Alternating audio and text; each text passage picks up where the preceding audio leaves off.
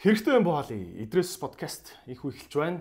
Өнөөдөр эрүүл мэндийн сэдвээр эрүүл амьдрах, эрүүл дадал, одоо жингээ хаях, суур өвчин одоо бүх талаар өрхийн хэмжээнээс эхлээд улс орны хэмжээнд хүртэл ярих болно. Тэгээд өнөөдрийн зочноор Аз жаргалын үндэс төрийн бус байгууллагын үүсгэн байгуулагч Инх сайхан багш оролцож байна. Инх сайхан багш өөрийгөө судлах үе гэдэг ном биччихсэн. Тэгээд цуврал ном байгаа хүмүүс унш олон хүмүүс уншсан байдаг. Тэгээд мөн фэйсбүүкээр нь дагдаг маш маш олон тийм гоё тэ сэтгэл зүйн эрүүл мэнд, биеийн эрүүл мэндийг хамтд нь ингэж одоо тэ торцсон ийм гоё цуврал ийм сургалтуудыг явуулдаг байгаа. Тэгэхээр олон шавнар нь бас үдчихэж байгаа хаа гэж бодож байна.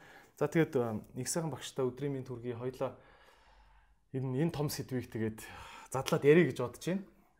За баярлалаа ийм алдартай подкастта урьж оролцуулж байгаад баярлалаа. Өнөөдөр зуны ихэнх сарын шинийн 3 энэ өдрийн мэндийг хүргэе. Та бүхэнд үзэж байгаа одоо подкастыг сонсдог бүх хүмүүст өнөөдрийн мэндийг хүргэе. Тэгээд эдрийн асуултанд өөрийнхөө одоо чаддаг мэддэг төвшөнд аль чадах болохоор хүмүүсийн эрүүл мэндийн төлөө, нийгмийн эрүүл мэндийн төлөө боломжтой бүхнийг хэлж өгье. Окей. За баярлалаа.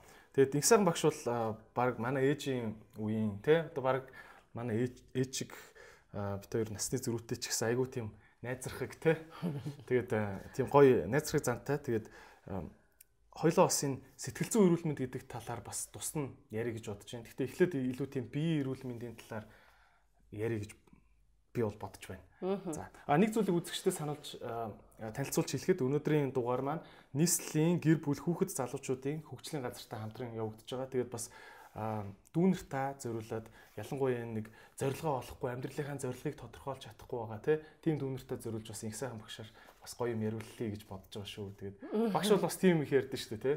Миний ярьж байгаа ярианд сэдв дотор баг ороод ирэх болов. Гэтэ хэдүүлээ арай ингээд чухалчлаад point гаргая тий. Тэгээ тий. Окей. За.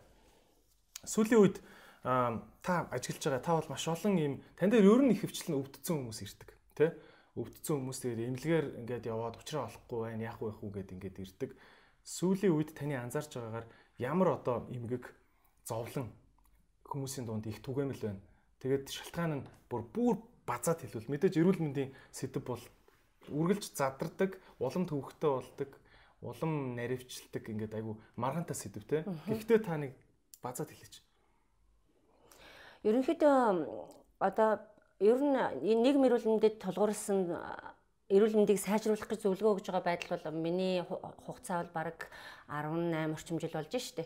Тэгээ сүүлийн 2011 оны сүүл 12 оноос эхлээд эрүүл мэндийн шинжилгээ үзээд тэрэнд нь тулгуурлаад одоо тухайн эмгэгт ямар байдлаас болоод хөрсийн тухайн эмгэгийг одоо энэ юунд юу энийг энд байдалд хүргэв гэдэг талаас нь ингээл одоо мэдээж судалгаа хийгээл яваад байгаа шүү дээ. Тэгэхээр байгуулга гэдэг юм судалгаа. Аа одоо бид нар ингээл тэгтээ тэргүүл энэ юуг үзэж хахад бичиг баримтыг үзэж байгаа юм чинь ингээд судалгааны объект болж хуурж байгаа байхгүй юу? За одоо жишээ нь 11 онд хүмүүсийн эрүүл мэнд ийм байсан. Голдуу ийм юм өвддөг байсан чи 12 онд тийм болсон байна. 15 16 17 одоо өнөөдөр 21 оны байдлаар гээд харах юм бол ер нь бол халдварын бас өвчлөл гэдэг юмыг л үзэж байгаа бид нар бол.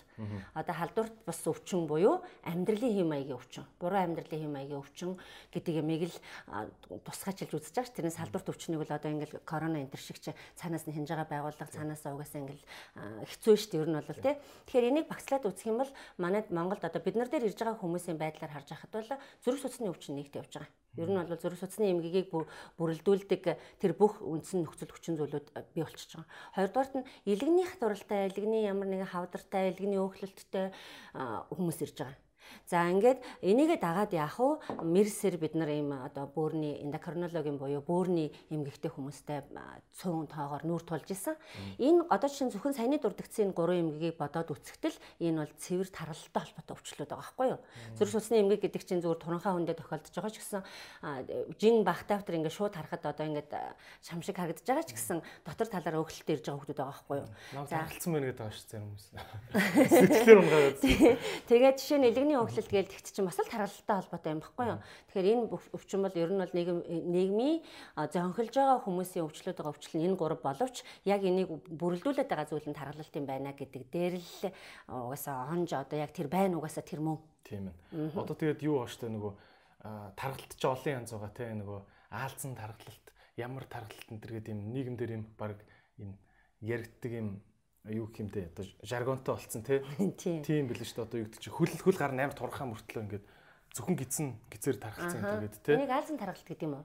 Би бол тийш л ярьд юм шиг үл шүү дээ. Аа, энэ чинь голон голон таргалт гэдэг. Тийм үү. Тэгэхээр хүн болгон яа харилцан адилгуул ингээл таргалтын тухай.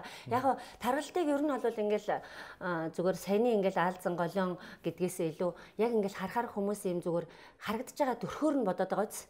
Таргалт чи яг үнэндээ бол цааш нь ингээ хөөгд явах юм бол энийг юу бий болгосон бэ? Энэ үүссэн энэ таргалт нь яг аль таргалт?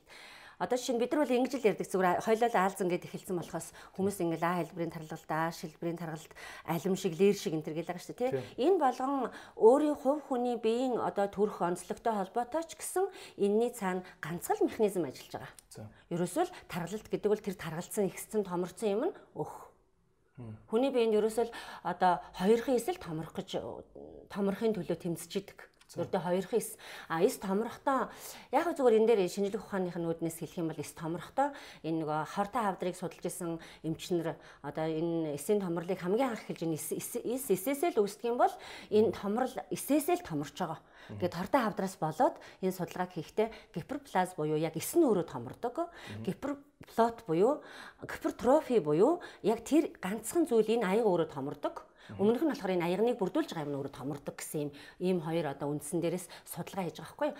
Тэгэхэд хортой хавдрын эсвэл угаасаа ингээл нэг үсэл хуваагдчих юм бол тэр чигээр хуваагдах гал томрох гол олших гол одоо гиперплаза гэдэг юмараа томроо авчиж байгаа. Аа тэгвэл нэг нь юу юм бэ гэхээр замаар аа хуваалтлын замаар объем нь томорчин тийм. Аа эсвэл өөрөө томорно. Энэ аяг өөрөө томроод эхлэх бас тийм хавдар байж болно.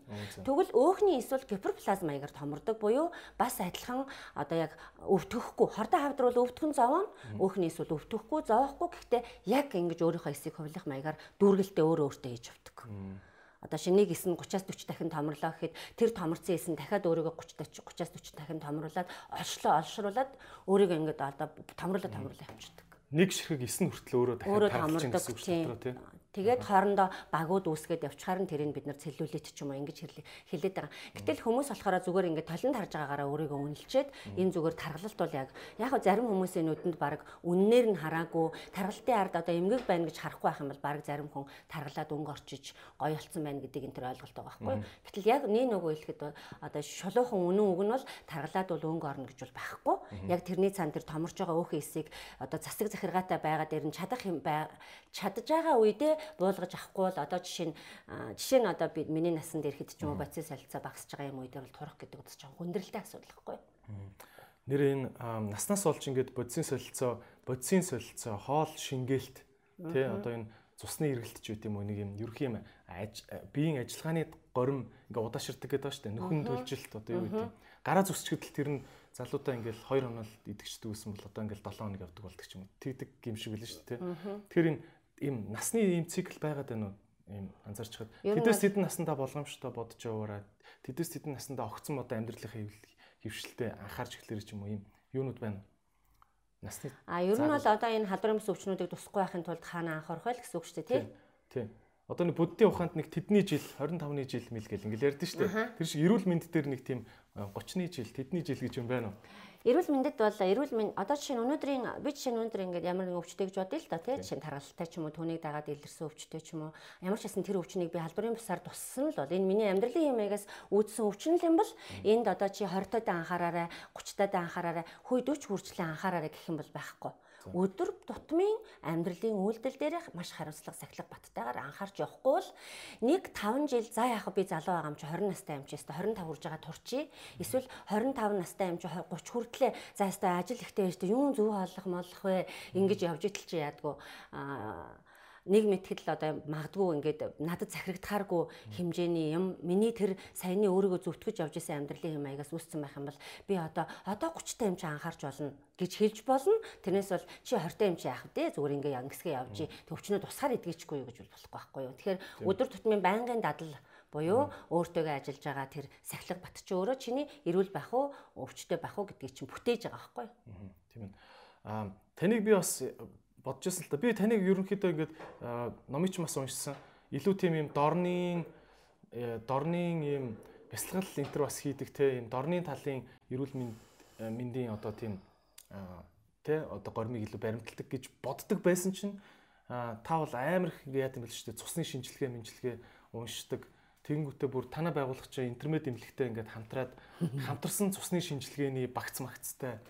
Тэгээд ийм ийм баруун зүүн хоёрыг ингээд зүүнний ангаахыг нэг холцсон юм шиг стилтэй билээ шүү дээ та чинь тий. Тэгэд одоо энэ нэг зүйл яриад байна л та. Цусны шинжилгээг бид нэр өгдөг. Байгууллагаас нь ингээл хүчээр аваач өгчдөг. Баахан ингээл зогсож очрлж байгаа л нэг зүгээр ажлын л нэг юм албадлагын юм шиг цусны шинжилгээг өгчдөг. Тэрийгэ хизэж ингээ аваад уншаад яана миний энэ тим яасан ийсэн плазм дээшилсэн байна, доошлсон байна гэх ингээ уншиж чаддгүй шүү дээ. Та цусны шинжилгээ унших тал дээр ерөөхдөө зүгээр ямар ч одоо биологийн суургүй хүнд за болитер олон юм уншдаг юм аа гэд энэ энэ энэ энэ энэ юм дээрээ өссөн байна уу буурсан байна уу гэ хараараа гэдэг нэг юм завшлага өгч. Тэгээ мөн энэ цусны шинжилгээний талаар та бас бидний мэдхгүй өөр ингээ олж хардггүй өнцгүүд байвал та цусны шинжилгээний талаар нэг жоохон тайлбарлаж өгч. Цусны шинжилгээг ярихаар эдрээ юм штэ. Яг ингээд өөрийгөө хүн ер нь яаж яаж эрүүл байгаагаа мэдрэх боломжтой юм бэ гэдгээл судлахаас өөр арга байхгүй шүү дээ. Тэгэхээр цусны шинжилгээ нь бол нэлээд ийм одоо Яг хөө зүгээр ер нь бол анханасаа шууд ингээд цусны шинжилгээгээ хар баг залуу наснасаа тогтмол өгөөд жилдээ нэг ч юм уу хоёр ч юм уу эсвэл бодоо юу гэдгийг өөрийнхөө боломжоор ингээд өгөөд өөрийгөө удирдах хинаад яваад байдаг хүн байж болно л доо. Цус шиг бол одоо чамд надад одоо хинд ч байдгийн одоо жинхэнэ үнэн ямиг хилдэг миний биеийн дотор эргэж байгаа намайг бүрэлдүүлж амьдруулж байгаа юм юм бол угаасаа байхгүй шүү дээ тий. Тэгэхээр цусны одоо интернет эмнэлэгтэй бид нар бол хамтарч ажилдгүй Зүгээр ер нь ингээ интернет эмнэлгийн бас хүмүүсийг ингээд нөө таньдаг журмаараа бид нар дээр ингээд нэг юм одоо яг энэ хүмүүсийг эрүүл хоолын хоолын эрүүл болгохын тулд жишээ нь ямар нэгэн газар очиод нэг шинжилгээ барай хүрээд ирдэг. Нь 3 юм уу 4 юм өгчвөл Жишээлбэл зөвхөн зүрх судасныхаа шинжилгээ өгч хүрээд ирдэг. А нөгөө хүн нэг цусны гематологийн шинжилгээ. Гематолог гэдэг нь болохоор угсаа цус шинжилэл гэсэн л үг. Цусны дэлгэрэнгүй шинжилгээ өгч би эндээ таарсан дэглэм авъя гэдэг ингээд байдаг. Тэгэхээр зэрэг тийм тэрэнд ямар ч тийм өгөх боломжгүй байхгүй юу? Одоо дэглэм шууд ингээд нэг гурван шинжилгээг харчаал за одоо чамд би яг тийм дэглэм өгье гэлтэхэр болохгүй. Тэр хүний чинь зогцоор нь харж ий сая за одоо чиний эн чинь болохгүй байгаа юм. Эний чинь ингүүл эн чинь ингэн тэр чинь тэгвэл эн чинь ингэн гэж сая одоо зөвлөгөө өгнө шүү дээ тийм ээ. Ер нь ямиг одоо зогцоор нь харахгүй бол ер нь буруу зүйлд хүрнэ штэ.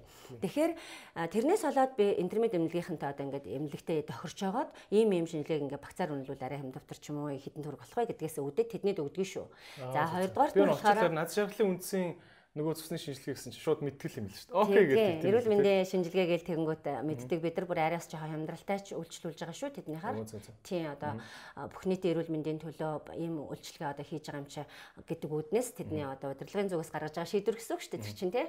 За тэгээд цусны шинжилгээ хүмүүс яг чиний төрөний хэлснээр нэрээ ингээл өгчөөл зүгээр өгчөөл бараг тоодгүй. За өгчөөд эмчин тайлбарлаад өгсөн байсан ч тоодгүй. Энэ яг юуг харуулдаг гэж бодож байна. Одоо чинь э, эдрээ чи бол яг шинжилгээгээ ингээл аягүй ач холбогдол өгөөл энэ яг юуг харуулж байгаа бол энэ ингэсэн байлээ энэ энэс болж байгаа гэж чинь хэл ус сайтай тэгэл ямиг ингээд нэг хугтгууны олох гэдгийн хувьд бол чи бол ингээ харцсан байдаг. Гэтэл хүмүүс яагаад ингээд энэ шинжилгээг шууд ингээ хайчдаг гэж бодож байна.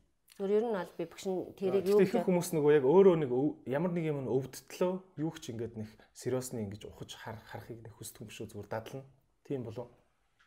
Эсвэл э, За мэдгүй. Магдгүй. Магдгүй ер нь бол яг өвдөхөөр л ухаан ордог шүү дээ хүн чинь ер нь гів гинтхэн. Тийм, өвдөөгөө байгаа үедээ бол хүн ер нь ингээл баг шинжилгээ өгөхгүй. Тэр байгууллагын шинжилгээ гэдэг юм чинь ер нь баг ингээл нөгөө нийгмийн эрүүлэмд байгууллагынхаа ажилчдын эрүүлмэндийн төлөө өгөөд байгаа боловч байгууллагын шинжилгээг 8 жил өгсөн ч бай, 7 жил өгсөн ч бай. Өнөөдрийнхөө өвчин нь тэр 7 жилийн өмнө 8 жилийн өмнө шинжилгээнд дэр нь байж байгаа байхгүй юу? Тийм, тийм. Тэгэхээр хүмүүс ерөөсөө яг өнөөдөр жишээ нь тулаан өвчтөй хүн ирэхэд чиний төв шинжилгээг аваад иргээд тэгэхэд байгууллагын шинжилгээг аваад ирэхэд айл хэзээний 7 жил, 8 жилийн өмнөөс тэр цусны ээлцийн төвшөнд нь тэр тулаан өвчнийг үүсгээд байгаа юрик асид гэдэг байгаа шээс нүгчл гэдэг байгаа элемент өндрөл явж байгаа байхгүй юу? Тэгэхээр зэрэг одоо чиний төрөний хэлснээр тийм амрахнаар одоо цусны шинжилгээнд дээр ийм энэ нь өндөр энэ нь намхан байвал анзаараарай. Одоо хамгийн чухал нь лин шүү гэд хэлчих юм бол одоо жишээ нь за жишээлбэл би ингээл хэлээ л да. Юрик асид гэдэг шинжилгээ шээсний хүчил өндөр байгаа. Энэ шинжилгээ өндөр байх юм бол та нар эртнээс анхаараарай тулаа өвчин тусахгүй. Эртнээс анхаарад тэрний эсрэг тэрийг ихтэлтэнд юу нөлөөлж байгааг нь хасаад багсгаад хэвийн хэмжээнд нь оруулаад ихтэлүүд авил хэвийн хэмжээнд оруулаад тэгээд одоо жишээ нь юу хэрэглэвэл энийг одоо байгаа төвчнээс нь буулгаад хэвийн байдалд оруулах юм. Хэвийн байдалд орчвол би цаашдаа юу анхаарах юм гэдэг юмыг хэлээд өгье гэвэл одоо зөвхөн юрик асидыг хэлээд өгчөж болж байна тийм ээ. Гэтэл нөгөө хүн чинь ганцхан нөгөөдөгтэйгөө зуралдаад яваад байдаг. Яг цаагуур нь ахаад нэг өөр юм өндөр болцсон байх юм бол тэрийг одоо бас яах вэ гэдэг юм гарч ирнэ. Тэгвэл хүний бие бол нэг нэгдмэл систем өөрөөр хэлбэл нэг л том юм цул юм болохоор нэг л одоо байгууламж юм болохоор яг дотор нь ороод хичнээн юм шаагилдаж тэнд нэг хүүхдүүд хэрэлдэж энд нэг хүмүүс одоо ингээд зөв тухтай ажиллаа хийж хахад энэ байгууллага үйл ажиллагаа зүгээр явж л байгаа шиг явж л байдаг. Тэгэхээр одоо энэ нь өндөр байх юм бол анхаараарай тэр нь өндөр байвал анхаараарай гэхээсээ илүү юу хэлэх вэ гэхээр ямар нэгэн юм өндөр болцсон байвал Ямар нэгэн юм тэр байх ёстой хэмжээнээс ихссэн эсвэл багассан байх юм бол тэрийг бүр ингээд үхэн хатаа эн чи чиний цусны шинжилгээ шүү дээ. Тийм учраас чи бүр ингээд энийг одоо энэ фаро гэдэг үсгийг чи F үсгийг гасаа хайцсан RO-г бичсэн байх юм бол хүү энэ R болсон чи F-ийг хийж үг гэдэг энэ хэвлийн компанид очино үстэй. Яг энэ үшгээ яг ингээд яваад очих хэрэгтэй байхгүй. И яг юуг илэрхийлээд байна би цаашдаа юу анхаарах вэ? И юу миний ямар юм буруудаад ингээд байна юм чигээд. Өөрөө ингээд хөөцөлдөхгүй байгаа учраас нөгөөтгнөөс үүдэлсэн өвчнийг дусцсан хойно бүр ингээд заавал зовлонгоо үзчихээ хийж яадгүй. Яг тэр үедээ бол амар ухаардаг. Тийм тий. Яг ингээл заастаа нэг. Өвчин намтахаар бас марчдаг те хүмүүс. Мм, ер нь бол тэгдэг. Тийм тий. А ер нь гэхдээ багш юу байгаа штэ. А бас нэг нийтлэг юм байгаа штэ. Та чинь жилд ер нь хэдэн мянган хүнтэй одоо ингээ харьцаж байгаа вэ одоо? Яг хөө сая хөл хорой гэд багассан баг. Хөл хорой гэд шинжилгээ үзэж байгаа хүмүүс нь багассан. Маш хүн сургалт хийдэг тий. Тий бага. Шинжилгээ үзэж байгаа хүмүүс л угаасаа бүр бүр багассан. Аа зүгээр ер нь бол жилдээ бид нар 800-аас 1000 хүн дээр хамгийн багада нэг 2 сараа амардаг гэж тооцоолол сарда одоо яг тогтмол ирж байгаа 50 хүн дээр ингээл нөгөө ууц уу ирж байгаа хүмүүс явахад нэг жилдээ 800-аас 1000 хүн 10 жилийн хугацаанд 100000 болчих юм л да. Ер нь та ч бол 100000 хүнтэй. Тэгээ та ч бол ингээд зүгээр нэг а яаси за за оросоо за баяртай тийм шин штэ. Ингээд айгүй ингээд цаг гаргаж халуун шинжилгээг нь харъя. Шинжилгээ мэнжилгээгүй бол ярихгүй ингээд юу яадаг штэ аа нэлээд нухацтай үздэг. Тэгээд яг хуу 10 мянган хүн хүнтэй ингээ харьц тулж харьцахад бол ингээ юм мэдрэгдэн штэ. Мэдээж туйлын үнэн бол байхгүй те. Аа эндээс харж байхад ер нь монголчуудын цусны шинжилгээнд дэр за тархалтай холбоотой юмнууд байна те. Гэхдээ бас өөр юу байгаад байна. Жишээ нь саяны тулаа өвчнийг үүсгдэг юрик acid те өндөр байдаг те. Мах эзний хойлоо юу вэ? Тийм, хойлоо нэг жоохон багцлаад хэлж хөө. Тийм, та зүгээр нэг бас өөр ийм юмнууд та нар дээр аягүй л байгаа шүү. Нэг цусны шинжилгээг гаргаж ирээ нэг харчаач гэсэн юмнууд юу вэ? Тийм. За саяын юрик acid гэдэг ч юм бол ер нь бол бөөрийн шинжилгээ шүү дээ. Тэгэхээр тэр шинжилгээнд өндөр болцсон байхад хүний эхэлж бөөр өвдөж мэдэгддэггүй, үе мөч эхэлж өвдөж мэдэгддэг. Тэгээд эхлээд өвдөж эхэлж мэдэгдэхтэй ингээд хөлний бүдүүн эрхийн хурууны үе өвдөд мэдэгдэнгүүт нь хүмүүс тэгчмэс нэг зүгээр ч өвдөлт байдгүй шүүд өвдөхөөс хүнд өвдөлт гэж байгаа байхгүй юу? Тийм час гэл ингээд одоо зүү шивж байгаа юм шиг хатгадаг гэдэг ангаах ухааных нь одоо үндсэн нөх хүмүүст ойлгуулах гэж байгаа тодтол нь бол янз бүр л байдаг л да. Тэгээд тэрэн дээр нэмээд яг бөөрийн бас ахаад хоёр шинжилгээ авдгийн. Тэр юрик acid, тэр мочвин, креатинин гэж юм гурван юмны шинжилгээ авдаг байхгүй юу? Энэ бол бөөрийн шинжилгээ. Энэ дотор одоо ингээл ийм гурван вакцины шинжилгээ, бөөрийн вакцины шинжилгээ үг гэлтэхэд бол яг хөө мэдээж эмнэлэг бол ингээл зөндөө бөөрийн дуран муран авианд шинжилгээг нь хамруулаад тэгэл цуснд энэ гурван шинжилгээг нь аваад өрөвсөлтэй байвал хавсраал ингээл янз бүр юм авна л да. Бөөрөн дээр бол энэ гурван шинжилгээг өгөөд яваад байхад ер нь хангалттай.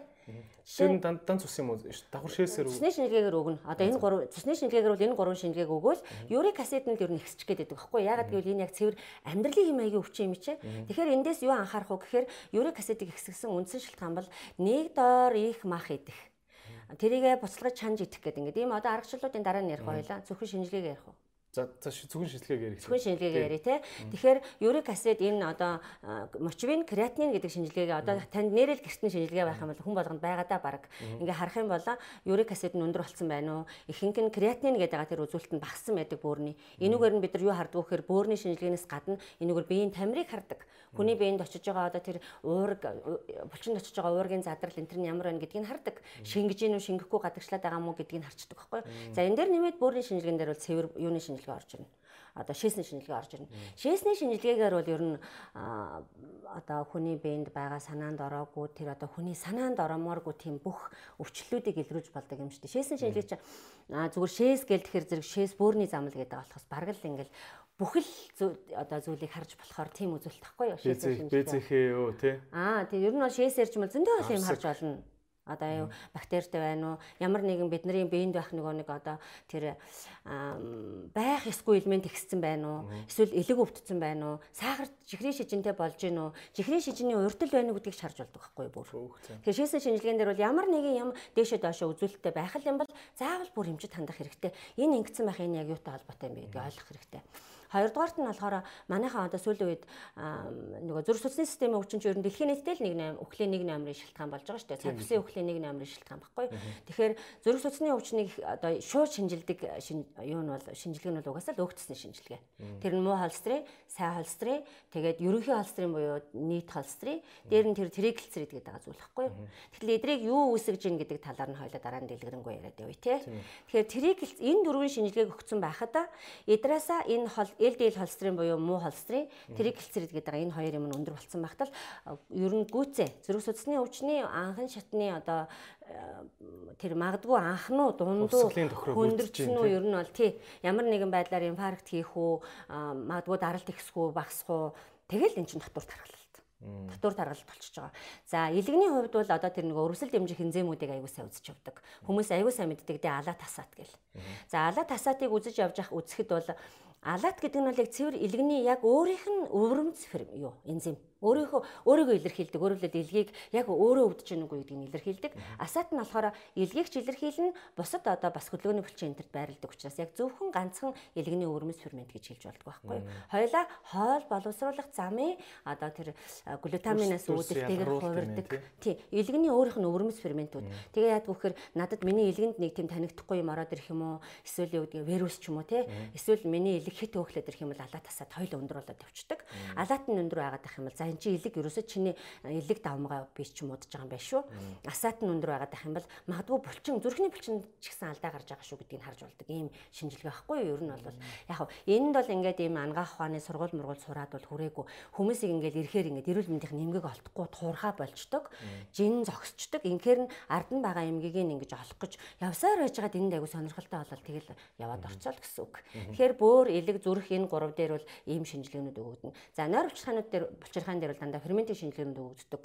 Өөрөөр хэлбэл нойрогчлагнаас фермент нь одоо хоол задлагдаг ферментүүдийг л ялгаруулдаг шүү дээ. Тэгээд сахар задлагдаг юу гормон бас нөгөө өөхний нөөцийн буюу илгэний сардуулын одоо үндсэн бүтцийг зохицуулдаг гликоген гэж гормоныг бас ялгаруулдаг.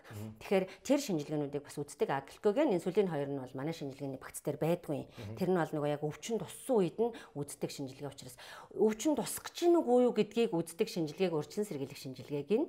Өвчин туссан байхдаа үзэж байгаа шинжилгээг юу? Энэ өвчнөөс хэрхэн аврагдах вэ гэдэг шинжилгээг нь. Түүний дараа өгж байгаа шинжилгээг энэ өвчнөө засаж залруулж чадчихна үгүй юу гэдгийг үзэж байгаа шинжилгээ гэж нэрлэнэ. Ер нь бол тий. Ямар нэгэн байдлаар өгөөд байгаа шинжилгээ чи юу чи ямар байгаагаа илэрхийл одоо үүсэх гэж өгж байгаа шинжилгээ болохоос зүгээр л өнөөдөр байгууллага үг гэсэн юм яг өгчөөд өгчий гэдэг ингээд өгчөөд аваачид хадгалаад зузаалаад хураагаад байдаг юм биш. Анга ям юм гарвал анхаарад өнөөдөр би эрүүл мэндийн байдал муудах гэж байна, яах гэж нэг гэж байна.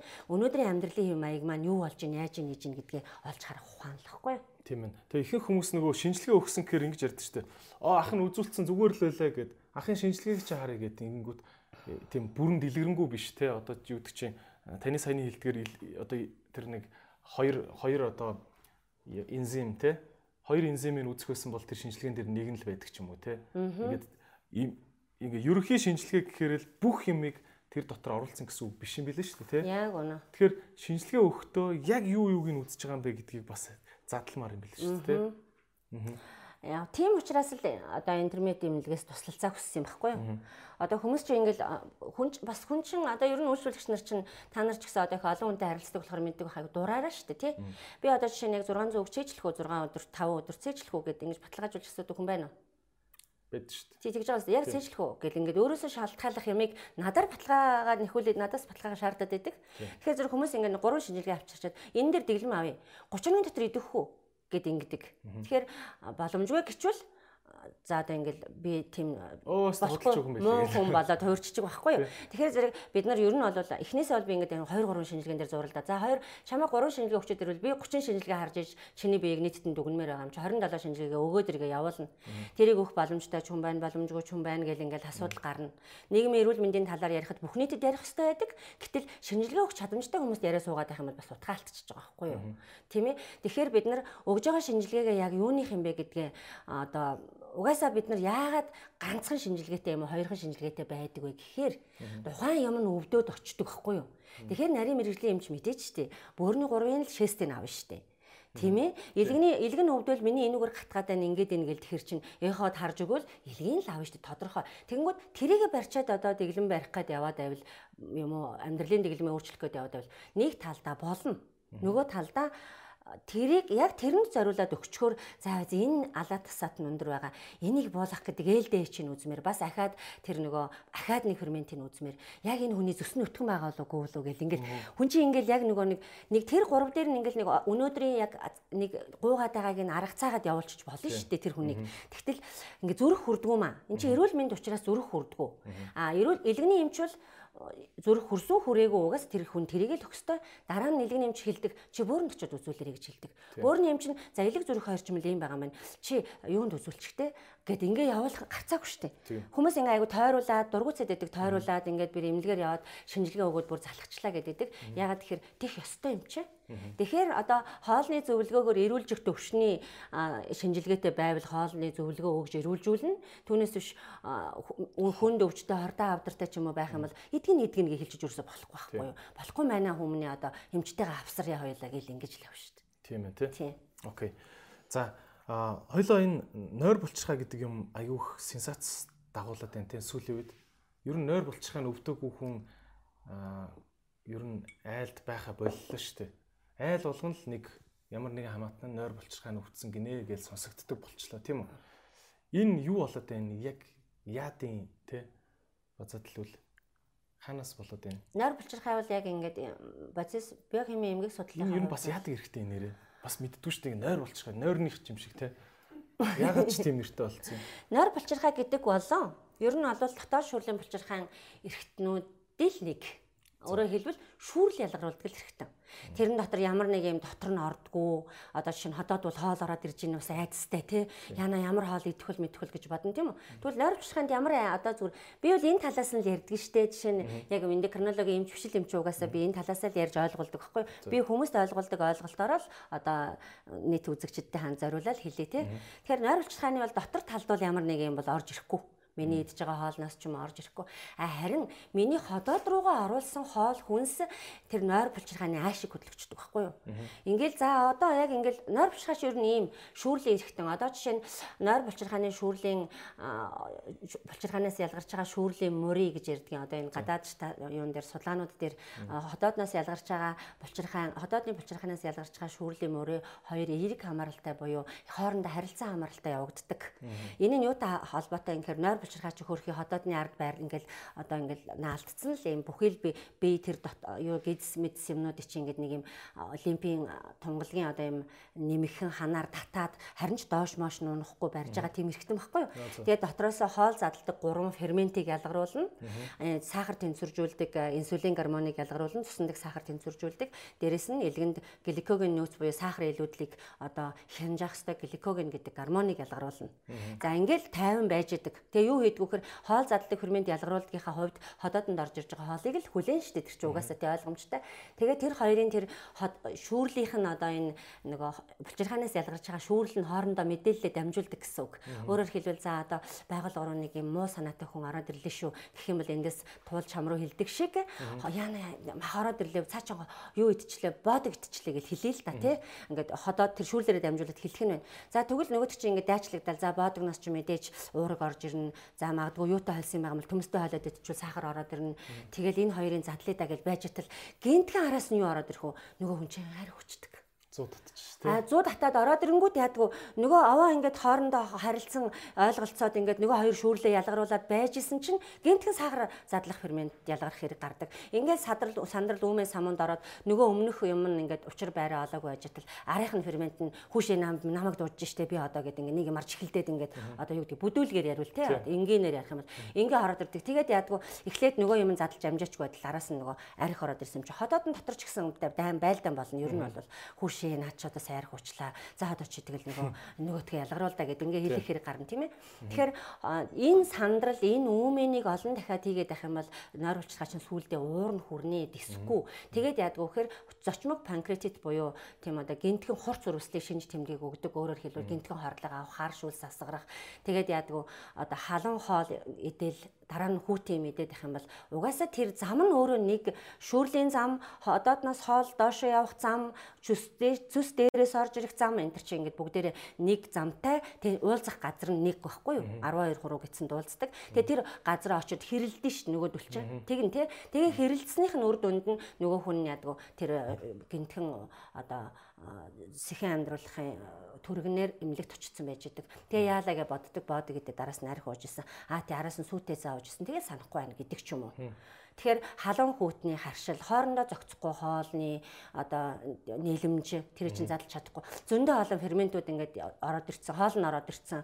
Тэгээд дээрэс нь зүсний хүүдэнээс цус ороод ирнэ тасын цэдмэгжүүлэхээ ороод ирнэ. Тэнгүүд зүснөө зүсөө угаасаа ялгадгүй ингээд жоохон амьдралын юм аяг буруутай юм уу эсвэл өөх тос иддэггүй байсан хүн чи гинтхэн л өөх тос идэл тэнгүүд чин зүс чи угаасаа нэг их ялгардгүй байсан учраас жоохон хорондоо зүс орж ирнэ. Хизээ намайг дуудал гэсэн. Өнөөдөр л гинтхэн бод идэх болохоор дуудаж штэ гэдэг ч юм уу те. Ороод ирдэг орж ирэнгүүтээ нөгөөд орж ирсэн зүс нь хоолноосоо илүү хор үсгдэг. Өө зөө нөгөө удцсан хүүдэндээ удцсан ийм одоо лага лаагалтцсан юм зүсч орж ирээд нөгөөтгөө нэг тийм одоо шинэ ингээд ажил хийдгүү нэг юм хүн нэг ажил хийх гал орж ирэхээр нэг тийм төвхтэй байдаг шүү дээ. Нэг хийж ядаал нөгөө хөөрхөн хийж байгаа хүмүүстэй мань өмөлчих гээл тамхи татчих шиг гэл ингээд шүү дээ. Тийм гачин тийм одоо пэдгэр байдал үзүүлээд энэ нь хүртэл нойр булчирхааны тэр фермент нөгөө липаза нойр булчирхааны тус задлаг ферментийг липаза гэдэг байхгүй? Липаза гэдэг хүн гээл ойлгочих л да тий. Липаза нөгөө нь бол нөгөө цөсөө ингээд хараал хүлээгээл чи надад энийг жоох ингээд туслаад өгчихдөхөө. Чиний дараа би энийг хийх гээд байна гэд. Липаза бол заавал эхэлж цөснөөс тусламж аавна. Тэгжээж зүс тэрийг ингээд цэдмэгжүүлээд өгөнгүүт нь за одоо би энийг яг гээд эмний үндсэн өөхний хүчил болж хувирахт нь одоо хувиргаж өгөө тэгэл нарийн гэц руу ороо шимэгдэх хэрэгтэй байхгүй. Тэгтэл зүс цаан чи угаасаа дууддаг байсан учраас нөгөө ороод ирсэндээ болоод ингээд гинт ороод ирсэндээ болоод зүсөө досоо задлж чадахгүйгээр бие хордуулждаг. Ийм учраас хүмүүс ингэж ярьдаг. Өөх тас идэнгүүт надад би хайлмаа гэдэг шууд хордлого авдаг гэж яриад байдаг. Хайлмыг бол хордлого авахгүй байхгүй юу? Хайлмгийг идэнгүүт зүсний хүүдэнээс угаасаа идэж байгааг байж гад идчих юм зүсний хүүдэнээс зүс огцом ялгардаг. Өөрөөр хэлбэл зүс чинь тосонд дуудагддаг. Дараа нь гидсэн тийм давслаг одоо юу гэдгийг сул хүчлэлэг зүйл орж ирэхэд дуудагддаг байхгүй. Тэгээ энэ хоёроор нь далимдулж зүсний хүүдэнээс зүсөө ялгаруулж бие цэвэрлэж явдаг байхгүй. Ер нь бол наа чи ерөөсөө ерөөсөө энэ дотоод шүүрлийн бид нар чи одоо нөгөө нэг таван цул гэж ярьдаг те. Цул эрхтнүүдээ их сайн мэддэг те. Илэг бөөр энтрэ тэгсэн мөртлөөг энэ шүүрлийн эрхтнүүдийг ерөөсөө сайн би бол 10 жилдээ ингээд биологи хичээл ингээд яг заахч алавгүй л ах л та тэгээ шүүрлийн эрхтэн гэл их сайн толгойд үлдчихсэн юм их ховор л идэв шүү дээ те За одоо тэр нэг бас дэлүүгээд нэг хэрэгтэн сонсогдоод байгаа шүү дээ тий. Аа. Дэлүү чи яг яа вэ? Дэлүү л яг нь ер нь бол хүний бие биес хортой хавдар, огт хортой хавдар тусдгүй хэрэгтэн зүрх дэлүү хоёр гэж э, уламжлалт танах ухааны мэдлэгт байдгийг. Тэгээд одоо яагаад ингэж энэ хортой хавдар тусдгүй болоо гэж бодоод үзэхээр нэлен тийм хоёр одоо дандаа цус байнга сэлгэж идэх хэрэгтэй байгаа байхгүй юу. Нэг нь илгэний доор ээж, нэг нь одоо цээжний хүндийн баруун талд байна гэсэн үг тийм. Нэг нь болохоор зүрх буюу цээжний хүндийн баруун талд байна тийм ээ. Тэгээд зүрх бол ингээ байнгын нөгөө зүүн тал зүүн тал би зүг сольж ярьдаг шүү дээ нэрээ. Йог хийж явахдаа хүртэл ингээ байнгын зүг сольж яриад хүүхдүүдэд бодлуулаад эн чинь би өөрийгөө айгу зөвтгөөл ингээд би ийм өвт гээдсэн чи энэ эмгэг юм шиг биш дээ одоо ер нь бодоод байгаа. Дандаа зүг сольдог. Зүрх зүүн талд ингээ хоёр юм ярихтэн. Тэгэнгүүт дэлүү бас ингээд байн улаан эсийн байшин л гэж ойлгох хэрэгтэй. Ер нь бол олон эрдэс бодис амин дэмий их уурхай буюу төмрийн чих уурхай. Одоо чинь бидний амин хүчлүүдийн бүрэлддэг газар биш дамжин өнгөрдөг их уурхай Тэрүүгээр дамжиж хортой боцоод илүү. Аа, ер нь бол тийм. Тэгээд зүрх болохоор цус дамжин өнгөрдөг, байнгын эргэлтэнд байдаг амьдруулж байгаа байгууллага. Аа, дэлүү болохоор яадаг? Ер нь бол одоо тэр бас улаан хэсгийн шинжилэлт явагддаг байшин гэсэн үг байхгүй юу? Яг үнэндээ бол дэлүү бас үйл ажиллагааны хувьд бидний хоол боловсруулах хэрэгтнүүдийн хоолнд хоолыг доош нь түлхэх хүчийг өгч идэг. Өөрөөр хэлбэл одоо бид хийн даралт бидний биений одоо альва юм чи нэг юм ингээд юм дээрээсээ нэг юм дарал одоо хүчтэй байдаг шүү дээ тийм ээ. Тийм учраас дэлгүүл тийм хүчийг өгдөг буюу өглөөний 9 цагаас 11 цагийн хооронд дэлгүүний маш тийм одоо идэвхтэй ажлын цаг буюу шинжилэлтийн цаг байдаг. Ийм хамгийн идэвхтэй ажилдаг буюу хүний хор бохирдол юм байх юм бол доош нь түлхэж өгдөг эцэн хоолунд ямиг одоо ингээд байгалийн байдлаар нь доош уруутахад буюу цаашлахад нь чиглэж өгдөг. Би зарим нь биеэр таран зарим нь гатгшаа гарна шүү дээ тийм. Ийм байдлыг хийж өгдөг. Эргэтэн дэлөөний шинжилгээ мжилгээ гэж байдгүй дэлөө томорч үгүй юу гэдгийг ихаагаар харж харж болдог. Ер нь бол гайгүй юм байна тий. Тэгээ дэлүү өвдөхөр ингээд далны араар өвддөг мөвдөг гэл нэг тийм сонсчихсан. Тэр тэр биш? Тэрийг бол ингээд далны өөр- араар өөр өвдөж байгаа болгон дэлүү гээл тэгэхээр бүгш нь бол тэрийг мэдэхгүй байна. Аха. Окей. А нэг нэр нэг хоолны цагийн талаар нэг зүйлийг тодруулахад нэг юм индианчуудын ийм үг байт юм бэлээ сонсч сонсч ирсэн. Индианчууд дээрүүд нойр нүрхээр унтдаг, өсгөөрөө иддэг. Тэ? Аа. Үсгүй бахаар иддэггүй. Тийм арт хүн байсан бэлээ л дээ. А гисэн чинь цагаан арснууд Америкт ирээд үгүй ээ. Үсэг байсан ч гэсэн өглөө өглөөний хоол. Үсэг байсан ч гэсэн өдөр өдрийн хоол. Нойрч үрэг байсан ч гэсэн одоо орондоо ороо. Орой олчлоо гэдэг ийм ийм цагийн дэглэмтэй арт түмэн, цагийн дэглэмгүй арт түмэн хоёр дундаа болцсон юм байна л да тий. Та энэ дэр юу гэж боддгоо. Тэгээд индианчуудын бас зөв ч юм уу буруу ч юм уу тий. А та сая хэлж штэ дэлүү бол одоо тэтэс тэдэн цагийн хооронд идэвчдэг гэдэг чинь. Тэр чи одоо анх ингээл хүн оргины бие организм үүсэж яхад 24 цаг гэдэг ойлголт байдгүйсэн штэ тий. Аа. Магадгүй бүх юм нарны гэрлэр л зохицуулагддаг байсан баг тийм үү. Энэ энэ би байгалийн биологийн цаг гэдэг юм бидний энэ одоо өнөөдөр амьдраад байгаа энэ энэ ажлын цаг гэдэг юмтай хэр нийцдэг юм. Магадгүй бид нар ажлын цагийг үнэхээр одоо дэлүү илэг тэдэн цагт цэрдэг цэрдгээр нь тааруулж ажилласаа 3 гэж тардаг өглөө 5 гэж ирдэг болох ёстой ч юм уу гүү ч юм уу те. Тэг гэж бодож байна. Жохон нэг юм тэрслүү радикал байна. Аа, ер нь бол яг хаа ингээд эволюцийн хөгжил гэж байна тий альва юмны одоо жишээ нь индианчуудын хувьд бодоод үзэхээр бол тэд нар ингээ хөрхий хөрхийч байх ер нь монголчуудын хувьд ч гэсэн тийм л байсан шүү дээ. Тэг ер нь бол бид нар чинь ингээл өлсгөрөл иддэг. Тэгэл идж байгаа юм нь маш жоохон. Одоо тэр Марко Пологийн үеийн судалгаа, Оросын эрдэмтэн тэр Мечниковын судалгаа энэ төр чинь тийм шүү дээ. Монголчууд ч одоо ер нь бол идж байгаа юм ерөөсөө харагдахгүй. Тэгээ одоо яг яаж халаад байна гэхээр морин гэлэн дээр хийсгээд л байдаг. Одоо тэр өртөөнөөс өртөөний хооронд товтлогоод л байдаг. Ерөөсөө үлсэж мэддэхгүй. Би гэдэг чинь одоо тэр эрдэмтний хувьдаа болохоор уг нь юм ичмэр байдаг. Нөгөө огтчод агаад ингээд идэхгүй байж болж байна. Идэхгүй яваад байдаг те. Тэгсэн мөртлөө нэг юм багхан зэрэг юм идчихээрээ зүгээр ингээд ядрахгүй ингээд дахиад дахиад баг мориноосоо чадaltaй одоо энэ ер нь бол энэ морь хүн хоёр нь айгүй зөгцсөн амьдралтай энэ гэл ийм ийм сонин сонин түүхүүд байдаг те. Эндэнчүүдийн хувьд бол би зүгээр яг ингэж бодож байна. Мэдээж тэд нарт ингээл цавмар санагдвал угаал эдмэр санагдвал идээд гэдэг нь болохоор олдж байгаа зүйлтэйгээ холбоотой байсан баг. Өөрөөр хэлбэл тэд нар чинь ингээл өдөр ингээл энд нэг надад агнагдах гал намайг ингээ гүүгээ явж хахад буугад авчих чадахгүй штэ. Тэгэхээр зэрэг өдөр нь ингээл одоо сайхан амарч унтчихагаал шөнө нь ердөө идэх хоол уух ундныхаа төлөө одоо анд гардаг. Тэгэл тэрийгээ ингээл одоо тийм биш үедээ бол тэд нар бол өдрөө хоолоо шөнө унтдаг л байсан баг. А зүгээр нөгөө талаас нь харах юм бол дандаа тийм солигдсон бас биш бол биш л байсан баг гэж бодож байна би. Ер нь бол хоол ундаа олж идэхин төлөө амьдрал нь буцалж исэн үе штэ ер нь тий. Тэгээ цагаан арснууд ирэл хөгжлөн түргсээл одоо Америк шиг хамгийн яг үнэндээ бол буруу хаалтай таргалалт ихтэй таргалтыг одоо энэ юунд дэлхийн нийтэд ер нь бол хамгийн анх таргалтыг судлахад хүргэсэн ард түмэн чинь бол Америк нэгдсэн улсын уйгуул биширгдэл баг шүү дээ Тийм тийм. тийм ер нь бол Тэгэхээр цаг нарын хоолны биеийн цаг нарын хувьд бол бид нар яг хөө ингээл одоо орчин цаг юм бид нар ингээл ширээний ард хөвчлэн сууж гин энээс ийм биш байсан бол магадгүй бид нар өсөх үедээ идэл явж иж болох байсан баха. А одоо бол жишээ нь бид нар ингээд дэлгүүнд тохируулаад босч байгаа биш шүү дээ. Бид нар байгалийнхаа цагт тохируулаад буюу нар айл хэдийн мандчаад ахт чинь одоо гидснийхаа доторх юм эсвэл ядчил давсаг шээсээр дүүрсэн байгааг суллах одоо өглөөс бол хүн дээр бийцч марах юм гэл ингээл те энэ юмнада захирагдахаас гэхээс илүү бид нар наранд буюу байгальдаа захирагдаж босч ирж байгаа. Тэгэнгүүт энэ нар мандат жаргах хүртэлх хугацааг өдрийн хугацаа буюу хүний идэвхтэй ажлын хугацаа, идэвхтэй амьдралын идэвхтэй байх хугацаа нар жаргалаа. Угаасаа процесс солилцооны унталтын үе таарна. Ингээл ер нь хүн унтчих хэвээр гэдэг юм яригдчихэж байгаа. Та тэгэхээр ер нь бол элдв байгалийн цаг, миний байгалийн цаг энэ төр гэдэг хэлтгүү. Зарим хүмүүс тэгдэг чинь би бол илүү тийм оройны хүн, би бол айгүй өглөөний хүн энэ төр гэл би бол ингээ орой 3 хүртэл сууж ажиллах дуртай энэ төр гэдэг юу яцсан байдаг чинь нэг миний биологийн цаг энэ байгалийн нарны цагаас тусдаа гэд ингээд тусдаа амьдралын юм л үүсгэх хүмүүс үүдэг шүү дээ тийм хүмүүс төр та юу анзаарч Ийм хүмүүс ер нь бол зүгээр яг ийм цөөхөн. Байдаг ер нь бол ингээл за би ер нь бол шүн суухтаас дажгүй байд юм аа энэ төр гэж л байдаг. Гэхдээ энэ бол зүгээр тухайн хүний л тухайн хүний л бий болгоцсон зүйл болохоос энэ хүн байглаараа л амьдрах ёстой л доо ер нь бол түрүүн бас нэг асуултын дундуур хүн ер нь юм одоо хоол шингэх нас байна уу гэдэг шиг хүн хүн болгоно шүн л унтах ёстой шүү.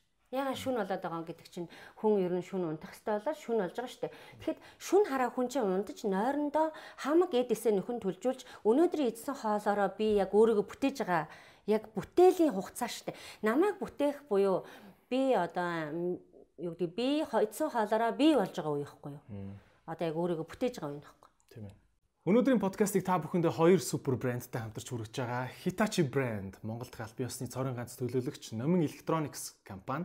Тэгээ та бүхэн Hitachi-гийн гоё инновацлог хүргэжчний шин загваруудаас сонирхоорой. Улсын улсын их дэлгүүрийн дөрөв давхарт хэвийн гормоор ажилладаг болсон байгаа шүү. Одоо тэг хөл хорионы горим баагаар сулраад ах шиг байна. Тэгээ та бүхэн улсын их дэлгүүрийн дөрөв давхраар зочлоорой.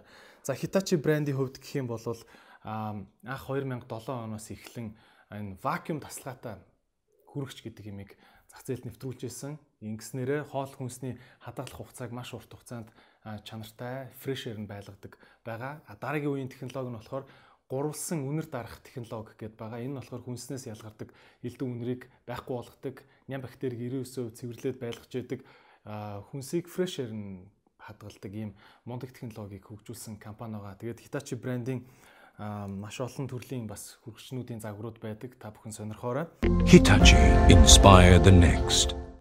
Өнөөдрийн дугаарын спонсор байгууллагаас маань маш гоё уриалгыг та бүхэндээ дамжуулж уламжилж байна. Хайртай бизнесээ дэмжиж гэдэг уриалгыг Simply хамт олноос дамжуулж байна. Тэгээд энэхүү уриалгыг нь дэмжиж Rock Coffee Shop, Gold's Gym, BRB, Matrix, Faro, Lamour, Internom, Sweet Kitchen зэрэг брэндууд бас дэмжиж оролцож байгаа юм байна. Тэгээд хайртай бизнесээ дэмжиж гэдэг маань ямар учиртай вэ гэхээр цар тахлын энэ хүнд үед бидний одоо анх ихч хамаатан саднууд маань ажилдаг энэхүү гоё компаниуд маань маш хүнд байдалд байгаа. Тийм учраас одоо жишээ нь энэ бол зөвхөн Монголын асуудал биш, дэлхийд дахны хүнд асуудал байгаа. Бизнесийн ертөнц маш хэцүү байдалд байдаг.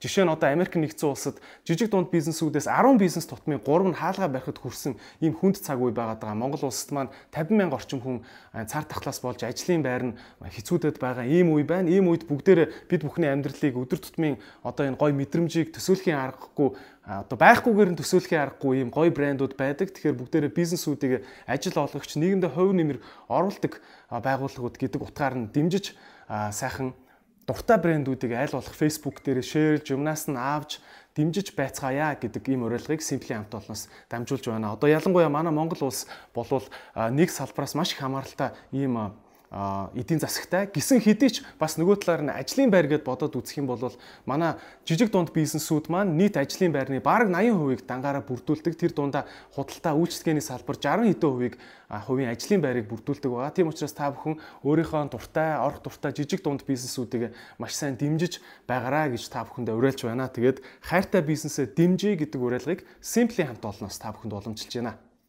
Simplest бизнес эрхлэгчдэд дэмжих зорилгоор 500 сая хүртэлх уян хатан бизнесийн зээлийг 1-ээс 36 сарын хугацаатай санал болгож байна. Бизнесийн зээлийн эрхээ Simple CGM-ийн ташуу зураас бизнес вебээр орж шууд шалгах мөн зээлийн хүсэлтэд явуулах боломжтой. Simple app. Их сайхан багш түрүү нөгөө илгэний ферментүүд хит дээшлдэг, доошилдог энэ төргээд яйцсан. Тэгээд ихэнх нь дандаа нөгөө амьдралын юутай амьдралын хэмнэлтэй холбоотой өвчнүүд гэдэг чинь тэ. Тэгвэл та ямар амьдралын хэмнэл бөөрийг өвдгөөд байна. Ямар нь илгийг өвдгөөд байна. Ямар амьдрал нь тулаа өвчнөд хүргээд байна ч гэдэг юм уу. Энийг нэг хамгийн түгээмлүүдийг задлаад хэлээд өгч. Хамгийн сахилга батгүй амьдрал бүх халдварын бус өвчлөлт төрөж байгаа. Халдварын бус өвчлөлийг ерөөсөө тусдаг баг баг биш ганцхан суурин сахилга батгүй амьдрал буюу эмх замбраагүй амьдралын хэм маяг. За тэгээд одоо мэдээж амьдралын ерөнхий юм маяг чинь ингээл ганцхан юмнаас болоод ингээл тулаа өвчин тусчиж байгаа юм биш шүү дээ тий. А ганцхан тулаа өвчин бас тусчдгүй л байхгүй юу? Яг ингээл бүгдээрээ гурвал дөрвөлээ хавсарцсан л яваад байгаа байхгүй юу? Одоо жишээ нь ингээл элэгний шинжилгээ авч үзчихэл үзэл за та шийсэн шинжилгээ өгөхгүй л ерөөсө болохгүй байна гэдгийг тэр асат гэдэг ферментээр нь харчдаг байхгүй юу? Одоо энзимээр нь харчдаг байхгүй юу? За жишээлбэл элэгний тэр GGT гэдэг байгаа. Одоо хүмүүс GGT гэдэг юм лээ GGTH гэж хэлж болно. Тэр гамма глутамил трансфераз гэдэг байгаа. Энэ зөөвөрлөгч фермент яагаад эксдэггүй гэхээр сүс эксцэн байхад одоо эксчдэг. LDH гэдэг фермент нэг бол унтсан байдаг, нэг бол хит ихсэн байдаг. Энэ бол зөвхөн илгийг илэрхийлдэг фермент гэхдээ энэ хүний амьдралын хэм маяг дэндүү замбрааг харуулдаг. Нэг бол багассан байх юм бол хитрхи кофе ууж гинөө, арх ууж гинөө. Одоо юу гэдгийг ингээл одоо нэг л амьдралын хэм маяг дээр нь буруу алдаа гарч ирж байгаа. Тэгээ нөгөө хүний чинь ингээд ганц өрөөсгөл шинжилгээгээр чи кофе л ууснасаа болоод энийг туссан байна хэлж болдгоо. Тэнгүүд за юрик асид нь илгэний шинжилгээ, зүрхний шинжилгээ, нойр хүчрхайн ферментүүдийн шинжилгээ, дээрээс нь зүрхний одоо тэр хэмнэл энтрийн шинжилгээ, дээр нь одоо үе мөчн өвдөж үгүй юу гэдэг шинжилгээ, хоолоо өвддөг бактери байна уугүй юу, шээсэн дээр нь одоо бараг ихэнх дотоод шүүрлийн булчирхайн тэр эндокринологийн нэлээд том юмнууд харагддаг. Ингээд энийг багцлж барьж суужгаад харахад ерөөсөө л яг энэний ганцхан хариу замбрааг амьдралын юм аяг. Энэ нь одоо түрүүний яг энэний өмнөхдөр ярьсан хоёулангийн ярьсан тэр нөгөө шүн би шүний амьдралтай.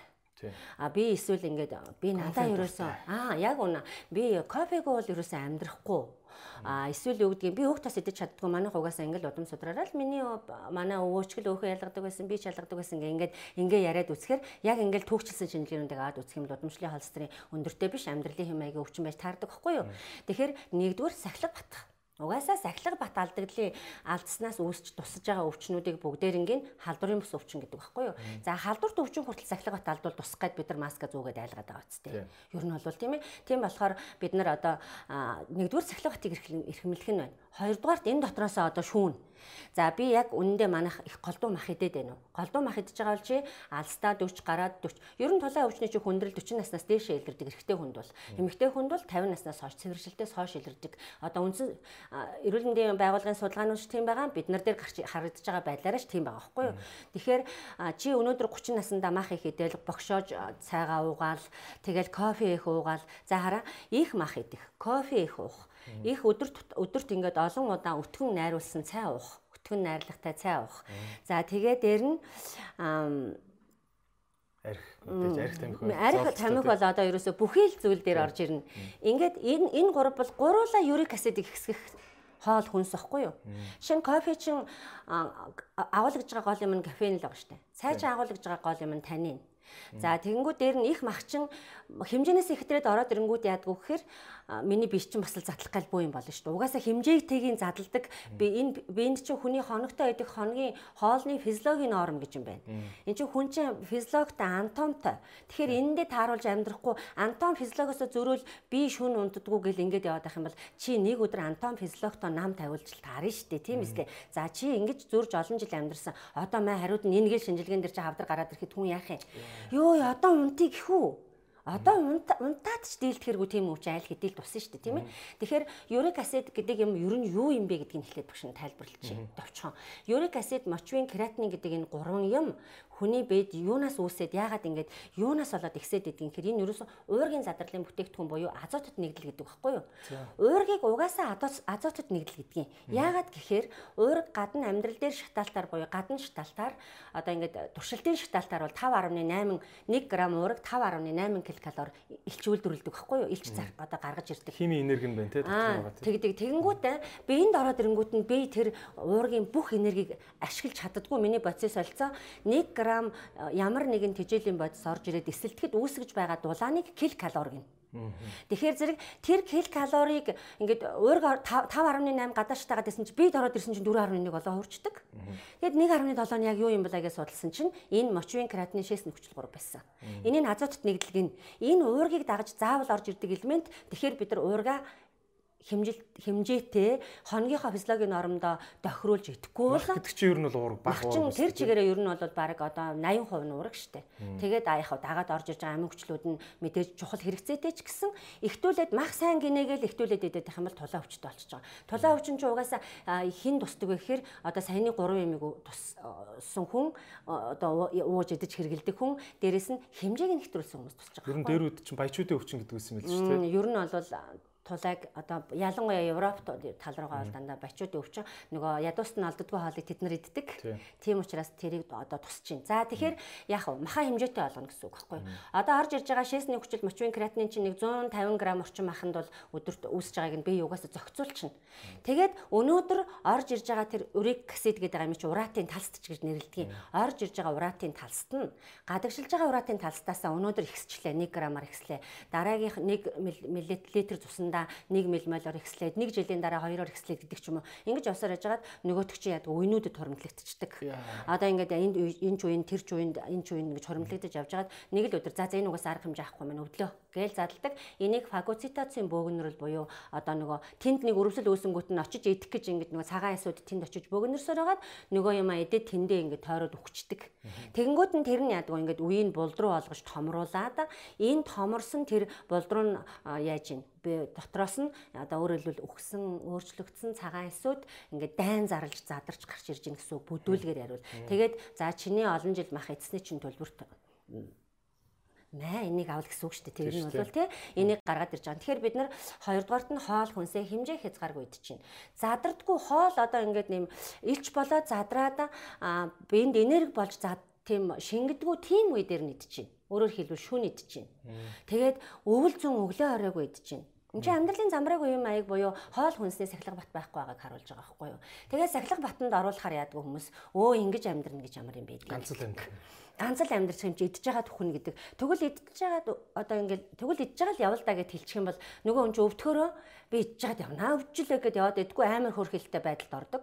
Зүгээр баянч бай, ядууч бай, самбраагүй л байх юм бол тулаа өвчин хэнийгч торохгүй. Угаасаа л замраагүй амьдралын хэм аяг өвчин дотроо монголчуудын тусаад байгаа түгээмэл шалтгаан нь юу гэхээр их мах. Их махны араас арх Тэгээд дээрэс нь мод хийж кофе ууж ийн мэдхгүй сэргэх гэж ууж ийн л гэдэг байгаа. Тэгтэл хараа ингэдэг байхгүй юу. Кофеин чи ер нь бол одоо тэр EMD гэдэг байгаа нөгөө everyday micronutrient depleter гэдэг байгаа энэ нөгөө хүний биеинд орж ирж байгаа хоол хүнсээс орж ирж байгаа шимт хичээл устгагч нэгдлүүд гэдэг байгаа шүү дээ. Энэ устгагч нэгдлүүд нэгдлүүд дотор нь кофеин явдаг байхгүй юу? Кофеин буюу одоо кофенд дагуулгадж байгаа энэ элемент өдөрт хүн эн чинь дэлгүүр үндэндээ байгуулгын судалгаа микронутрient эрдэмтдийн эрдэмтдийн судалгаа одоо микроэлементийн судлаачдын судалгаа байхгүй юу? Кофенийг 2 аягаас илүү уухад тэр кофег 2 аягаас илүү уухад кофенд агуулгадж байгаа кофеин нь хүний биений би бүр энийг бүр бүх нийтэд хэлье гэж бодоод байгаа. B9 гэдэг амин дэмийг устгадаг. Энэ фолио хүчил гэдэг амин дэм байдаг. Энэ фолио хүчил юу хийдэг юм бэ гэхээр чөмгөнд улаан эс шүнээр шинээр үүсгэхэд нөлөөлдөг буюу хортой хавдрын эсрэг тэр одоо нөгөө лимфоцит фагоц өөрөөр хэлбэл цагаан эсүүд гэсэн үг. Тэр одоо дархлааны эсүүд гэсэн үг. Тэрийг үүсдэг процесс дээр очиж ийм одоо бүр жинхэнэ шим тэжээлийнх нь элемент нь болж өгдөг энийг дарангуулдаг. Хоёрдугаарт нь А Б1 аминдим буюу мэдрэлийн өрөвслийн аминдим гэж байдаг. Т амин гэдэг хүмүүс. Тэгээ нэгд нь А аминдим. А аминдим л токоферол А аминдим чи юу гэдэг лээ токоферол гэдэг баха. За аминдим гэдгээрээ явъя. А аминдим чи харааных. Харааных А А аминдим. Тэр Б1 гэдэг аминдим Б9 хоёроо бодоод үзье л да. Б9 нь Одоо бид нар чинь ингээ хортой авдраггүй амьдралын төлөө зүтгэж байгаа үстэй ер нь бол тий. Бид нар ер нь өвчнгүй амьдралын төлөө 10 мянган хортой авдрагтай хүн байна гэж тий одоо. Хортой авдрагтай хүмүүс бол яг ингээд өөрсдөө туулаагүй болохоор хүмүүс мэдгүй байгаа тахгүй. Тэгэхэд кофе уугаад би өсөө хязгаарснараа хортой авдраг туссан байвал яах юм яг үнэндээ. За жишээ нь танин байна тий. Танин бас B9-ийг дарангуулдаг цайнд агуулгадж байгаа. Цайтай угаасаа ургамалтай байгаа амин дэм. Тийм одоо танин ч бас янз бүр сайн чанартай цайндаа бол кали, магниттай учраас сайн чанартай цайндаа явна. Натрий, кальцит ороод ирэх юм жоохон дунд зэргийн муу чанартай цайндаа ороод явна. Танин бол ашигтай үедээ ашигтай, сэргээгч бодис биш хүний биеийг шүлтжүүлж антиоксидантын нэгдлийг сайжруулж идэг ийм юмнууд кофе ч гэсэн тааруулаад хэрэглэх юм бол антиоксидантаар баялаг олон сайн талтай хэтрүүлээд хэрэглэх юм бол муу талтай гэдэг ийм юмнууд байгаа байхгүй. Тэгэхээр энэ одоо энэ одоо бидний шим тэжээлт нэгдлийг устгаад байдаг зүйлүүдийг оруулж ирээд л ах юм бол нөгөө одоо жишээ нь B9-ийг эвдснээр тулайд айгүй том үйлчлэг үзүүлж байгаасаа тулай өвчнөдөө би кофе ууснараа бас нэмэр болж штэ ямар нэмэр болж байна. Тэр одоо нөгөө очиж тэр өрөвслийг иддэг цагаан эсүүд нь шинээр үүсэх боломжийг хааж байгаа байхгүй кофе. Тэгээ кофег ер нь яг уламжилт ангахад бол бүр хатагч гэж нэрлэдэг. Энэ нь бас яг тэр аминдын устгаад байдагтай холбоотой юм билээ. Тэрнээс кофе одоо яг яг кофе уугаад бүр нь хатцсан ч гэдэг юм уу тийм судалгаач бас гаргахгүй л ах. Тэгээ ер нь ингээл хараалахад юу юм бэ те? Химжээ хязгаар өөрийн чинь хувьд химжээ хязгаар юу вэ? Одоо чинь өдрийн 150 г ах гэсэн үү? Ер нь бол Тийм зүгээр. Тийм асуултын тасалсан уу? Үгүй зүгээр. Хүний физиологийн норм гэх юм бол юм баримжаа хамаар шүү дээ. Би одоо өөр дээр жишээ нь би одоо би бол хизээч өөрийгөө хэдэн грамм мах идж байгааг тооцоолж үзэж байгаагүй. Хизээч. А кофе бол хизээч одоо уух юм бол тал аягаас илүү ч юм уу те. Ингиж хоёр аяг маягаар нь бол уудаггүй те. Гэхэд нэг хүн өөрөө өөртөө баримжаа болох баримжаатай болох хэрэгтэй байна да тий. Тийм. Одоо жишээ нь цаа тэгвэл хоёул зүгээр А мэдээч яг шууд зөвлөгөө өгч байгаа юм биш. Зүгээр нэг баримжаа ярьж штэ. Аа. Ер нь юм баггүй юу? Хоногийн хоолны физиологийн норм гэж юм байгаа штэ. Энэ нь юу юугаар илэрхийлэгдэх юм бэхээр түрүүний тэр 1 г тэжээлийн бодис биеинд орж ирээд задрахад эсэлтгэд үүсэж байгаа миний биеийн тэр үйлдвэрлэж гаргаж ирж байгаа энергитэй холбоотойгоор тэр хоногийн хоолны нормыг зохицуулан зайлшгүй тэр бол.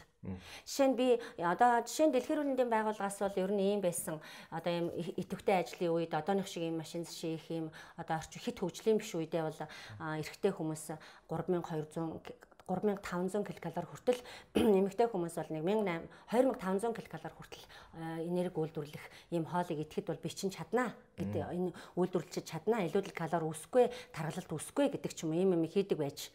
Одоо бол орчин цагт бол яасан гэхээр нөгөө хоол хүнснийх нь хэмжээ амар ихссэн. Тэгээ төрөл бүрийн янз бүрийн хэрэгтэй хэрэггүй юмуд амар ихссэн учраас одоо угаасаа бүр дэлгэрүүлэндийн байгууллага Америк нэгдсэн улсын тэр хүнс судлалын хүрээлэн одоо янз бүрийн их сургуулиуд нь ингээл нэгдэж нийлж байгаа. За ерөөсөө л эрэгтэй хүн хамгийн дэтэл нь 2800, эмэгтэй хүн бүр хамгийн одоо том ястай том биетэй энерги их үйлдвэрлэдэг байлаа гэхэл 1800 юм байна.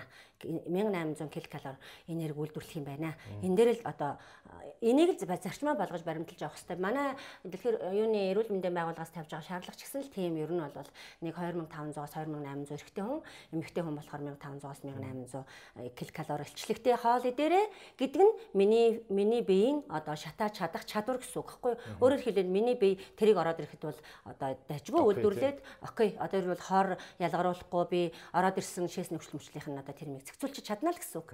Гэтэл энийг бид нар яаж байгаа вэхээр одоо хоол хүнсний шинжлэх ухаан, хоол хүнс судлаачдын хувьд бол дээр үедээ бол өөх тосыг ер нь бол 30% баг идүүлдэггүй байсан. Өөх тос зөрсөл судасны системийн өвчнөд муу гэл нэг тийм онол гараад дэлгэр эрүүл мэндийн байгууллагын зарлал ингээл энэс болоод хүмүүс өөх тос идэгдгүйгээсээ болоод яасан гэхээр дотор таргалтай амир ихссэн.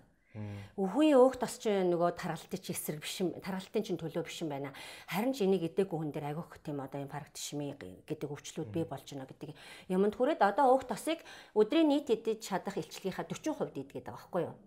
За тэгэхээр жишээлбэл эдрээ 2000 байлаа. Сүүлийн өөх мөх яриад байна. Тий, сайн өөх тоснуудыг өөх тосыг өдрийнхөө нийт одоо бич үйлдвэрлэх энергийнхаа 40% нийт гэж байгаа. Уургийг 40% нийт сахарыг одоо 30% хүртэл идэж байгаа. Зөвхөн 30% хүртэл гэдэг нь сахарыг зарим одоо эмчнэр юм уу одоо энэ микроэлемент судлаачид хүний одоо диетологчид нутрициологчид энэ төр бол ердөө 15% нь сахар идгээд байгаа байхгүй юу. Гэтэл яг сахарыг хөөгөө бодоод үсгэр бол тэжээл амин дэмийнхаа тархины тэжээл болж гин элэг сахаргүй бол бас болохгүй гэдэг талаасаа бодохоор 30% нь үнэн байж таарах гэдэг. Тэгэхээр одоо чи жишээ нь ингээл ямар ч хоол молоо грамлдгүй гэж шүү дээ маха грамлдгүй. Гэтэл чи маха грамлдахгүй иддэг байхад чамд бол ингээ шингэждэг бол яг үндэ болж штэ тий. Гэтэл би яг чам шиг мах идээд эхлэх юм бол би шингээхгүй байхгүй юу. Тэгэхээр ингээ хүмүүс яг үндэ чаддаг байсан бол өөр өөрийнхөө хэмжээнд тохируулаад итчмээр байгаа. Гэтэл бид нар заавал цаанаас нэг юм юм зааж өгж иж энэ хавцаа идэхгүй болохгүй. Жоон баримжаа эрэхтэй шүү дээ тий. За жишээ нь хоёлаа 2000 ккал калори илчлэгтэй хүн хоол хүнснийхаа 40%-ыг өөх тос болгоно гэж бодъё. Тэгвэл 2000-ыг 40 гэдэг чинь юу? 800 тий. 800-а буцаагаад одоо 1 кало грамм өөх дос 9 калори илч үүсгдэг байхгүй юу? 9 илч үүсгдэг гэсэн хүний биед орж ирээд 9-тэй хуваада 800 9 байхаар хэдөө 8 8 72 за 80 г. Хангалттай шүү дээ. 80 г байтхаа идчихэж байгаа шүү хүмүүс. 80 г гэдэг чи одоо хэр юм? За одоо энэ шоколад хэр юм? Наача сайн даал 15 г байгаа. Ямар барим баримжаагүй шүү дээ одоо. 15 г-аас 20 г л байгаа. Энэ юуны хэвчээ? Хэд юм? Аа. Энэ энэ хавцаа юм те? Энэ Ер нь бол энэ одоо ингээд нэг энэ дөрв энэ дөрвийг иймэрхүү хэмжээний өөх тос ок юм те. Аа, ер нь бол ингээд ахгүй. Тэгэхэд бид нар энийг сайн тосныхаа их усүрээс л авчих хэрэгтэй байхгүй. Ер нь бол одоо манай монголчин сайн тос бол их байна шүү дээ. Тийм. Сайн тос сайн тос гэхээр нөгөө чацрагны тос оливын тос энэ рүү. Тийм одоо нөгөө транс биш өөрөөр хэлбэл олон ханаагүй тос гэсэн үг. Үйлдвэрийн боловсруулалтанд бага орсон тос л гэсэн үг. Аа. Тэр нь өөх тосондоо бас орчт юм уу те? Юу? Одоо нөгөө та 40% нөөх тосны энерги авч явах хэрэгтэй гэж штэ. Тэрэндээ одоо тэр чацрын тосмос ч орчихгүй. Орно шүү дээ. Ямар л нэгэн тос хэрэглэн тэрийг тэгэхээр хүмүүс бол ингээл яг зорилттой байдлаар грамлдаг болохоос магадгүй зарим нь 100 грамыг ч идчихээг үгүйсэхгүй байхгүй. Тэгээ юм чинь бас нэг хэмжээнээсээ хэтэрхээр яаж юм. Ороод би чинь нөгөө нэг энэ удаа идэхдээ би нэг заа нэг 80 грам өөхийг л өнөөдөртөө бол дайжвэ гихч гэж яхад нь а бас ихтүүлчих юм бол нөгөө илүү одоо бас нэг дарамт болол ингээл явчих шүү дээ. Тийм ээ. Одоо энэ холестерин гэдэг байгаа шүү дээ. Холестерин гэдэг юм чинь би бас сайхан өөр нэг эмчээс сонссон л таа холестерин гэдэг юмыг бас ингээд байхгүй болгож чинь ингээд бүр ямар ч өөх тос юу ч идэхгүй Тэ мах огт идэхгүй цусаа цэвэрхэн байлгаж чинь гээд холестериныг бүр таг байхгүй болгож бол тэгж явж болохгүй шүү бас л та. Холестерин байж ч хүний гормон айгүй юм тэнцвэртэй бас байдаг гэд ингээд байгаа байхгүй. Та түрүүний холестериныг баг 3 задлаад хэлчихв те. Энэ холестерин талаар ярьж өгөөч. Ямар очтой. Холестерин чинь холестерин чинь үү? Холестерин бол ийм байхгүй юу? Одоо одоо ингээ гадаагаараа энэ энэ өөх байлаа гэхэд энэ өөх чинь Одоо бид нар ер нь бол нэг юм аягуулсаа ойлгох хэрэгтэй шүү дээ. Энэ шоколадыг шоколад биш болтол нь бие чинь задлж өгч байгаа зү бид нарт. Тэгж яхад би яагаад би ийм хайргүй энэ шоколад шоколад чигээрээ цус руу орвол одоо шууд бөглөл үхэ шүү дээ тий өнөөдөртөө тийм ээ. Тэгэхээр энэ ийм ямыг бид нарт бүр цус болгож өгөөд байгаа энэ биеийн ер нь хооллохыг хүн айгуу тийм ингээд юм айгуу тийм хамгийн баг юу гэдэг юм цаас явчихсан яадаг ингэж ханддаг хүн зөндөө байдаг тий Үгүй байхгүй хооллох процесс чинь хүний чон мань гэж байна. Хооллох процесс чинь хүний хамгийн энэ амьдрал дээр бүр хамгийн нэгт байх юм тансаг процесс ихгүй юу? Яагаад энэ цус болчлоо штэ. Энд тэгж ярил илүүдл нь бүр ингээ шээс өтгөн хөл центр болоод гараад штэ. Эний чи хин хийж өгж байгаа би хийгээгүй штэ. Би залгаал болоо. Тэгсэн чи би чи ийм гоё юм хийж өгöd байхад бид нар угаасаа хайрлахгүй байгаа байхгүй. Энэ сахилга батвал яг энэс эхлэл яригдах хэрэгтэй байхгүй. Тэгэхээр холестерин гэдэг чинь би сүүлний өөх идчихлээ орж ирээ сүүлний өөх чигээрээ тойроод идэг юм бас биш шүү дээ тий. Өөхний хүчлүүд болж хуурдаг. Өөхний хүчил болж орж ирээд биед зарцуулагддаг. Жишээлбэл хардаа бүр энэ эмнэлэг эмнэг эмгэг судлалын ангаах ухааны онол хүн цаг тутамд 20-с 25 г өөх тос хүний биед цусны эргэлт рүү орж ирж заавал зарцуулагдчих хэвээр энергийн зарцуулалтанд орж явах хэвээр. Тэгэхээр хүн өөх тосоо хорчхоор холестерингүй олчвол хүн амьдрахгүй шүү дээ. Даарн, бээрн тэгээд холестерингүй олчих юм л та жинхэнэ одоо жинхэнэ зүрх судас чинь таагдана. Одоо юу гэдгийг эргэлтийн цус тосгүйгээр эргэж өрөөсө болохгүй. Эргэлтийн цус сахаргүйгээр эргэж болохгүй. Яаж өөх тос амин дэм гэдэг юм байхгүй байх юм бол мартна. Ядчил ингээл тэнэг болно шүү дээ. Зүгээр л одоо холестерин гэдэг юм бол хүний биед одоо тэр жишээ нь интермед эмнэлгийн үзүүлэлтээр бол хамгийн дээд нь ерөнхий холестерин бол 5.1 литр цусанд 5.1 мл 2 мл цус тос эргэлдэж явах хэрэгтэй угаасаа. Тэрийг бити хүргээрэй л гэсэн үг. 0-оос эхэлж байгаа шинжилгээнүүд бол 0 руугаа л ойрхон байх хэрэгтэй. Тэгэхээр холестериныг LDL, HDL гэж хоёр хуваачиж байгаа. HDL гэдэг нь H гэдэг нь зүгээр high гэсэн үг. Өндөр нэгттэй холестерин гэсэн үг. L гэдэг нь low буюу бага нэгттэй одоо бага гэж юм тийм ээ. Тэгээд тэр нь одоо lipoprotein гэсэн үг. Арийнхан тэр холестерин гэдэг нэр чинь ер нь бол ангаахын нэр нь lipoprotein байхгүй. Ийм нэр мэрээр нь цэжлэхгүй болно шүү дээ. Бид нар зүгээр муу уухтас сайн уухтас гэж цэжлэх хэрэгтэй байхгүй. Тэгэхээр тос идэхгүй яваад байх юм сайн уухт тосны нөөц хомсдно. Тэр хоёр холестерин чинь аминд тулах юм бол холестерин одоо угаасаа өөх тус идэхгүй байгаа юм бол өөх тусны нөөц рүүгээ холестерин угаасаа бие чинь нөөцөл чинь. Тэгээ аминд тулсан үед хэрэглэх гээд ингээд яг үнэхээр тус идэхгүй байгаа юм бол гаргаж иж хэрэглэхээр одоо өөх тусны нөөц рүү хийгээд агуулх руугаа хийгээ хадгалчих واخгүй юу. Тэгэнгүүт яадгүй гэхээр хэрэглэхтэй гол нь тэр муу өөх нь болохоор таргалалт болж зүрх судасны системийн өвчин энэ тэрийг үүсгээд байдаг. Сайн тосноос хэрэглээд байдаг За тэгээ яадгүй гэхээр хүмүүс ирэхэд ер нь бол ийм байдаг. Одоо тос иддэггүй айлууд байна. Эсвэл бацаг их барьдаг. Одоо ингээл нэг тийм мөлөн яваад байгаа хүмүүс айгүй байдаг болсон. Одоо яагаад тэгэхээр юм туранхай байх гал гоё байх гал гоё байна гэдэг чинь эрүүл байхыг хэлдэг болохоос зүг туранхай байхыг хэлдэггүй. Тэгэнгүүт яадгүй уух тос нь сайн уух тос нь багасаад муу уух тос нь ихссэн. Тарган хүнээсээ доор өвчнөд ирж идэг. Тэгэхээр хүн чинь өдөр тутамдаа авах ёстой досоо авч авахгүй яваад байвал яагаад энэ хоёр ийм байдалд хүрвэ гэдэг нь буцаад тос идэхгүй байгаа буюу боцис солилцоотойгоо холбоотой болчихж байгаа. Боцис солилцоо нь юу юм бэ гэхээр тос идснээр цөс чинь гэдэс рүү орж ирнэ. Цөс гэдэсэнд орж ирснээрээ энэ бүр механизмын хувьд энийг хүн болгон асар сайн ойлгох ёстой Гэдс рүү орж ирэнгүүт өөх тосыг цэдмэгжүүлж өгөөд липаса гэж тэр нойр булчирхааны өөх тос садалдаг ферментэнд туслалаа. Дараа нь гэдс рүү орлоо. Гэдс рүү оронгуудаа шууд бүдүүн гэдсэнд орж ирлээ. Бүдүүн гэдснээс тал нь цэсний хүчил болж одоо нэг 40 орчим хувь нь биш 60 орчим хувь за 60-аас 70 гэж ангаах ухааны мэдлэг л байдгийн. А гэдс рүү орж цэсний хүчил болж бусад цус руу шимэглээ. Илүүдл нь баста одоо бээс гадагшлаа.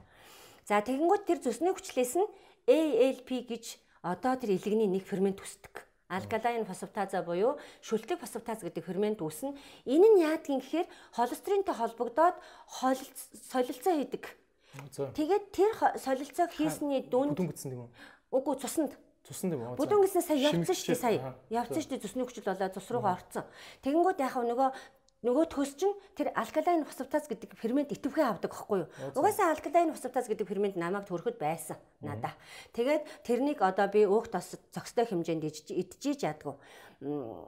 Тэр холестерин солилцдог ферментийг үүсгэх гэж л цэсэж би бүхлээр нь ашигладаг байхгүй юу.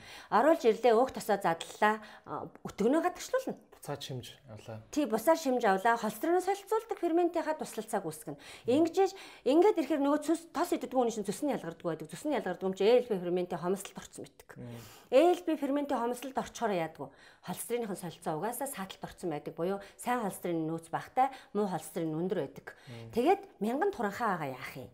холестерин өндөр тэгэл толгой нь амар үүддэг ингээл толгоогоо байрсан дотоороо тарган ийм сенс маягтай ингээл нэг зүгээр харахад бол гоё. Дотор талаараа дүүрэн өөх. Ийм эмгэг өвчин буюу одоо HDL хомсдлын өвчин чи ер нь сайн холестерины хомсдлын өвчин чи дангаараа зүрх судасны эмгэгийг бүтээдэг. Ийм байдалд хүрдэг айгүй олон Ялангуяа нөгөө ялангуяа дөнгөж өсвөр насны ч юм уу эсвэл нөгөө модель те одоо модель охтууд энтерт яадаг штэ. Обиста нэрэ сар өстой юутай загварын шоунуудтай кофе уугаал өстой хаяа нэг тамхи татчихал өстой сар ингэ явсан чинь бүр амар турхаа болсон болсон гэл нэг. Ингээ ярьж ярьж ярьцээ явж идэг штэ те. Та тийм хүн харж лсэн бах те. зөндөө л харж исэн тэгэл хараа тэр нэг тийм хатцсан тийм байж. Одоо яг моделууд бол ажил нь бах тэг ингээл заавал Маш урт энэ талаар бөө юм болсон штэ. тийм хатцсан байж иж одоо тэр загварыг өмсөлөл гоё харагддаг юм болоо гэл ингээл бодох бид нар бол ингээл за одоо ажил юм байна гэж бодъё л доо. Гэтэл тэр хатцсан тэр эрдэс амин дэмий нөөцөө одоо юугаар одоо хоосолцсон тийм юм бол дахиж бол сэрэгтэй бас хэцүү шттэ. Тэгэл нэг гандуу мандуу царайтай ч юм уу те ингээл нэг юм байна шттэ. Тэгэхээр яах хэвтэй юм бэ? Зүгээр өсвөр насны хүүхдүүд зүгээр хитэлтэй. Ингээд одоо ингээд нэг тийм тохиромж хэмжээтэй. Энийг бид нар яагаад өсвөр наснд ингээд өсвөр насны хүүхдүүд одоо өндөр жишээ нь хоолой тохируул гэлдэх юм бол бөө юм болно шүү дээ яг үнэндээ. Тэгэхээр би харж дадуулах хэрэгтэй байхгүй юу? Одоо жишээлбэл би хоёр хүүхэдтэй, танах хүүхдүүдтэй, танаа ээж чамд айгүй сайн дадлах өгсөний хүчнэл чи жохон таргалангуудаа яаж ин үгүй таргалчлаа гэдгийг мэдэрч шүү дээ. Гайгүй нөө. Тийм биз дээ ер нь мэдэн шүү дээ тий. Гэтэл зүгээр тийм да- дадал сургууль байхгүй гэрт нь ингээд ээж аав хоёр нь хоёул ажийн ихтэй хүүхэд бол 18 9 наснда бол харж өссөн хүмүүс ямар байгаа яг тэр сахилга батаарл хүмүүсийн учраас тиймэрэл байна шүү дээ. Тийм биз дээ. Тэгэхээр бид нар ерөөсөө ингээд амьдралын туршид бие биендээ сургалт өгж идэг амьдралын турш бие биендээ юм өгөөжтэй амьдрах хэрэгтэй байхгүй юу? Яг үүндээ тийм биз дээ эдрээ. Би ч чамд өгөөжтэй чийш надад өгөөжтэй л амьдрах хэрэгтэй дээ тий. Энэ нь юу юм бэ гэхээр зүгээр л сахилга баттай бай бие биендээ харагд. Сахилга баттай бай. Ингэх ингэхгүй болохоор би надад өнөөдөр миний хүмүүжүүлсэн хүүхэд надаар л амьдрын өөр арга байхгүй. Гэрээ хүмүүжлээс гажид зайлдаг хүн ер нь байдгүй. Ямар ч их сургууль таашаач ав сураад. Зүгээр яг л тэрүүгээр л амьдрын шүү. Тэгэхээр одоо юу гэдгийг ямар нэгэн юмыг ингээл хоосолж нөөцөлж турж ийснасаа идээд тур тэгж яриул жин хасах хамгийн шилдэг арга бол тос идэх. Тосоор өөх тосны програм 3 өдөр бариулаад 3 кг жингэн хасуулцдаг. Цөсөн сайн ялгараад байна те. Тийм зүсийн сайн ялгаруулаад биеийг хоргожуулал өхөр биес нь гадагшлах хэвээр хор бүгдээрээ гадагшлалаа. Тэр илүү жингээд байгаа юм чи илүү өөх илүү хор илүү одоо өтгөн шингэнэл баг шүү дээ тийм. Одоо энэ яагаад байгаа байхгүй а өглөөний цайныхаа өглөөний ер нь өглөөнөө энэ цөс чинь ингээд цөсний хүүдүүдээ ингээд хүүдүүдээ ингээд чинэрсэн байгаа шүү дээ тий. Чинрээд чүнжэнгөө ингээд цугларсан. Гарыг ихээр амрууга хүн хүн тос хийж өгөхгүй шүү дээ тий. Тэгэхээр энэ өглөө нэг нэг халбаг чацрагны тос жишээ нь чацрагны цэвэр тос нэг халбаг өглөө ухт окей юу эсвэл нэг хоёр халбаг ч юм уу энэ өглөөний хоолныхоо өмнө юм уу дараа юм уу өглөө бүлээн ус уудаг шүү дээ бас тий. Усныхаа өмнө юм уу дараа юм уу энэ яг тэр нэг арай нэг нарийн нэг хизээ гэдгийг тодорхойлоод өгч болох уу? Яг хөө ийм ингээл одоо гинтгэн тос иддгүй байсан, гинтгэн тос идэх юм бол зүс нь айхтар ялгарна шүү дээ. Их хүчтэй ялгарч байхгүй юу? Тийм болохоор нөгөө одоо шууд тосыг эхлээд ер нь одоо саяны тэр 3 өдрийн тосны дэглэмийг яага бариулдаг вэхээр эхлээд биеийн цэвэрлждэг байхгүй юу? Ямар нэгэн аргаар ингээд бүдүүн гидсийн цэвэрлээд эсвэл ингээд цусыг ингээд нэг тийм сувгийн онгойлгох байдалд оруулчихж байгаа байхгүй юу? За жишээ нь өнөөдөр ингээд угаасаа шүн ингээд цус илгэний цус хүүдэгээрээ дүрэл пэндичэл босоод ирнэ тийм ээ. Ийм үед нь эхлээд ингээд жохон тийм сул хүчлэлэг усуучвал их сайн Ягаад гэвэл сүс угаасаа давс буюу сул хүчлэлэг зүйл бас гидсрүү орж ирдэг байхгүй юу. Гэтэ тос идж байгаа шиг тийм одоо дуулууртайгаар бол орж ирдэггүй. Тэгээд хуурагдаад ингээд нөгөө мэдрэлийн систем нь ажиллана. Хүчлэг юм өглөө хэр ч муу юм шүү. Одоо жишээлбэл нь шүү дээ. Жишээлбэл зүгээр ингээ хойлоо багш нь энийг гүйцээч. Гэхдээ энийг одоо алавдаагүй те. Алюмины цуу ч юм уу те. Зүгээр ингээ тусаахтал тэр хүчлэг болж хувирна. Жишээ нь лимон, алюмины цуу хоёрыг хүмүүс ингээ шууд гадаа байгаа байдлаар нь яддаг амар хүчлэг хотоодонд ороод алах байхаа гэж боддог тий. Ороод шүтлэг үйлчлэгээ үзүүлдэг. Яагаад гэхээр энэ дотор гол яг хөө тэр даргинуулаад байгаа юм нь аман дотор бол сефтамин байгаа. Тийм ээ одоо тэр хүчлэлэг юм байгаа. Оронгуудаа энэ лимон одоо жишээ нь лимоны хүчил дотор чинь бас нэлээ өндөр хэмжээтэй кали байдаг байхгүй юу? Тийм учраас кали чинь шүлтэн элемент. Угаасаа цаанаасаа эсийн хувьдаа шүлтэн элемент учраас орол шууд ажиллаа хийчих. Тэгээд давсны хүчлийн одоо ялгар хотоодонд нас гар ялгардаг бас нэг фермент тахгүй тэрний юу ялгарлыг дэмжиж өгөөд ингээд яадаг бэнд нэг юм нэг сул юм ороод хүчлэлийг юм ороод ирлээ шүү гэдэг юмыг дамжуулангуут яадаг цаашаа цус ороод ирэх магадaltaй байхгүй юу. За нэг бол зүгээр шууд одоо бүлээн усаа уучна. Тэгээд хоол идэхийнхаа өмнө өмнө гэж хэрэггүй. Зүгээр сайхан усмасаа уучил 30 40 минут нэг цаг ч юм уу тэр хаваар усмсандаа орж явж байгаа л хоолоо идэхээс сухтал цайндаа л хийчих хэрэгтэй байхгүй тосоо. Ямар тос хийж болно ч дээр нь бол коксийн тос байж болж байна, оливын тос байна, шар тос байна, саяны ярьсан часрагны тос байна. Ямар нэгэн байдлаар үйлдвэрлэлийн боловсролтод бага орсон тос л ах хэрэгтэй. Сүүлийн өөх бас тий. Сүүлийн өөхийг өглөөдөө яг талхан дээр тавиад идэж болж байна. Ямар нэгэн байдлаар тос идэхтэл чамд чи өстө боцис солилцоонда бүр бүр маш том туслалцааг үнэхээр үзүүлээд биеийнхээ хувьд одоо өстой за өстой нэр ямар гоё юм бэ манай эзэн өнөөдөр гэж. Оо одоо манай Аа тийм тэгэхээр бай туслалцаа үзүүлж байгаа гэсэн үг байхгүй юу? Тийм ер нь бол Тэр нөгөө хүчил шүлтийн асуудал бас байна шүү дээ тий. Одоо манай Монголд бол идж байгаа ихэнх хоол хүчиллэг. Тэгэд гадуур их хоол идэн бид нар чинь тий. Тэгэхээр нөгөө олон шарсан тос чи өөрөө тосыг чи 2 2 шахахад шууд айхтар хүчил болж хөвөрд юм шүү тий. Тэгээд тийм тосны боловсруулалтын дээр гадуур хоол идэхийн муу гэдэг байгаа шүү дээ. Одоо ер нь бүхэл юм хеликобактертай ойлголоо. Гэхдээ мэрэгчлийн хяналтаа айгуу сайн яадаг юм шиг үлээ тэр нөгөө аяга заавал өндөр температурт угаа, ийм ийм тэдэн шат амжилттай угаа гэд энэ жижиг жижиг гэлтгүү бүх рестораны аяг угаах процесс тэр нь их хяналт сайтай юм билээ шүү дээ монголчин хаа очиж те. Тэгэхээр одоо юм гадуур хооллох муу гээл яриад идэг мөртлөө яг юу муу ингээд миний зүгээр олж мэдснээр ганц муу юм л зүгээр яг нэг тосоо олон хэрэгэлдэг гэдэг нь муу юм шиг үлээ танд өөр тийм үндслүүд байна уу те? Нэг тасаа олон хэрэглэдэг газар ч байдаг л бах тийм ээ. Тийм байгалах л та тэгэл мэдээж нэг рестораны захирал одоо намайг чи юугаа мэдтий ингээл ингэж байгаа бах. Ер нь алаа. Гадар хооллоход эхлээд э, зүгээр яг энэ миний бодол шүү. Эхлээд бол айгүй жохон хоолыг айгүй их мөнгөөр авч байгаа тий. Тэр талаасаа олоод ер нь бол гадар хоолнд би жохон дургу. Ер нь бол гадар хооллолт гэдэг яг мэдээж аяг тавны сахилга бат гэдэг юмыг одоо баг тэр аяг тавны ариун цэвэр гэдэг ямиг бол сахилга батын хангаж өгөх зүйлийг тэр мэрэгжлийн байгууллагууд нь хийчихээр тэрийг бол гайгүй хийчдэг бах. Ер нь бол тийм ээ. А тэгтэл бид нар ороод гадуур хоолны нэг хамгийн нэг том алдаа зүгээр миний харж байгаагаар шүү. Энэ бол харилцан адилгүй тайлбарлагдах бах. Айгүйх порцтой. Их порцтой. Тэгээ яаж ордог вэхээр гадуур хоолнд орохдоо тэднийх их порцтой, эднийх их порцтой гэж ордог бүр. Тэгж ордгийн байлээ. А зүгээр яг үндсэн хоолныхоо технологиор хийсэн мэрэгжлийн тоогоочтой газар ороход бол үндэ одоо ингээл яа энийг 30 мянгаар юу гэж авмаа гэмээр энэ баг энэ шоколад шиг юм байж дүүстэй. Тий. Тэрэнд бол бид нарт одоо хичнээн хичнээн тэр юу гэдгийг одоо жохон жохон ирдэг. Тэр пастанаас орж ирж байгаа тэр нэг сахар байна тий. Яг паста бол сахар л да тэр чигээрээ. Аа тэгэл ингээд нэг жохон жохон ямиг эдлээгээд бид нар бол яхчихгүй шүү дээ тий. Тэгэхээр тэр жижигхэн хоолоо харангуутаа нэмээд захилчдаг л байгаа. Гадуур хоол идэхтэй гэртээ идэхтэй ч ер нь бид нар хоол хүнсээ сахилга батвал ер нь бол өдөр болгон гадуур хоол дөхөн байдгүй л үү дээ. Бага шүү дээ. Гэхдээ ер нь залуучууд бол тэгэл өдөрт нэг гадуур хоолно шүү дээ. Гэрээсээ би л мэдгүй гэрээс манайханд байд юм уу? Гэрээсээ гэрээсээ ингээд шилэн цавтай хоол авчраад ингэж байгаа ховор харагддаг шүү дээ. Тэгэхээр өдөр өдрийнхөө 3 хоолыг гурлын гадуур гэж юу? Гэхдээ яг нэг нэг нь бол гэртээ идэж л байгаа хэл та. За тэгэнгүүт нөгөө хүүхдээ өдөрт нэг бол зовлттой гадуур идэж байгаа шүү дээ. Ер нь ажил хийдэг залуучууд Улаанбаатар. Тэгэхээр одоо гадуур хоол тэртээ тэргүй идэх шаардлага гарч байгаа болоо мэдээж тос нь муу. Сая бол чи миний ярих юмыг бас ярьчихж байгаа байхгүй юу? Тос яг янз бүрийн муу тосны тос ер нь олон халаах тусмаа л угаасаа байглаасаа муу. Олон халах тусмал бодоод бодоод үцхгүй ингээл улам шээг шавхаа шавар юм тунаал ингээл заваараад байдгийг. Тэгээ тэрэн дотор чи ямар зүгээр халаагаад байгаа юм шиг мэлтийлгээд байхгүй. Гурилч хийж гин, махч хийж гин, төмөсч хийж гин ингээд яг жоохон заваан хоол идээд байгаа гэсэн үг. Ер нь бол одоо тийм ээ. Тэгэнгүүт тэр нь нөгөө бензофрен гэдэг нөгөө жинхэнэ хор тавдар үүсгдэг. Одоо жинхэнэ мэдрийн өдрөв тутмын орж хоолоор орж ирж байгаа амин дэмүүдийг устгадаг. Тэр төрөний ярьсан EMD орсон юм болоод хувирчиж байгаа байхгүй. Тэгэхээр тэр бензопрен ч юм бол ер нь бол угаасаа 25 дор үүсгдэг заалттай учраас аль болохоор хэрэглэхгүйгээд олон дахин тосыг чануулахаа болцсон шүү дээ. Тэрийг бол бас мэрэгжлийн байгууллагууд бол нэлээд сайн хяндаг бах. Одоо ийм тэгээ гадуураас идж байгаа хоолн дотроос бид нар сахар орлуулагч идчихдэг. За. Сахар орлуулагч одоо жишээлбэл энэ пастагийн чинь дандаа л одоо юугаараа хийгээд авахгүй шүү дээ. Юу лээ нөгөө помидороор хийгээл нэг улаан өнгөтэй байгаад авахгүй шүү дээ тий. Тэр чинь цаанаасаа угаасаа ингээд одоо пастаны соус уу? Аа айгу амархан амархан хийдэг юмнууд байдаг болсон. Жишээ нь аспартам гэдэг одоо сахар байдгийн чи сонсч ирсэн бахаа. Sweet pan гэдэг юм а тэрний үндсэн нэрийг. Тэр бол жишээ нь ичлэг агуулдаг сахартай ордог байхгүй юу? Тэгэхээр тэр ичлэг агуул тэр сахар бол пастанд дам байдаг. Энийг бол ер нь бол бас жоохон хор тавдар, жоохон жоохон ер нь хор тавдар үүсгэгчтэй гэдэг нь батлааг бол болохоос судалгаагаар ер нь бол энэ сахар орлуулж чи битгий хэрэглэгээд байгаа. Жирийн сахараас 200-аас 300 дахин их сахар өгдөг. Амт өгдөг. Тийм учраас тэр паста амттай байдаг байхгүй юу?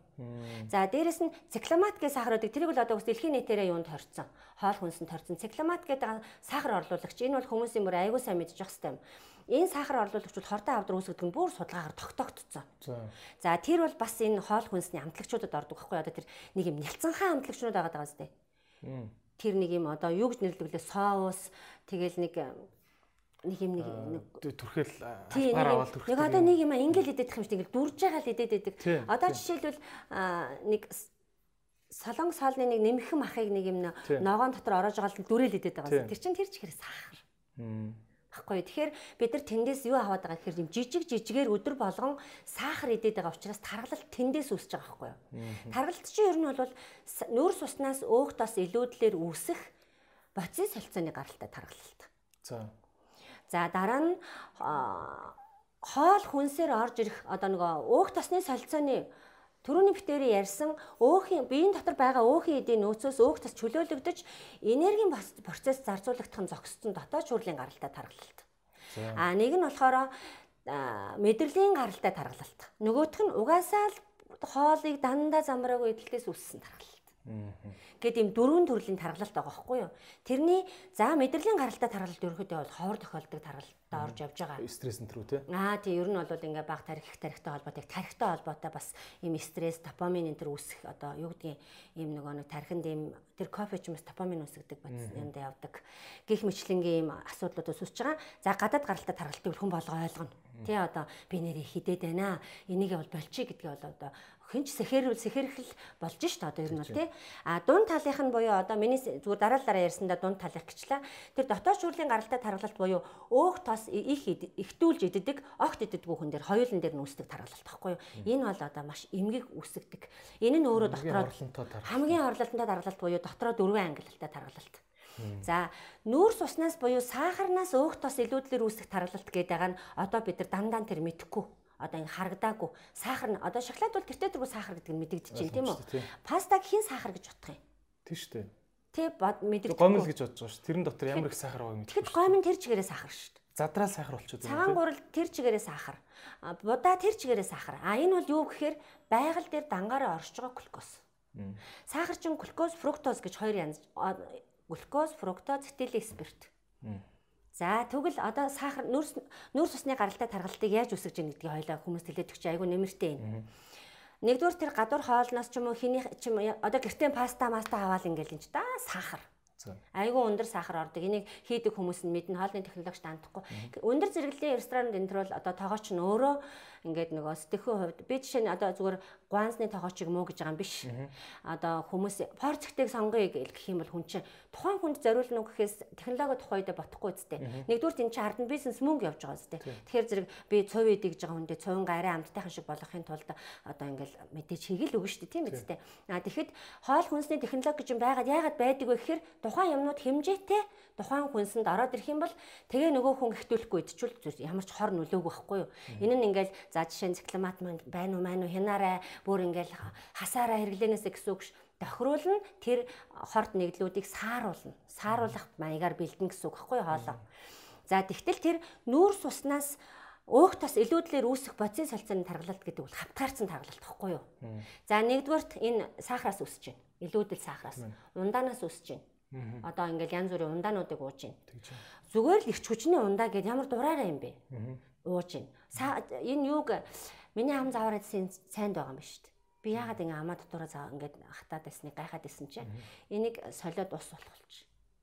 Тэгэхгүй энэ одоо энэ цайн дотор бас нэг агуулмж байгаа шүү дээ тий. Энэ нөгөө нэг огт цай уудгүй хүнд ингээд ийм нөлөө үзүүлж байгаа байхгүй тий. Бас нэг нөлөө үзүүлж энэ дараа нь багш нь тайлбарлал дараа нь тайлбарлая.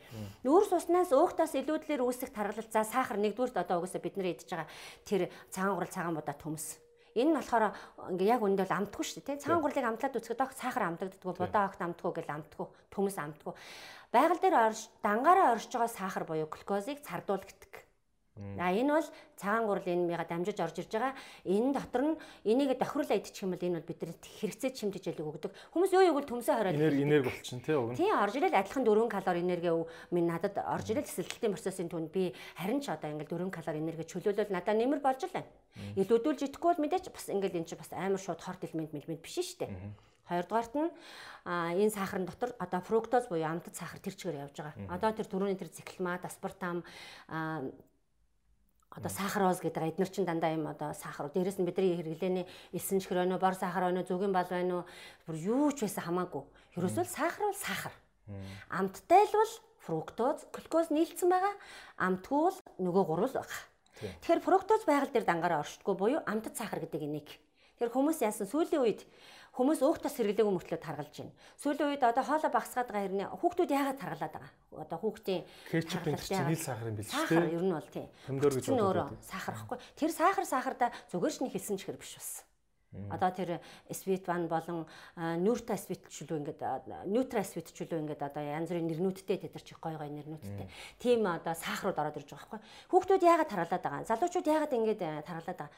Сахар их эзнэх. Одоо тэр амтд сахар буюу фруктозыг зүгээр ингээд амаараа зажилж идэг ууж шít шууд.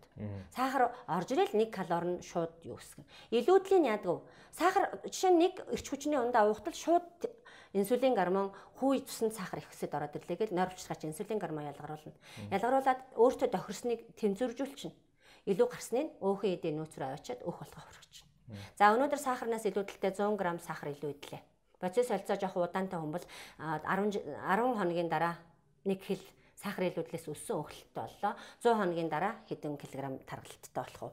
Ингиж айжмаар нөгөө төрөүний эс томрох хуулаараа томроод явчихдаг байхгүй өөхнийс ч адилхан. За тэгвэл нэгдүгээрт нь одоо сахараар үсгэлээ. Тэр нүрс усны гаралтай таргалтыг нэгдүгээр чихэр идэж үсгэж чинь тийм үү. Хоёрдугаарт нь одоо тэр нууцлагдмал бүхэл чихрийг идэж үсгэж байгаа угаасаа. Хоёрдугаарт нь юу үсгэж чинь? Этилийн спирт арх. Нууцаа. Этилийн спирт гэдэг чинь одоо зүгээр нь водка пивн дотор байдаг юм уу юм уу? Итэл одоо водка ч бүгдээр л этилийн спирт. Бүгдээр л эталон, этал этил этилийн спиртээс бүтэж байгаа. Тэгэхээр этилийн спирт буюу арх чинь өөрөө сахар байхгүй юу? Тэгэхээр глюкоз нь таруулаад идэх юм бол байгаль дээр дангаараа оршиж байгаа нэгдэл фруктоз сахар хоёр шүү дээ. Чанарын ялгаа нь фруктоз нь бол бүх биеэр тарж архинд илгэнд муу нөлөөгөө үзүүлнэ илүүдэл нөөх болно. Арх нь бүх биеэр тарж одоо фруктоз нь бүх биеэр тарж байгаа бол арх нь элэг хоргожүүлэх хэмжээнээс давангууд тархин шингэн илүүдэл нь өөх болно. Тэгтэл архинаас арх сотруулах ундаанаас сэргийлэх талаар айгүйх ярьж байна тий. Одоо ингээл арх битээ ууй, баг ууй, хорж барайл байна. Сахар яагаад хорихгүй байгаа тэгвэл сахар нь архинаас нь илүү гай тарьж байгаа байхгүй харгалтанд. Тэгэхээр сахар нь архинаас илүү гай тариад идэг арх уухгүй яг арх шиг одоо өөрөлдөл кофе шиг ч юм уу донтуулагч бодис шиг байхгүй юу. Сахар ч угаасаа одоо сахар хэрэглэхгүй 6 шилтгаан 4 шилтгаан ч юм ингэ зөндөө байна тий. Сахар бол ерөөсөө хордоо хавдар үүсгэгч сахар тэр чигээрээ инсулин гормоныг идэвхжүүл чихрийн шижинтэй болгогч сахар гэл ингээл зөндөө юм одоо алдаатай юмнууд байна тийм үү. Тэгтэл яг дэлхийн эрдэмтдийн байгууллага одоо энэ хүн амынхаа хүнсний аюулгүй байдлыг дээдэлдэг ард түмэнд бол буюу ялангуяа Австрали энэ төр чинь одоо энэ сахарны татвар энэ төр гэж гаргаж шít одоо тийм. Тэгэхгүй бол ерөөсөө нөгөө тэр өндөр сахартай сахарууд ч ерөөс ингээл хамгийн хүнсний аюулгүй байдал багтаа орондруулж шигччихэж байгаа шүү дээ. Тэгээ тэрийг юу гэж нэрлээд байгаа гэхээр одоо дээр үеэс одоо хүмүүс баг мэддэг болсон нөгөө HFCS буюу high fructose corn syrup. Одоо багш нь англиар янзтай сайн ярьдаг шүү дээ. Тэгэхээр чи зарим юмнууд чи айгу муу ярина шүү. Энэ нь шишин ухааны өгнүүдийг мэддэг. Эрдэнэ шишин өндөр агуулмжтай сахарын сироп. Энэ нэстэ янз бүрийн байдлаар хүний биед орж байгаа. Тэр ирчвчний ундаанууд зөв уучлаарай. Бүх бүгдээрээ тийм Тэгээ яаж ин одоо жишээ нь түрүү чацрагны шүүс гэл тэгээд юу тос гэлээсэн. Чацрагны сироп аваад уйл гэлтгэр нийл сахарах юм. Тэгэл ингээл хүн одоо туслын төдий чацраг нь хийчихэл сахар уугаал. Туслын төдий цагаангаа хийчихэл цагаан гаатай цай гэлтгсэн чинь тэр чигэр чихэр байх юм. Цагаан гач нь жихэр биш шүү дээ. Цагаан гач хүний биед асар хэрэгтэй антиоксидантаар баялаг амин дэм эрдэс бодсон их найдвартай их усүр хахад цагаан гаагаар далимдуулаад зүгээр. Тийм ээ. Ийм ч органик хүнс, тийм ч органик хүнс уугаал үз жихэр амтагживэл фруктоз. Фруктоз яагаад муу юм бэ? Яагаад хүнийг тэгвэл жимс идгээд байгаа? Жимс ч юм бол ингээд яагаад ер нь фруктоз сайн юм бэ гэхээр сайн мэдээж хүний биеинд амтад сахар чухал үүрэгтэй фруктоз идэвхлэх гэдэг шалтгаан нь бол жимсэл идэвхлэх гэдэг. Тэгтэл жимси ч бүр ингээд тайраад хэрчээд хамаг нөгөө ямын ингээд задлаад хамаг хэрэгцээ тэмээ авч үлдээ. Шүүс болгоо гаргаад ирлээ. Амтгүй байх юм бол чихэр нэмчлээ. Амт амтгүй байл баг хүн авахгүй штэ. Одоо дэлгүүрт үлддэг хамгийн дарагддггүй хүнсэн дотор юуны нөгөө улаан лойлын шүүс явдаг штэ. Нөгөө амтгүй байдаг. Хөрх амт нь чихэр нэмээч гэсэн нэг тийм яадгүй зүгээр л хадгалагч нөөш гэж бодистой байдаг. Тий Тэгэхээр фруктоз гэдэг бол амтад сахар амтад сахар дотроо бид нар яаж юм Яагаад одоо энийг хэрэгэл гэдэг юм хэр жимс идүүлэх гэдэг юм баггүй. Тэр нь юу юм гэхээр фруктозын тэр уулах гад идүүлэх гэдэг байгаагийн гол шалтгаан нь ердөө эслэгэнд нь байгаа юм баггүй юу. Тэр хальсанд нь агаад байгаа эслэг нь бас сахар. Тэгвэл эслэг бол яг фруктоз шиг, глюкоз шиг хүний биеийн шингэдэггүй сахар баггүй юу. Орж ирээд уустдаг эслэг, уустдаггүй эслэг гэж байна. Уустдаг эслэг нь болохоор Өөсдөггүй эсэх нь болохоор орж ирээд байгаа тий. Аа яг үнэ файбер гэдэг байгаа. Гэзний хананд ингээд очиод торлно.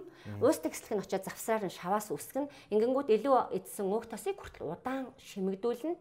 Тэгээд бүдүүн гидсэнд очиод бүдүүн гидсний нянгуудыг тэжээгээд тэнд ядгүй бүхэл одоо миний амьдралыг баг тэнд буцалгаж өгчөөд өөрөө гатгшилчдаг. Шингэдэггүй сахарыг нэдүүлэх гэдэг байгаа байхгүй фруктоз нас а глюкознд бол эслэг байхгүй. Ер нь бол хальсын л ер нь жимс ногооны шис хальсын л устгах юм бол тэгэл шууд ашиггүй сахар болж хуурж байгаа шүү дээ. Тийм үү. Тэгэхээр жимс юмс идэхээр алин малмиг хальсын ингэж хальсалж байгаа дэлгүүд үү? Харин уг нь аль болохоор л хальсанд нь яг голонд пектинт бодис буюу тэр илчлэг тэр гол юм байна. Гэтэ хальсанд чинь гол нөгөөх нэг нь шавж устгадаг хамаг бодис нь шингэждэг. Жимсний хальс чинь хамгийн хортой гэдэг ба шүү. Одоо жимсний хальс яаж л нөгөө нэг гой гэлгар харагдуулах гал ингээл вакс чинь тий ваксч чинь тэгэл хүмүүс чинь худалдан авагчийг автал нь л гялаалгаал арчаад байдаг.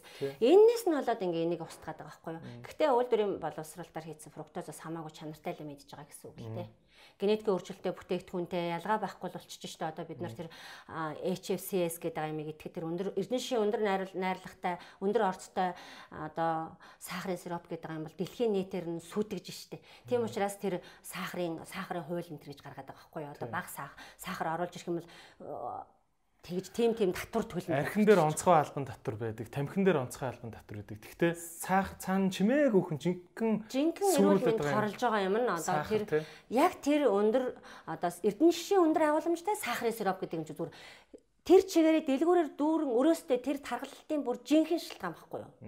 Тэгэл хүмүүс ингээл сэргэж байгаагээ л уугаад ах юм. Ста бүр жинхэнэ ингээл нийл сахар ордор чамч сэрэхгүй яах юм. Бөөн шоколад идэл октод ялангуяа тэгдэг те Өстой би өдөржингөө шоколад иддэг. Би бол шоколадгүйгээр амьдрахгүй өнтер гэл. Цүгэндээ би заавал шоколадтай явдаг өнтер гэл. Нэг юм өөрөө өөртөө нэг юм юу үсгэж юм а те. Нэг хайрцаг үсгдэг те яг үнэ. Тэгээ тэрийг айгу зөвгөө бодцдог. Одоо би айгуух тоож ин хүүхдүүд. Тэгсэн мөртлөө би тооцсон гэдэг нь болохоор тэр нэг би би тийм гэдэг байгаа нь. Би тоохгүй байгаас яг үнэндээ ерөөс би тоодгүй хүмүүс л би тоодсон шүү дээ. Зүгээр л нэг их зан, нэг хайрцаг, нэг юм одоо би баг кофетэй кофе барьсан аяга аяганд кофе барьсан хүүхдээ чи санжигна явж хахад нь холуур зүрхгүй л бас л нөгөө модын нэвдэ ачиж шүү дээ. Тэгээд тэргээ барил. Чийл тэрийг айгуу сайн үзүүлэх юм бэлээ. Гэтэ гоё л та. Тий, ер нь бол тий. Тэгэхээр энэ байдлаасаа бид нар ингэж явах ухаарлалтайгаар энийг тэнцвэржүүлэхгүй бол бид нар энэ сахарт бол одоо яг идүүлж штэ. Тий чинь тий. Жишээ нь одоо глюкоз. Ер нь бол одоо Монголд байгаа энэ 10 мянган хүн хорт авдартай гэж юм тий. Одоо ерөөсө Facebook ороод та бүхэн хандиваа өгөөрөө гэдэг юм юм бол ерөөсө зүгээр тасралтгүй болж штэ. Тэр болгон Facebook-оор өөрөөр царинууд гардаг болчихлоо штэ тий. Тэгэхээр энэ 10 мянган хүн орт авдартай байгаагийн шалтгаан нь маш том хувийн сахар бах тий. Би би тэгж бодод ч багшаа энэ энэ зөв а юу а зүгээр нэг зүйлийг би анзаарсан бохгүй ингээд ямар ч байгууллага руу орон заяа. Ялангуяа өглөө ингээд уулзалтаар орохоор бүгдээрээ босцсон ингээд кофе найруулал суун. Тэр нь бүр ингээд өглөөний юм баг юм залбирал юм шиг. Бүгд өглөө кофе найруулна. Яг найруулж байгаа кофег нь харахаар ерөөсөө тэр өндөр чанартай Бразил одоо юу ч үгүй Коста Рика ч юм уу Африкийн тэр тэр мундаг гоё кофег нь тансаг ингээд гоё жоохон аваад яг ингээд өглөө фрешэр нь ухаад чанаа дууж байгаа мөг гэр үгүй. Дандаа ингээд нэг юм ууттай савтай юм гаргаж ирэл тэгэд кофе уух болгонд маш их сахар хийж тэр кофений амтыг юусэн мэдрэхгүй битүү ингээл бор өнгөтэй юм сахартай нэг юм л уугаад байгаа байхгүй. Тэгэл ингээл хардаг байхгүй. Хэрвээ ингээл 20 жил нэг газар одоо ажиллалаа. 20 жил өглөө болгон сахар сахартай кофе уусан дээ. Тэгэхээр тэр хүн 50 өрөөд одоо яах вэ? 45 өрөөд яах вэ гэдэг юм биш тийм үү? Тэгээ сахар донтуулагч гэл одоо зөндөө олон судалгаа байна. Тэгэхэд яг үнэндээ кофендээ сэргээд байна уу, сахарандаа сэргээд байна уу? Өндөр сахар бол үнэхээр яг нэг дор шууд сэргэнэ.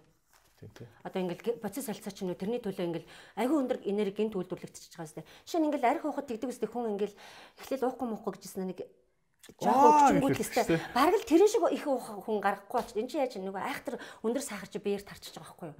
Тэгэд яг арх бол мэдээж өөр замаар тархинд шингэж гин а өндөр нэгттэй тэр одоо өндөр агуулмжтай сахарууд болохоор түр сэрэж гин гарангуудаа яаж ийн ахиж уулгах хүслийг төрүүлж байна гэдэг чинь донтуулж байна л гэсэн үг шүү дээ.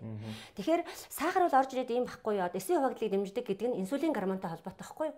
Тэр инсулин гормоныг ер нь тэгдгийн. Одоо жишээ нь сүүлийн хамгийн сүүлийн үед гарч байгаа тэр Siddhartha Mukherjee гэдэг хүний ген номон дээр байгаа инсулин бол ер нь бол хогийн даавар энэ гэж бичсэн байдаг байхгүй юу? Бүх дааврын хог энэ гэж бичсэн байдаг. Ягаад тэгэхээр инсулин сахарын шижний одоо цэсний цаг сахарыг тэнцвэржүүлдэг бас нэг ажил хийдэг нь тэр өөхний нөөцийн агуулгын цоож өгч түлхэгч хүч нь баггүй юу? Тэрийг хийчих чинь. За тэгэнгүүтээ инсулин хавдрын эсийн буюу эсийн хуваагдлыг дэмждэг. Тэнгүүд нэгэнтээ инсулин чинь ингээд сахар ихдэг тоол нь л ихсэж ил ялгарна үсттэй. Нэгэнтээ инсулин их ялгарч байгаа юм чинь хавдрын эсийн хуваагдлыг инсулин дэмжиж ихэнх хавдрын шалтгаан сахар байгаа шүү л гэдэг одоо болгоомжлол аюул нүүрлжин гэдгийг аюух анхааруулж байгаа угаасаа. Тэгээ хүмүүс аюул сахилга баттайгаар маш хариуцлагатайгаар яах ёстой? Нэг нь энэ тухай ойлгосон бол үннээ хэлээд яг бодит амьдралын үнэ ийм байд юм байна. Сахар их идэхээр би яванда чи жихрийн шижинтэй болно. Яванда чи хордон авдартай болчихвол манай байгууллагаас нэг хүүхэд жишээ нь хордон авдартай болоод тэр нь сахараас болсон байна гэвэл бидэрт гоё?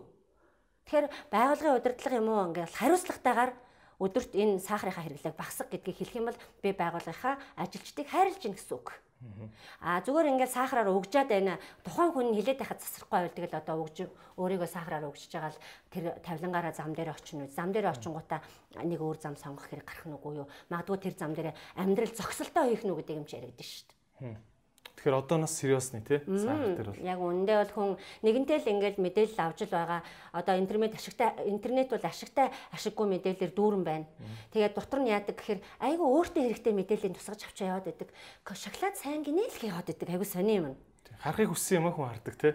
Нөгөө талынхаа юмыг бас сайн судлах. Тэгчээд яадгүй гэхээр шоколад сайн ихтүүлвэл муу гэдгийг хардггүй. Тэгсэн мөртлөө яадгүй. Ахаад дутуу юм хэрглэж гэнэ гэдгийг ч хардггүй. Хүмүүст бол ерөөсөө нэг тийм айгүй том алдаа байгаа. Сэтгэлгээнд нь байгаа шүү. Ер нь гол юм. Тийм. Мөртүлээ энийг хураа. Аа затлаа. Өнөөдрийн подкастыг та бүхэндээ хоёр супер брэндтэй хамтарч хүргэж байгаа. Hitachi брэнд Монголд аль биесны цорын ганц төлөөлөгч Номин Electronics компани.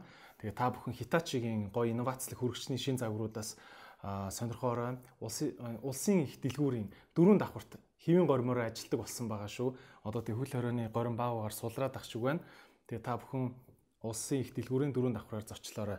За Hitachi брендийн хувьд гэх юм бол анх 2007 оноос эхлэн энэ вакуум тасалгаатай хүрэгч гэдэг имийг зах зээлд нэвтрүүлжсэн. Ингэснээрээ хоол хүнсний хадгалах хугацааг маш урт хугацаанд чанартай, фрешэр нь байлгадаг байгаа. Дараагийн үеийн технологи нь болохоор гурвалсан үнэр дарах технологи гэдээ байгаа. Энэ нь болохоор хүнснээс ялгардаг элдэн үнэрийг байхгүй болгодог, ням бактерийг 99% цэвэрлээд байлгаж яадаг хүнсийг фрешэр нь хадгалдаг ийм мундаг технологиг хөгжүүлсэн компани байгаа. Тэгээд Hitachi брендийн маш олон төрлийн бас хүрэгчнүүдийн загварууд байдаг. Та бүхэн сонирхоорой. Өнөөдрийн дугаарыг спонсор байгууллагаас маань маш гоё уриалгыг та бүхэндээ дамжуулж уламжилж байна. Хайртай бизнесээ дэмжиж гэдэг уриалгыг Simply хамт олноос дамжуулж байна. Тэгээд энэхүү уриалгыг нь дэмжиж Rock Coffee Shop, Gold's Gym, BRB, Matrix, Faro, Lamour, Internom, Sweet Kitchen зэрэг брэндууд бас дэмжиж оролцож байгаа юм байна. Тэгээд хайртай бизнесээ дэмжиж гэдэг маань ямар учиртай вэ гэхээр цар тахлын энэ хүнд үед бидний одоо ах ихч хамаатан саднууд маань ажилдаг энэхүү гоё компаниуд маань маш хүнд байдалд байгаа. Тийм учраас одоо жишээ нь энэ бол зөвхөн Монголын асуудал биш, дэлхийд дахны хүнд асуудал байгаа. Бизнесийн ертөнц маш хэцүү байдалд байдаг. Жишээ нь одоо Америк нэгдсэн улсад жижиг дунд бизнесүүдээс 10 бизнес тутмын 3 нь хаалгаа барихад хүрсэн ийм хүнд цаг үе байгаа. Монгол улсад маань 50 мянга орчим хүн цар тахлаас болж ажлын байр нь хэцүүдэд байгаа ийм үе байна. Ийм үед бүгдээрээ бид бүхний амьдралыг өдөр тутмын одоо энэ гоё мэдрэмжийг төсөөлхийн аргагүй одоо байхгүйгээр нь төсөөлхийн аргагүй ийм гоё брэндүүд байдаг. Тэгэхээр бүгдээрээ бизнесүүдийг ажил олгогч нийгэмдээ хувь нэмэр оруулдаг байгууллагууд гэдэг утгаар нь дэмжиж сайхан дуртай брэндүүдийг аль болох Facebook дээр шеэрлж, юмнаас нь авч дэмжиж байцгаая гэдэг ийм уриалгыг Simply хамт олноос дамжуулж байна. Одоо ялангуяа манай Монгол улс болвол нэг салбараас маш их хамааралтай ийм эдийн засагтай гисэн хэдий ч бас нөгөө талаар нь ажлын байр гэд бодоод үзэх юм бол манай жижиг дунд бизнесүүд маань нийт ажлын байрны бараг 80% дангаараа бүрдүүлдэг тэр дундаа худалдаа үйлчлэгээний салбар 60 хэдэн хувийг хувийн ажлын байрыг бүрдүүлдэг байгаа. Тийм учраас та бүхэн өөрийнхөө дуртай, орох дуртай жижиг дунд бизнесүүдийг маш сайн дэмжиж байгаараа гэж та бүхэндээ уриалж байна. Тэгээд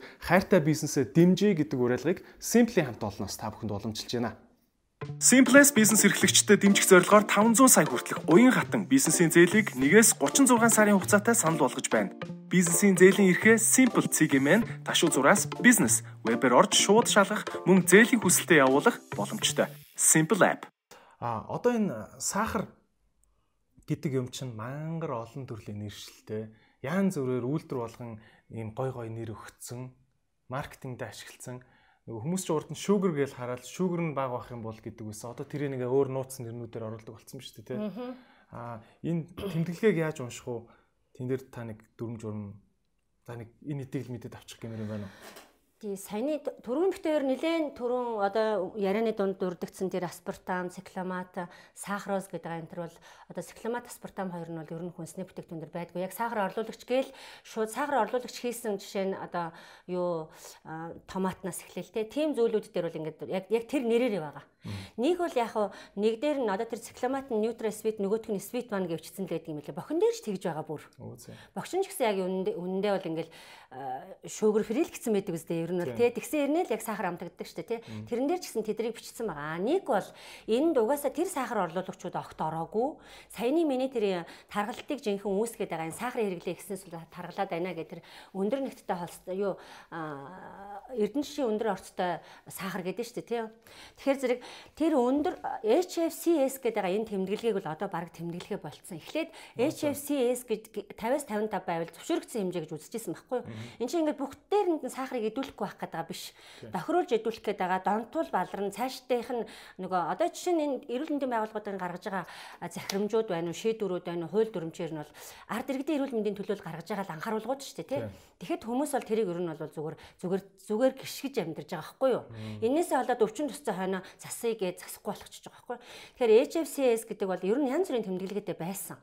Хамгийн сүүлд 2000 а 14 онд баха шинчлээд HFCS 90 гэ тэмдэглэе гэд.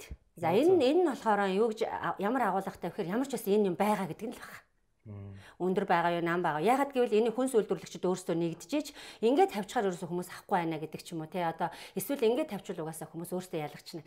Энд чинь цаа талдаа хүний одоо бизнес одоо энэ бүхэл бүтэн том одоо юм явж байгаа шүү дээ тий одоо миний мэдхгүй юм явж ин тэрний цаана.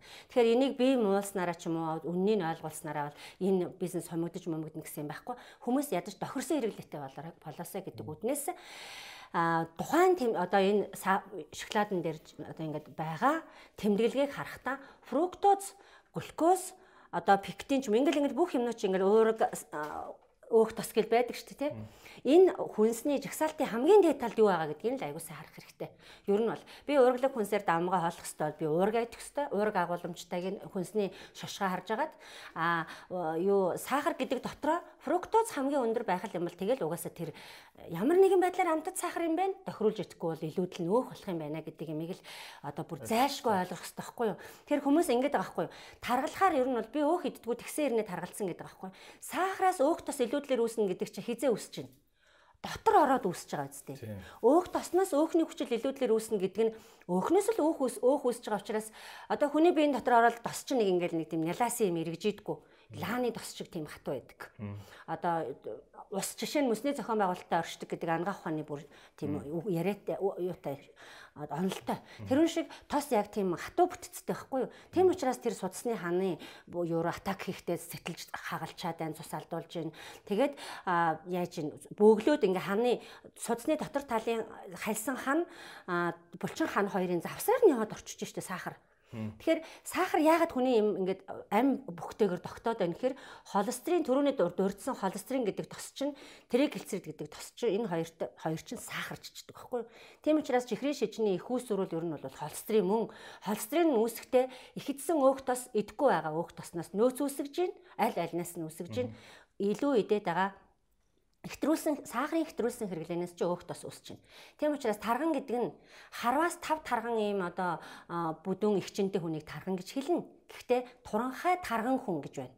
Тэр нь дотоороо тарган хүн яг илт тарган хүнээсээ илүү процесс солилцооны эмгэгтэй байдаг. Илүү одоо гентийн өхөл буюу цаг бүсийн өхлөөр хорвоог орхих магадлал нь өндөр байдаг. Ягаад гэвэл судсан даван тулах ачаал чадварын босго нь бага байдаг. Жин ихтэй хүн чинь бас ч гэж тэр их чинь авч явсаар яжгаад даван тулах чадвар нь бас тодорхой хэмжээнд өссөн байдаг байхгүй юу? Одоо энэ нь тарган нь ашигтай гэж байгаа юм биш. Гэхдээ таргалалт бол аль ч нөхцөлдөө хүнийг нас хүний насыг богиносгодгол зөвлөл. Тийм. Тийм. Окей. Одоо та яаж бах янз бүрийн ингээд судалгаа авч байгаа элдв судалгаануудыг харж байгаа бах тий.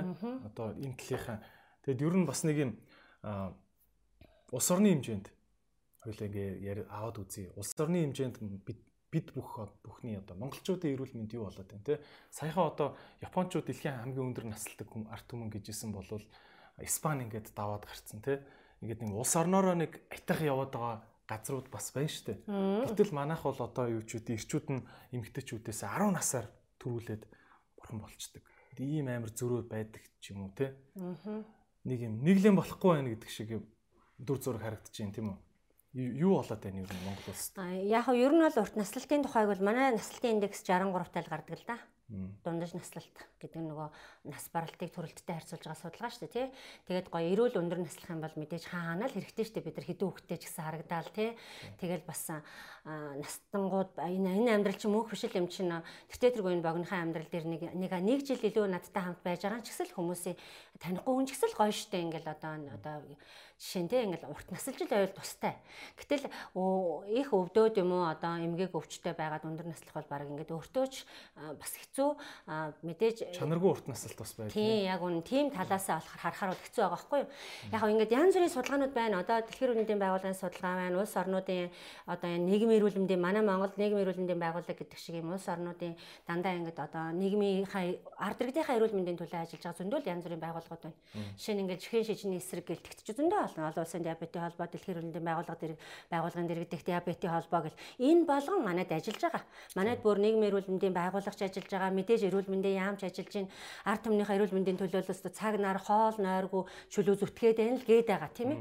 Тэгээ сая 2019 оноор хамгийн сүүлийн судалгаа нь 2013 онд хийгдэж байгаа. Ямар судалгаа вэ гэхээр халдварт өвт бус өвчин болон осол аваар одоо тийм нөгөө ийм халдварын бус одоо өвчнүүд байна тийм халдварын өвчнүүд байна тийм одоо вирус мэрус дох бэлгийн замын гэдэг шиг ийм халдварт өвчнүүдийн биш халдварт бус өвчнүүдийн буюу амьдралын маягийн өвчний судалгаа гэсэн үг байхгүй юу энэ судалгааг манайх ер нь ийм үйлчлэлтэд дэлхийн эрүүл байгууллага угаасаа гаргуулж авдаг улс орон болгоноос гаргуулж авдаг. Энэ судалгаа 2009 он 13 он гээд хамгийн сүүлийнх нь 19 онд хийгдэхдээ дэлхийн эрүүл байгууллагын тэр E-Steps гэдэг програм байт юм байна. Бүр ингээд улс орон болгонд зориулаад аягүй наривчлалж гаргадаг ийм судалгааны юуг дүгнэлтийг би одоо энэ карантины өмнө яг энэ тэр судалгааны номыг аваад үзлээ л дээ. Халдварын бас өвчин гээл тэгэхээр одоо саяны зүрх судасны өвчин таргалалтаа процесс солилцооны өвчлүүд хам шинжүүд тэр чигээрээ явж байгаа. Нэг өвчнийг хавсарч өвчж гинүү, ганцаарнгаар нь өвдөж гинүү гэл юм байна. Дээрээс нь нөгөө нэг осол аваар гинтэй ослын зүйлүүд байна. Одоо тэр шүд амны эрүүл мэндийн бинд гэл дандаа юм нөгөө нэг халдварын бус өвчлүүд байгаа байхгүй юу? Энэ дотроос чинь би нөгөө мэддэг юм аа л харна. Тэгэхээр зэрэг таргалалт буюу зүрх судасны өвчин. Одоо липид буюу энэ өөх тосны ихтэлтийн судал одоо 2009 онд ямар байсан 13 онд ямар байсан манайх таргалтын индексээр хаана явж байгаа вэ гэдэг ийм индексийг гаргаж байгаа судалгааны бүр том одоо ийм ном байгаа хгүй юу? Энэ номон дээр саяын бидний ярьсан таргалтын дөрвөн эмгэгийн ард байгаа. Тэр LDL холестерол тэрэг гэлцрээд өндөр а ерөнхий холестерин өндөр гэдэг ийм юу байна Энэ хэрвээ өндөр яваал ах юм бол угаасаа улс орноороо амьдралын дэглэм нөршигдөх байгааг харж болдог. Жишээ нь тэрийг хэлцээд өндөр байгаа хүний амьдралын хэм маяг бүр зайлшгүй замбрааг байдаг. Жишээ нь би хүмүүст хэлдгийн чиний тэрийг хэлцрээд чи хараад чамайг яаж амьдрдаг чи хэлж өгнө мөн гэл заримдаа яах ингээл нэг мэддэг таньдаг мандаг хүмүүстэй ганцхан тэрийг өгч хүрээд ир энэ төр гэл тэгдэг байхгүй юу. Тэгэхээр тэр судалгааг одоо ингээд 19 онд гарсан шинэ судалгаа шинэ програмаар явсан маш сайн судалгаа байгаа байхгүй юу. Одоо бүр манай орныг ингээд бүсчлээд аймаг аймагаар ингээд хуваацсан өвчлөлийн төвлөрөл Улаанбаатарт юу. Ерөөсөө л хүн амын нэг төвлөрөл Улаанбаатарт өвчлөлийн төвлөрөл Улаанбаатарт хамгаал одоо муу юм ингээд сайн юмны бүх юм төвлөрөл Улаанбаатарт байна. Ер нь бол бүх юмных. Тэгээд тэр таргалтын судалгааг нь харлаа л да. Одоо өөх тосны сусан дэх өөх тосны төвшин буюу липидын төвшин. А индекс үндсэн индексээр 2009 оныхтойгоо хിവэрэ 2009 оных нь юу гэхээр тархалттай ард түмэн юм байна гэдэг судалгаа гарсан тархалттай ард түмэн хിവэр байгаа байхгүй юу. За 11 жилийн дараа шүү. Тийм шүү дээ. 13 онтой харьцуулахад бол ихссэн байгаа байхгүй юу. За ингээд одоо энэ судалгааг хийсэн нийгмийн эрүүлэндийн хүрээлэн дэлхийн сангар сайдын үеийн судалгаа байлаа. Энэ давтамжтай мэдээж ажил болж хийгдэж байгаа. Тийм ээ. За ингээд энэ судалгааны үр дүнгээс юу харах вэ гэхээр харах гад нөгөө одоо за тэгвэл эрүүл мэндийн яам юу юу хийдгийг нийгмийн эрүүл мэндийн байгууллага юу юу хийдгийг гэдэг ингээ харахаар тэр нийгмийн эрүүл мэндийн байгууллагын миний төлөө хийж байгаа тэр шаардлагууд одоо туслалцаа үйлчилгээний дотор хамгийн дээд тал нь ард иргэдийг э, эрүүл мэндийн шинжил одоо үзлэгт хамруулахад нь хөнгөлөлттэй гөр үйлчлүүлэх нөхцөл болцоог хангана гэсэн юм байгаа. Нэгдүгээрт нь. Хоёрдугаарт нь одоо энэ өвчлөлийг бууруулах тал дээр хөгжлийн одоо энэ бодлогоо чиглүүлнэ гэсэн юм байгаа. Аахгүй за би өгүүлбэрээр нь мэдэхгүй байна. Тэгэхээр зэрэг тэр хамгийн ихний өгүүлбэр хэрвээ хэн нэгэн сахилга батгүй хүн зүгээр яг энэ миний тэрийг боловсруулсан хүмүүнийг үгүйсгэх гээгүй. Үн мөнгийн хөнгөвчлөн гэж яхахаа оронд тэр 2009 оноос ч хойш 13 оны хүртэл тэгвэл үн мөнгө хөнгөвчлөөд өөдө гарсан юм байгаа мó. Зүгээр сахилга бат хариуцлага тэр нийгмийн эрүүл мэндийнхаа тэр соён гэгэрүүлэх ажлаа зөв хийхгүй бол хүмүүс ч угаасаа ингээд таргалтыг таргалттай хамааралтай өвчнөөрөө тэрийг дагаад боцис солилцооны хам шинжийн өвчнүүд үүсээд харшил, таргалал, зүрх судасны өвчин, бөөрийн эмгэг гэдэг ингээд энэ бүх юмараа ингээд халдварын бус өвчлөлөөр цаг бусаар өгнө гэдэг чи одоо ер нь бол амар хариуцлагагүй байдал дээ. Хувь хүний хариуцлага, гэр бүлийн хариуцлага, нийгмийн хариуцлага, эрүүл мэндийн байгууллагын хариуцлага гэдэг юм яригдэн дээ. Тэгэж ярих юм бол одоо нийгмийн эрүүл мэндээсээ халиад энэ нийгмийн эрүүл мэндийг чинь бүхлээр нь удирж байгаа байгууллага чи ахаад яам удирдах байгаа эрүүл мэндийн хөгжлийн төв мүү гэл ингээл зөндөө газрууд байна тий. Энэ байгууллагууд яг яг хүмүүсийг баг сахар идэхт нь ямар сурталчилгаа хийсэн? Ямар сурталчилгааг хоригдсон юм? Чи жишээлбэл ийм судалгаа байгаа байхгүй юу? Харвард их сургуулийн судалгаа байхгүй юу? Хүн өдөр байгаа байхгүй юу? Хүн өдөртөө идэх сахарынхаа хэмжээг аа нэгхэн бүтээгдэхүүнээр өдөрт нэгхэн удаа нэгхэн бүтээгдэхүүнээр ахиулахад л тэр нь яг одоо дунджаар 200 200-аас 200 хүртэлх калориор тооцсон байгаа. Ахиулахад жихрийн шижинтэй болох эрсдлийг 83% тэр авчдаг гэж байгаа байхгүй. Тэгэхээр яг ийм ийм судалгаануудаар хизээ ингэж бөмбөгдсөн юм. Одоо ер нь бол яг бидний төлөө ингээл одоо чи нэрүүлэндийн яамнаас хууль гардаг улсын хурлаас ингээл хууль гарч байгаа чинь ард иргэдийнхаа төлөө ер нь төр нь бидрийг хайрлнаа л гэж үзэх юм бол ер нь бол ганцхан хуулиараа л хайрлна шүү дээ. За хэвээ чамааг би хэвээ сахар идүүлмээр байна. Чи хэвээ нэр яг 50 таад өгөх гээд байна. Чи хэвээ итгэхгүй шүү гэдэг хуулийг тэр хуульчлах юм уу биднэрт ойлгох ойлголтыг тэр эрүүл мэндийн байгууллага л өгсдөг шүү дээ. Тэгээ би мянга одоо би ч юм уу чи ч юм уу тэндээс дондог дулмаа ч юм уу хийгээд ингээд юм лайваар хичнээн хашгираад нэг тодорхой хэмжээний хүмүүс үздэг. Ингээл байгаа хгүй юу. Тэгээ тэр хүмүүст үйлчлээд нөгөө хүмүүс чинь зайлуул цаашаа халиал үйлчлэх гэхтэл нөгөө хүн өгөө би шүнээ амьдралтай. Ингээл энэ хайрцагнаас нь гаргаж авах хүчил хүмүүс амьдралын хэм маягийн сургалт буюу бяцлаглалын хичээл хийж байгаа шүү дээ. Тийм ээ. Тийм. Тэг ер нь бол одоо жишээ нь ингэж штэ. За хөнгөлөлт үзүүлчлээ. Улсын эмнэлэг дээр очиод үнгүү үзүүлж болж байна. Шинжилгээг үнгүү үнгүү юм хөнгөлтөө өгч болж гин гэд тэнцэн болцсон шүүгээ хайчих биш. Араас нь ингэж юм эргэх холбоотой те араас нь үзүүл яага үзүүлэх хэвээр яах хэвээр гэдэг энэ соёнгийн гэрлийн ажлыг бас давхар хийх хэрэгтэй л байна те улсын зүгээс. Тийм айгүй тийм энгийнээр. Одоо жишээ нь ингээл липид холестерин гэж ярихгүйгээр ийм одоо маш энгийн арга зүйгээр ойлгуулахгүй бол бичих хүсэггүй хүн ч баг штэ. Дээр нь тэр интернетээс ороод тэр LDH-ийн тухай үзчихдэг хүн байхад интернет рүү хизээш ордог хүн биш штэ. Тэ тэгж яхад одоо жишээ нь өрхийн бол өрчин сэргийлэх байгууллага багхгүй өвчнөөс өрчин сэргийлэх байгууллага. Өрхийн эмнэлгүүд дээр чинь нэг мундаг хүн байхад л зүгээр хороо хорнгоо атгах штеп. Тэгэхэд бид нар ингээл атгах юм дээр бол уг нь ингээл ингээл базаж атгах юм дээр базаж хатгаалах шиг харагдаад байгаа юм да. Жишээ нь ингээл одоо сонгуулийн юм дээрээ бол хөдөлгчүүл байгаа. Сонгуулийн үеэр бол ингээл жишээ нь ингээл би бүр хорооныхаа хүнийг ер нь баг сонгуулийн үеэр өөд тогшихын бол мэдээд байгаа шүү дээ. Тэгэхээр тэр хүн өөд тогшол надад өндөр өндөр эрдэнэшийн өндөр агуулмжтай сахарын одоо ундаагаар баг угаарай гэж мэдээлэл өгөөд явхад би бас л нэг юм тэндээс ч уншин штэ. Тэгээ сургуулийн сурчлагаа хүмүүс ингээл хаяа шууд уншдаг штэ тий.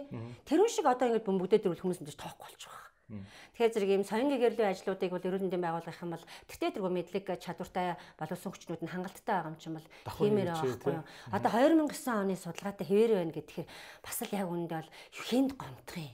Яг үүндээ бас удирж байгаа хүмүүст гомдмоор л байгаа зү. Яг ингээл би бол чамайг одоо чи жишээ тэрийг удирж ирсэн л болтоо өдрөл гэмээр байгаа байхгүй. Ингээл ийм цөхөрмөр ийм нэг ийм суларчмаар ийм үе таарж байгаа байхгүй. Арайчтай 9 оноос хойш 21 он болцоод байхад 19 онд гаргаж байгаа судалгаа нь тийм одоо хэвээрээ байхад нь яга хэвээр байгаа. Ерөөсөө л ойлголтгүй учраас л хэвээр байгаач зайлуул хүмүүс. Шинжилгээ өгөөлэдэг, өгөөлэдэг, өгөөлэдэг. Тэгэл хордоо хавдар ихэвчлэн дандаа яаж ин хожоо үедээ онцлогдож байна. Зүрх судасны системийн өвчин хагалгаа хийхэд залттай онцлогдож байна. За чи өнөөдөр операцанд орохгүй бол болохгүй. Маш өндөр боловсралтай. Одоо зүгээр энэ чи зүгээр нэг бүчиг үсэг мэддгүү ч юм хүмүүс тусаад байдаг өвчин ч бас биш байгаа байхгүй. Илүү л одоо нөгөө хэрэглээ өндөрт мөнгө төгрөг ихтэй ч юм уу хэрэглээ өндөртэй хүмүүс хүртэл Эний чи боловсрал шийддэг юм биш байхгүй юу? Тийм биздээ хүүхдүүд те. Жишээ нь ингээд өндөр боловсралтай хүүхдүүл чихрийн шижингээр өвдөх байх боломжтой шүү дээ. Одоо компани захирал чихрийн шижинээр өвдөх байх боломжтой байгаа сте. Гэтэл манай тэр компани захирал яагаад чихрийн шижинээр өвдөв? Боловсралыг харахаар бол бүр ингээд би энэ хүнд зөвлөгөө өгөхөргөө харагдаж байгаа байхгүй?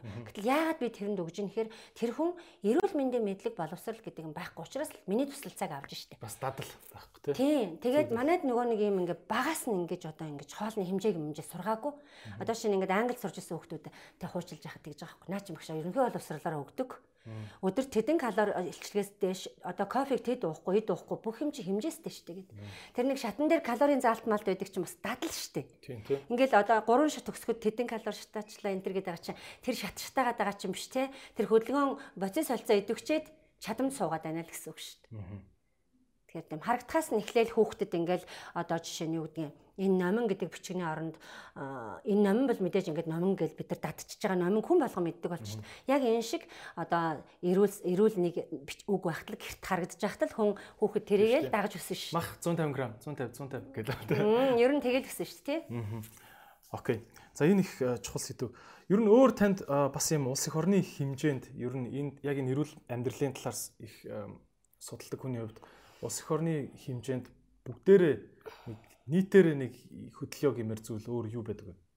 Саяны одоо энэ тархалтаас Надад бол ингээл нийтээр хөдлөе гэдэг юм бол хүмүүс би яг хаа ингээл харцангуй хөгширж штэ. Ер нь бол тий бас их залуу хүмүүсийг бодох юм бол.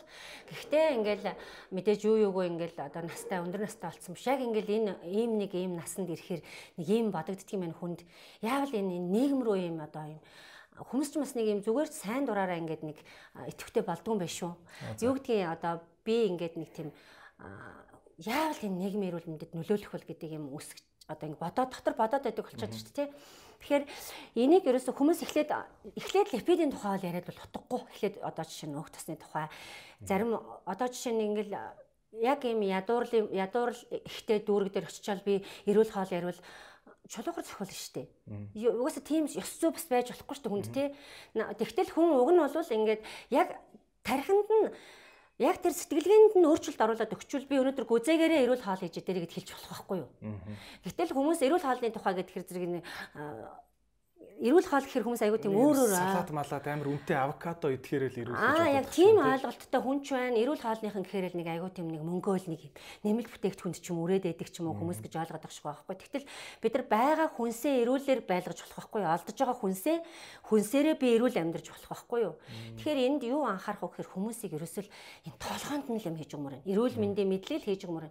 Хүнийг угаасаа жишээ нь Жишээ нь та нарын сургалтын дээр гэсэн тийм л баг. Англи хэлний тухай бол одоо харамгүйгээр одоо чи чамлалтгүй ярьж иж сая бүх нийтийн эрүүл мэнд бүх нийтийн одоо бүх нийтээр англи хэл сурах чухал юм байна гэдгийг нь бараг л ойлгож шүү дээ одоо. Тэгэхээр зэрэг бүх нийтийн эрүүл мэндийн төлөө бол заавал эхэлж ухамсарт нь чи тэр хэмжээтэй хоол байна уу одоо юу гэдгийг гэр бүлийн эрүүл мэндийнхээ гэр бүлийнхээ амьдралын төлөө чи хариуцлага сахилга баттай байх хэрэгтэй. Чи яагаад гаргасан хүүхдтэй хайртай юм бол яагаад high fructose corn syrup авч өгöd байгаа? Яагаад чи нөхөртэй хайртай юм бол өдөш унтахт нь ундаа уулгаж унтуулад байгаа. Яагаад чи хайртай юм бол тэр аваад ирсэн ундааг нь өгөхгүй байж болохгүй байгаа. Тэгээ яг энэ нэг ийм системийн хувьдаа ийм доолдол гарчаад байгаа байхгүй юу? Юм би олсон ундараа хүүхдээ яаж тэжсэн ядгийн олсон мөнгөөрөө. Би ер нь бол миний амьдрал бол одоо баг э, би олсон мөнгөөрөө одоо хамгийн үнэтэй ямиг аваад идчихээн л гэдэг. Жишээ нь маслыг ингээл хамгийн галгар цаастай сайн гэж боддог юм шиг байгаа. Тэгээ гэхэд тэрийг ингээл яг үнэн хугтгууны тархинд нь зөв хийгээд өгчих юм бол хүмүүс хайртай хүмүүсийнхаа төлөө юу ч хийхээс буцдгүй л байхгүй юу?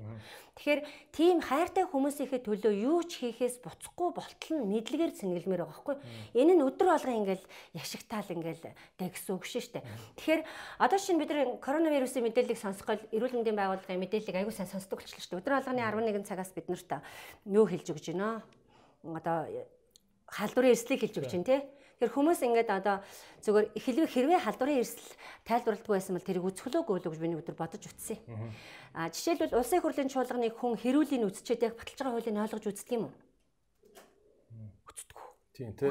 Хин юу гэж хинийгээ загнах нь уу гэдэг. Тэрийг л үздэг. Тийм учраас улсын их хурл айгу сонирхолтой болчиход байгаа болохоос биднэрт нэг сонирхолтой байх албатай биш шүү дээ тэр.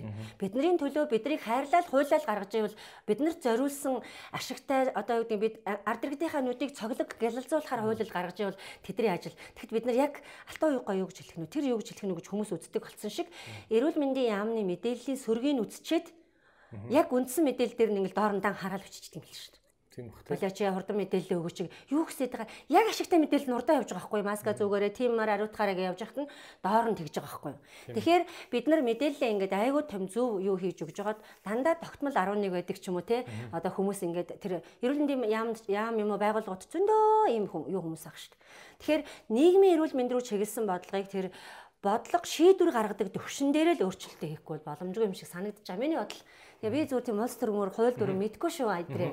Жишээл намайг ингэж байгаа дайгу сони юм яриулчлаа шүү. Тий. Гэхдээ ер нь үнэн үнэ. Одоо тэгэл яаж штэ. Ер нь корона дээр бүгдээр харчлаа штэ.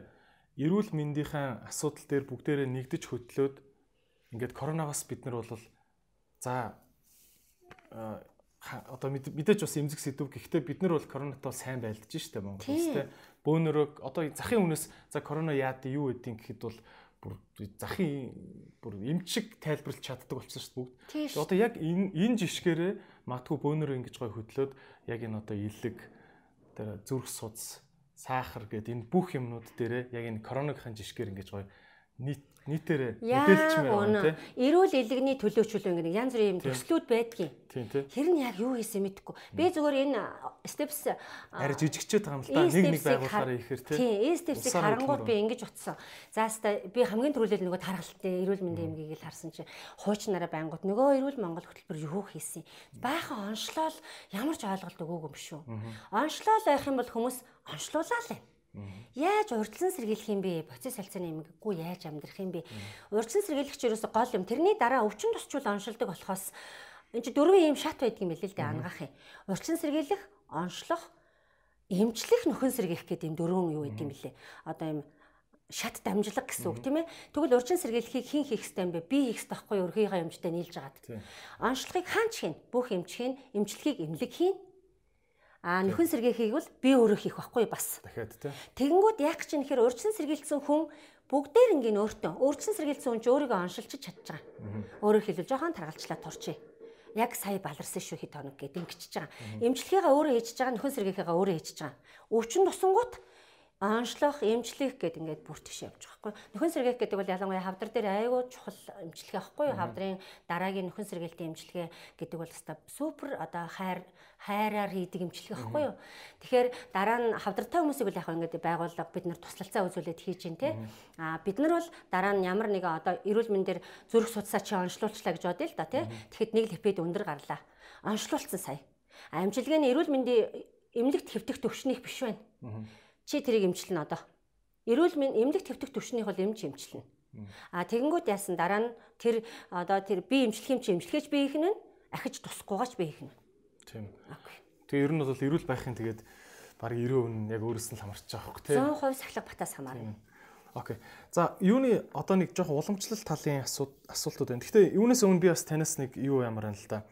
Аа тэгээ өнөөдрийн дугаар маань бас нийслэлийн гэр бүл хүүхэд залуучуудын хөгжлийн газартаа бас хамтран бас хүүхдүүдтэй одоо өсвөр насны хүүхдүүдтэй бас хэрэгтэй юм бас би танаар ярьчмаар байна. Тэгэд Та бол бас их ингээ юу ярьдаг те сахилга бот гэдэг юм их ярьдаг тийм үү. А гэхдээ сахилга бот хаанаас үүсдэг? Яаж сахилга боттой болдгийг? Амун зориг гэдэг нэг юм ээ те. Одоо хүн болгоныг чи улстай шилдгийн шилдэг байхыг зорих хэрэгтэй. Чи улстай өндөр зориг тавиад талд нь хүрэх хэрэгтэй. Өнөөдөр тэр умтан болохыг зорих хэрэгтэй энэ гэдэг. Би бас яг заримдаа ингэ жоохон санхүүгийн зөвлөгөө мөлгөө бичингүүд доор нь хэрүүл болдог байхгүй. Аа. Тэгэл хүн болгол тэр умтан болох албагүй шүү дээ. Эдрээ чи одоо арайчтай нэг ийм амир туйлширсан байж болохгүй гэл ийм болдог байхгүй. Тэгээ ер нь хүн болгон яаж тэгвэл зорилгоо олох юм? Яаж зорилгоо тодорхойлох юм? Тэ? Тэр зорилгын төлөө яаж сахилга баттай байх юм гэдэг энэ гурван том асуултыг нэг дор асуучих тараас. Энэ одоо нэлээд том асуулт асуудал шүү эдрээ тий багш нь чадах ядахаараа өөрийнхөө төвшөнд одоо юм хариулт өгье. Шинэ зориг гэхээр зэрэг ингээд мэдээж алсын хараатай урт хугацааны зориг байна тий. Өнөөдрийн амьдралын яг өнөөдрийг өнгөрүүлэх зориг байна бас хүнд. Жишээ нь энэ сарын зориг байна. Аа энэ жилийн зориг байна. Тэгээ бүр энэ амьдралын зориг ба дээ. Тэгвэл энэ амьдрал дээр ирсэн зориг яг юу юм? Багш та зүгээр л ингээд одоо энэ энэ амьдрал дээр ирсэн зориг нь яг юу юм? Та мэд айгүй хүнд асуулт байна. Мэдгүй. Энэ амьдрал дээр ирсэн зорилго бол би би гоё амьдрах гэж л ирсэн шүү дээ. Ер нь бол тий яг өөрийнхөө хэмжээнд аз жаргалтай амьдрах гэж л ирсэн байхгүй юу? Энэ амьдралын зорилго бол энэ амьдрал яг би зүгээр ер нь нэлээд одоо бяцлагал талаас нь ярих юм бол энэ амьдралыг чи хүний энэ хорвоогийн амьдрал чи ховор амьдрал ингээс дээ хүний төрлөө чин хэдэн түмэн жил арваагаар бороо оруулахад нэг ихнэн зүүнний үзүр дээр тогтсон амьдрал гэж хаад тэгээд энэ амьдралаа ерөөсө хайрлахгүй. Яг өнөөдрийн зорилгоос нэг сарын сарын хэдэн өдрийн хэдэн жилийн зорилго гарч ирэн тодорхой тийм ээ. Одоо ингээд энийг хийхийн тулд бид нар нэг юм одоо энэ мэдээж гэр бүлээс эхлэн гэрийн хүмүүжлээс эхлэн хувь хүний сахилга бат гэдэг юмнаас эхлэн тийм ээ. Тэгэхээр тэр энэ амьдралд аз жаргалтай амьдрах гэж ирсэн бол заавал аз жаргалтай амьдрах гэдэг нь одоо тэр бомтон болно гэсэн үг шүү дээ. Мэдээж олж байгаа би сардаа олж байгаа 1000 долларынхаа хүрээнд би маш гоё амьдарч чадчихээн. Жишээ нь зүгээр 10 долларыг ч 10 долларт ч материалын байдлын хувьд харах юм бол сайхан жаргалтай амьдарч бас болж юм тийм ээ. Тэгэхэд магадгүй баг тэр бомтнаас би илүү жаргалтай амьдарч яхахыг үгүйсэхгүй байхгүй юу? Тэгэхээр энэ аз жаргалд юу хүрэгдэг яг? Энэ амьдралын чинь зориг эцсийн зориг бол хүүхдүүд. Яг үнэндээ өнөөдрийн энэ нэг жижиг сажиг зовлон тохиолдол нь амьдрал юм чинь. Том зовлонч тохиолдол нь амьдрал юм чинь. Тэгэхээр зэрэг энэ бол өнөөдрийн миний тэр алстаа яг энэ амьдралын зорилгыг үүсгэх хэмжээний том зүйл биш шүү. Ингээд тойроод дээгүүр нь даваад унчаад уйлаад тойрох эсвэл унчаад уйлаад суугаад ахгүй даваад гарах ухаан нь юу юм бэ? Энэ бол юу гэхээр хүн өөрийн гэсэн энэ аз жаргалдаа хүрэх зорилго тавьсан байгаа. Энэ зорилгодоо хүрэхийн тулд хүн юут авах хэвээр амьдрах дүрмтэй авах хэвээр буюу сахилга баттай авах хэвээр. Сахилга батыг хоёр журмаар л мөрддөг хүн угаасаа. Нэг бол нийгмээс тогтоосон сахилга бат дүрм журм байна. Энийг бол бид нар тэртээ тэргүй хууль дүрмийнхаа дагуу дагаад хүн зодохгүй бол зодохгүй, хүн зодвол зовлон дунан яах вэ? Шоронд явна те. Одоо юу гэдгийг хар тамхит мансруулах бодис татаж болохгүй. Шанд нь эрүүл мэндгүй олон шоронд явна гэл ингээл юм муухай муухай юмнууд байна шүү дээ. Бид нар бол энийг бол яаж яаж яжгаад хүн болгон одоо цөөхөл алдаа гаргаж байгаа болохоос хүн болгон мөрдөж чадж байгаа. Энийг нийгмээс тогтоосон сахилга бат. Энийг бид нар ягштал бүр мөрдөх ёстой үүрэгтэй. За тэгэнгүүт нэг нь хувь хүний сахилга бат гэж юм байна хувь хүний сахилга бат гэдэг чинь ерөөсөө за энэ 10 хоног сахилга батгүй байж байгаа дараа нь сахилга баттай болъё гэдэг юм биш байхгүй юу? Би одоо ч гэсэн олон нийтэд ингээд ярьж хахад миний энэ хугацааны сахилга бат бол маш хариуцлагатай хатуу өндөр байж ижил хүмүүсийн одоо нийгэмд үзүүлэх энэ энэ мэдээлэл үнэхээр зөв үнэн юм бол нийгэмд 100% мэдээлэл нөөцөө өгч чадах байхгүй юу? Тэгэхээр өөртөө зохиосон дүрм журм гэж юм байдаг. Энэ өөртөө зохиосон дүрм журм нь өөрөө яг өөртөө зохиогоогүй болохоор яадгүй. Одоо би тэнд байгаа нөгөө эдэр одыг ч юм уу хин нэгэн дулмааг харчаа тэрэн шиг болох гээд ингээд зүтгэждэг. Гэтэл энэ хүний тэр зам нь яаж явж тэр зориг дээр очив Гэхдээ хүн хамгийн түрүүлээд яхав аз жаргалтай амьдрахын тулд хатуу сахилга баттай байх хэрэгтэй. Энэ нь өөр эхлээд хэцүү. Эхлээд хэцүү юмыг юм дараа нь алстаа гоё юм дээр авчдаг.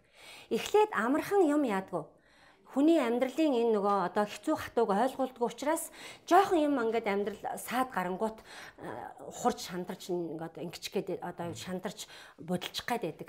Тийм учраас эхнээсээ юм болгонд чин сэтгэлээсээ хандаад сахилах баттайгаар үйлчлэл сурах хэрэгтэй байхгүй юу? Энэ одоо би өөрийнхөө төвшнээс л хэлж байгаа үг шүү идрээ. Ер нь хүн ингээд үйлчлэхгүйгээр жишээ нь одоо нэг яаманд очиод мэрэгчлэлтэн хийхгүйгээр дарга болсон хүн бол ажиллаа хийж чадахгүй ч тодорхой шүү дээ тий. Тэгэхээр миний зорилго үнэхээр дарга юм бол Тэр тэнд одоо байгаа тэр яамны сайд болох байгаа юм бол би наагуурах юмд үйлчилгээнүүдийг сайн үзүүлсэн хүн л тэр яамны сайдыг аягүй сайн штэ. Ойлгомжтой зү. Тэгэхээр одоо аз жаргалтай амьдрал гэвэл амжилттай амьдрал гэвэл одоо үнэхээр мөнгө төгрөг хэрэглээ хүний хамгийн хэрэгцээтэй зүйл учраас мөнгөгүй амьдрал аз жаргалтай бай. Яг үнэндээ мөнгөгүй аз жаргалтай байдаг юм уу? хэцүү шүү дээ. Хэцүү шүү дээ. Яг үндэ ингээд яг жинхэнэ амьдралаараа харах юм бол тэгвэл чи мөнгө мөнгөгүй байх хэцүү байгаа бол мөнгөтэй баймаар байгаа бол ингээд нөгөө зүгээр эхлээд үйлчлэл сур. Эхлээд үйлчлэл сур. Энэ дээр би нэг үлгэр ярьчих уу? Тэгэл та үйлчлэл сур гэдэг нь юу гэсэн үг вэ? Үйлчлэл сур гэдэг нь одоо энэ үлгэр дээр гарч ирдэг юм. Одоо жишээ нь өөрөө өөртөө зарцлагдаж сур гэсэн үг. Тэгэхгүй ингээд жишээ нь одоо энэ шоколадыг савладаг хүн байхад шим чим хийгээд ингээд амьдарч ах ч гэжтэй би маргааш л гэхэд дарга болчих юм шиг энийг болоо яваад өгдөг. Дараа нь ахаад нэг үйлчлэгийн ажил дээр очдог. Дахиад өөрийгөө гол одоо энийг голдог энэ ажлаа голдог. Тэгэж явсаар яжгаад үйлчлэгийн ажилд сурсан юм байхгүй, удирдах ажилд сурсан юм байхгүй. Ингээл яадгүй нэг тим хинч биш болчоол тэгэл хүнтэй харцалдаж барьцалдаад яваад байгаа байхгүй. Тэгэхээр залуучуудын хамгийн гол зорилго мэдээж сурах хөдөлмөрлөх сурах эхийг сурах хэл одоо жишээ нь ингээл хэлнээс ахуулаад өндөр боловсралтай болох бол мэдээж наад захын зорилго тий өдөр тутмын зорилгодоо орж явж байна. Алсын зорилго нь гэх юм бол эхлээд хүн ингээд нэг тийм хийж байгаа ажилдаа үнэн голоосоо чин сэтгэлээсээ яг урд байгаа үйлдэлээ үннээсээ үлдчихвэл хүн ингээл сэтгэл хангалуун байна. Нь би энийг 10-ыг савлчаа сэтгэл хангалуун байхад энд хүн 5-ыг савлчаа сэтгэл хангалуун байж ч болно шүү дээ. Би 10-таа таарсан цалингаа аав нь тэр 5-даа таарсан цалингаа л авна шүү дээ, тий. Ингээд явж хахад энэ үйлчлэл сурах гэдэг юм хүүхдүүдэд айгу дутуу ах шиг санагддаг. Ажил хийж сураагүй. Тэгчээд айгу том өөр юм мөрөөдөд энийг юу бий болгож ийн гэхээр халамж үйлчлэгээ энийг бий болгож байгаа шүү. Эхлээл аав ээж нь өгдөг ч юм уу, дараа нь нийгэм нь өгдөг ч юм уу. Ингээд яхаар халамж яадгүй хүнийг амар тийм согтуу залхуу болгодог. Өөрөөр хэлбэл толгой нь арх угаагүй мөртлөө согтцсон хүн шиг ухамсаргүй болчих хуурж байгаа байхгүй. Тэгэхээр өөрийн өөрийнхөө боловсролын амьдралын түвшиндээ их сургууль төгсөөгүй ч гэсэн маш гоё баян амьдрах хүн байж штэ. Энд чи яаж алсын зорилгоо ухаарцсан ажил хөдөлмөрийг чамбай хийж байгаа юм хүмүүс байна. Тэгэхээр зорилго гэдэг нь юу юм гэхээр алсын хараач юм бол угс тэртээ тэргүй жаргалтай амьдрах зовлонтой амьдрах гэж зорилгоон төлөвлөдөг хүн хизээч байхгүй байхгүй. Тэгэхээр аз жаргалтай амьдралын төлөө чиний зорилго зохицолсон бол тэр зорилгыг чи олон нэгж жижиг хэсгүүд бүтээж маш том шоколадны үйлдвэрийн эзэн болно шүү дээ. Тэгэхээр анханасаа энэ шоколадны одоо бүтэц энэ юм яаж зовж бүтэж байгааг л аягуулсаа ойлгох хэрэгтэй байхгүй юу? Тийм. Тэгэхээр үйлчилж сурах хэрэгтэй хүн ер нь эхлээд Тэгээ өөрөө өөртөө өөрөө өөртөө бас өөрөө өөртөө үйлчлэн гэдэг нь юу гээл гэртээ шахлаа савлаа суух үдэ тий. Чи нэг газар очиж ээж ажил хийж сурна штэ эхэлж. Ажил хийж сурна гэдэг чинь хатуу жил сурна. Энийг савлаад өнөөдөр дургуун өрөнгөд битгий хайж яв. Нэг 3 жил ажиллаад ажиллаж сая захиралдаа тоогд штэ.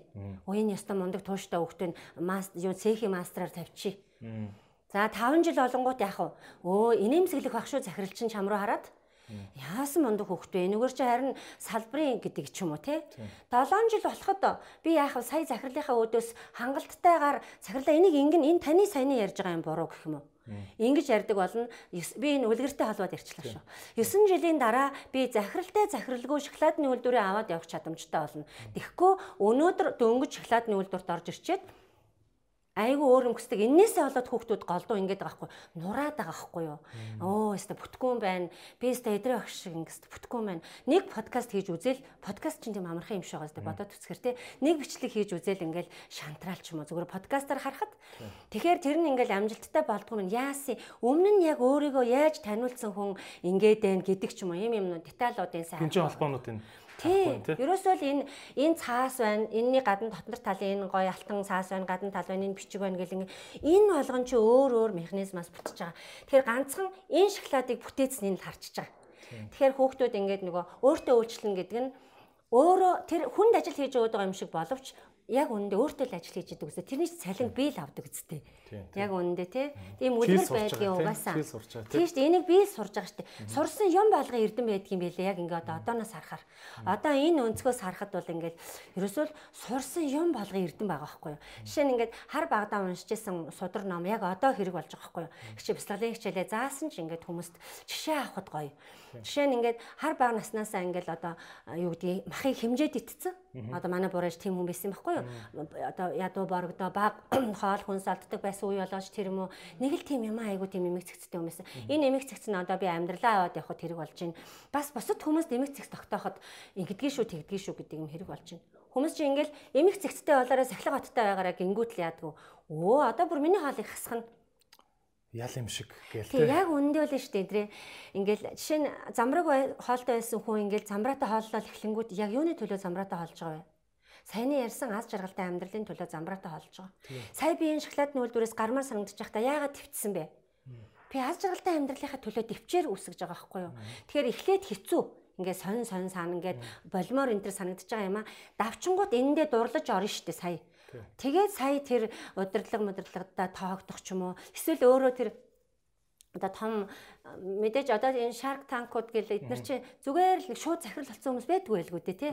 Замналыг харахаар үнэхээр супер хөдөлмөрлж исэн хүмүүс л байгаа зү тий.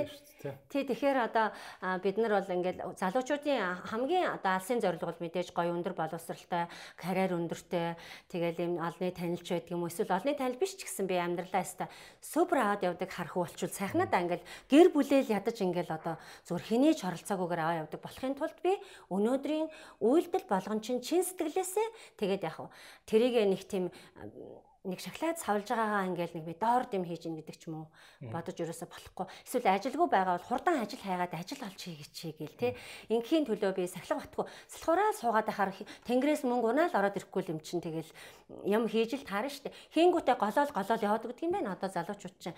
Тэгэхээр залуучууд бол угаасаа чадна. Юу ч хийж чадна залуу хатчихсан юу л өлөө хийдэг байлаа шүү дээ. Хийж болно шүү дээ, тий. Би чинь гар сах дээр лангууд өрсөлдөг гэсэн шүү дээ. Тэгэл нөгөө миний одоо ер нь бол яг амьдралдаа хамгийн их хийсэн юм бол ер нь уншаал тэрийгэ бодоол бичээл асар их битсэн л хүн юм билий. Тэгэхэд зах дээр очсон чинь надад амар шантармаар нэг юм байсан. Яг тэгвэл би Улаанбаатарт хэлжээд ирсэн чинь надад ажил олдохгүйсэн. Тэгэл ингээл зах дээр зогсох чинь надад бол ингээ хэцүү санагдаг амархан санагдаг мэдэхгүй юм чи. Тэгэл хэд хоног ажилласан чи зүгээр инээ хүртэл ингээ сайртал гар мар сайртал. Тэгэл нөгөө хөдөөнийхэн чи ингээл 500 хил тим юм тим юм тэтгээд ингээ бөөний газар юм чи. Тэгэл ажилласан чи яста ингээл болмор санагдчихсан. Намайг юу зогсоож исэн бэ гэхээр би гэр орондоо мөнгөтэй очих хэвээр Миний хоёр хүүхэд байна. Миний миний нөхөр хүнд ажил хийж байна. Би ингээл ганцаараа ажилгүй ингээл гэртээ ингээл ангаагаа суугаад хахаар нэг тийм тэнд би нөхөртэй хайртай учраас миний нөхөр би яг тийм паразит маягаар амьдраад байгаа байхгүй юу? Тэгэл нэг хэд хоног ажиллаад ирсэн чи бүр ингээд хөөрхөн биш шүү. Ер нь бол ингээд хөдөлгөөнд сайтай болж эхэлж байна. Дээрээс нь нөгөө би ажилгүй байжгаад мөнгөгүй байсан учраас ажил хийнгүүт мөнгө барина гэдэг чинь хүн чинь ингээд өөрийн гэсэн хөдөлмөрөөр олсон мөнгө гэдэг юмны чинь үнц нь одоо тийм нэг үгээр хэлж чаар юм бас биш шүү дээ. Тэгэл одоо тийм асар гоё санагдаад би бүр тэгээ барс дээр 7 жил болсон шүү. Хүү тий. Тэгсэн жимсэн донд бүр ингээд тэр нарийн баавчтай бүр. Өө зөө зөө. Тий, тэгэж ажиллаж исэн. Тэгээ яг хүмүүс ингээл тэнд тэнд ягаад хүмүүс тийм ажил хийж чаддгүй вэ гэхээр хүмүүс ингэдэг байхгүй юу. Нөгөө манайд өнөр бид нар чи ингээл дараалал гарцсан 10 хүн хүүхэд тахгүй одоо бид нар би 9 дүүтэй. Тэнгүүт тэднээс ингэдэг гэсэн. Бараг л хөвдүү болгон тэгнэ тань нэг амар онцорж ирсэн их чинь дээр ажиллаж байгаа юм. Тэгэл ирээл хэлэн нэг нь ингэсэн таныг тэгээд байна та ажиллаас болох уу? Юу яриад байгаа би ямар тэдний төлөө амьдарч байгаа юм уу? Би нийгмийн талент э, өөрийгөө хараад явхаараа л яадаг. Аа хүн намайг юу гэж хэлэх бол та тэгээ ингээд ингээд байдаг. Юу хүн намайг юу гэж хэлэх наа чи амьдрал буцлаад ахт чинь. Тийм биз дээ. Би өөрийнхөө амьдралыг босгож ирж л байвал болоо штэ тий. Тэгэхээр залуучууд ажил голохгүй э, ингээд нэг өөрийн хөдөлмөрөөр олсон 100 доллар чинь ч гэсэн маш үнцэнтэй юм байдгийг шүү гэдгийг л ойлгомоор байгаа тий. Гой сахилга баттайгаар хөдөлмөрл өнөөдөр ингээд гинтгэ ажиллаж байсан маргааш алга болчоор захирал нь бөөр нүдэн ороо дээр гараа яхаа мэдэхгүй болч хүнийг тэгэж бас хохироож барьж болохгүй те гоё сахилга баттай байх хэрэгтэй. Ингээд хүн ер нь ингээд алхам тутамдаа сахилга баттай байвал сахилга батын чи ард чин сэтгэл гэдэг юм явдгийг. Чин сэтгэлийг чи хардаг цэвэр байгуулга хайрлах захирлаа хайрлах нэг хайр захирлаа хайртай шүү гэгээгүй шүү дээ. Ингээд яг тэр үнэн сэтгэл чинь л бүх юмыг хайрлах арга ухаан болж хуурж байгаа байхгүй юу.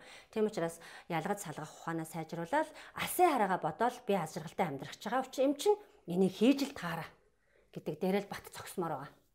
Ер нь. Окей. За баярлалаа. Өстой гоё э, За би ийм л өнцгөөс тайлбарлана. Мэдээчдгүй яг тэгэхээр нөгөө айгүй надаа нэг юм ойлгогдсон. Ийм байт юм байна.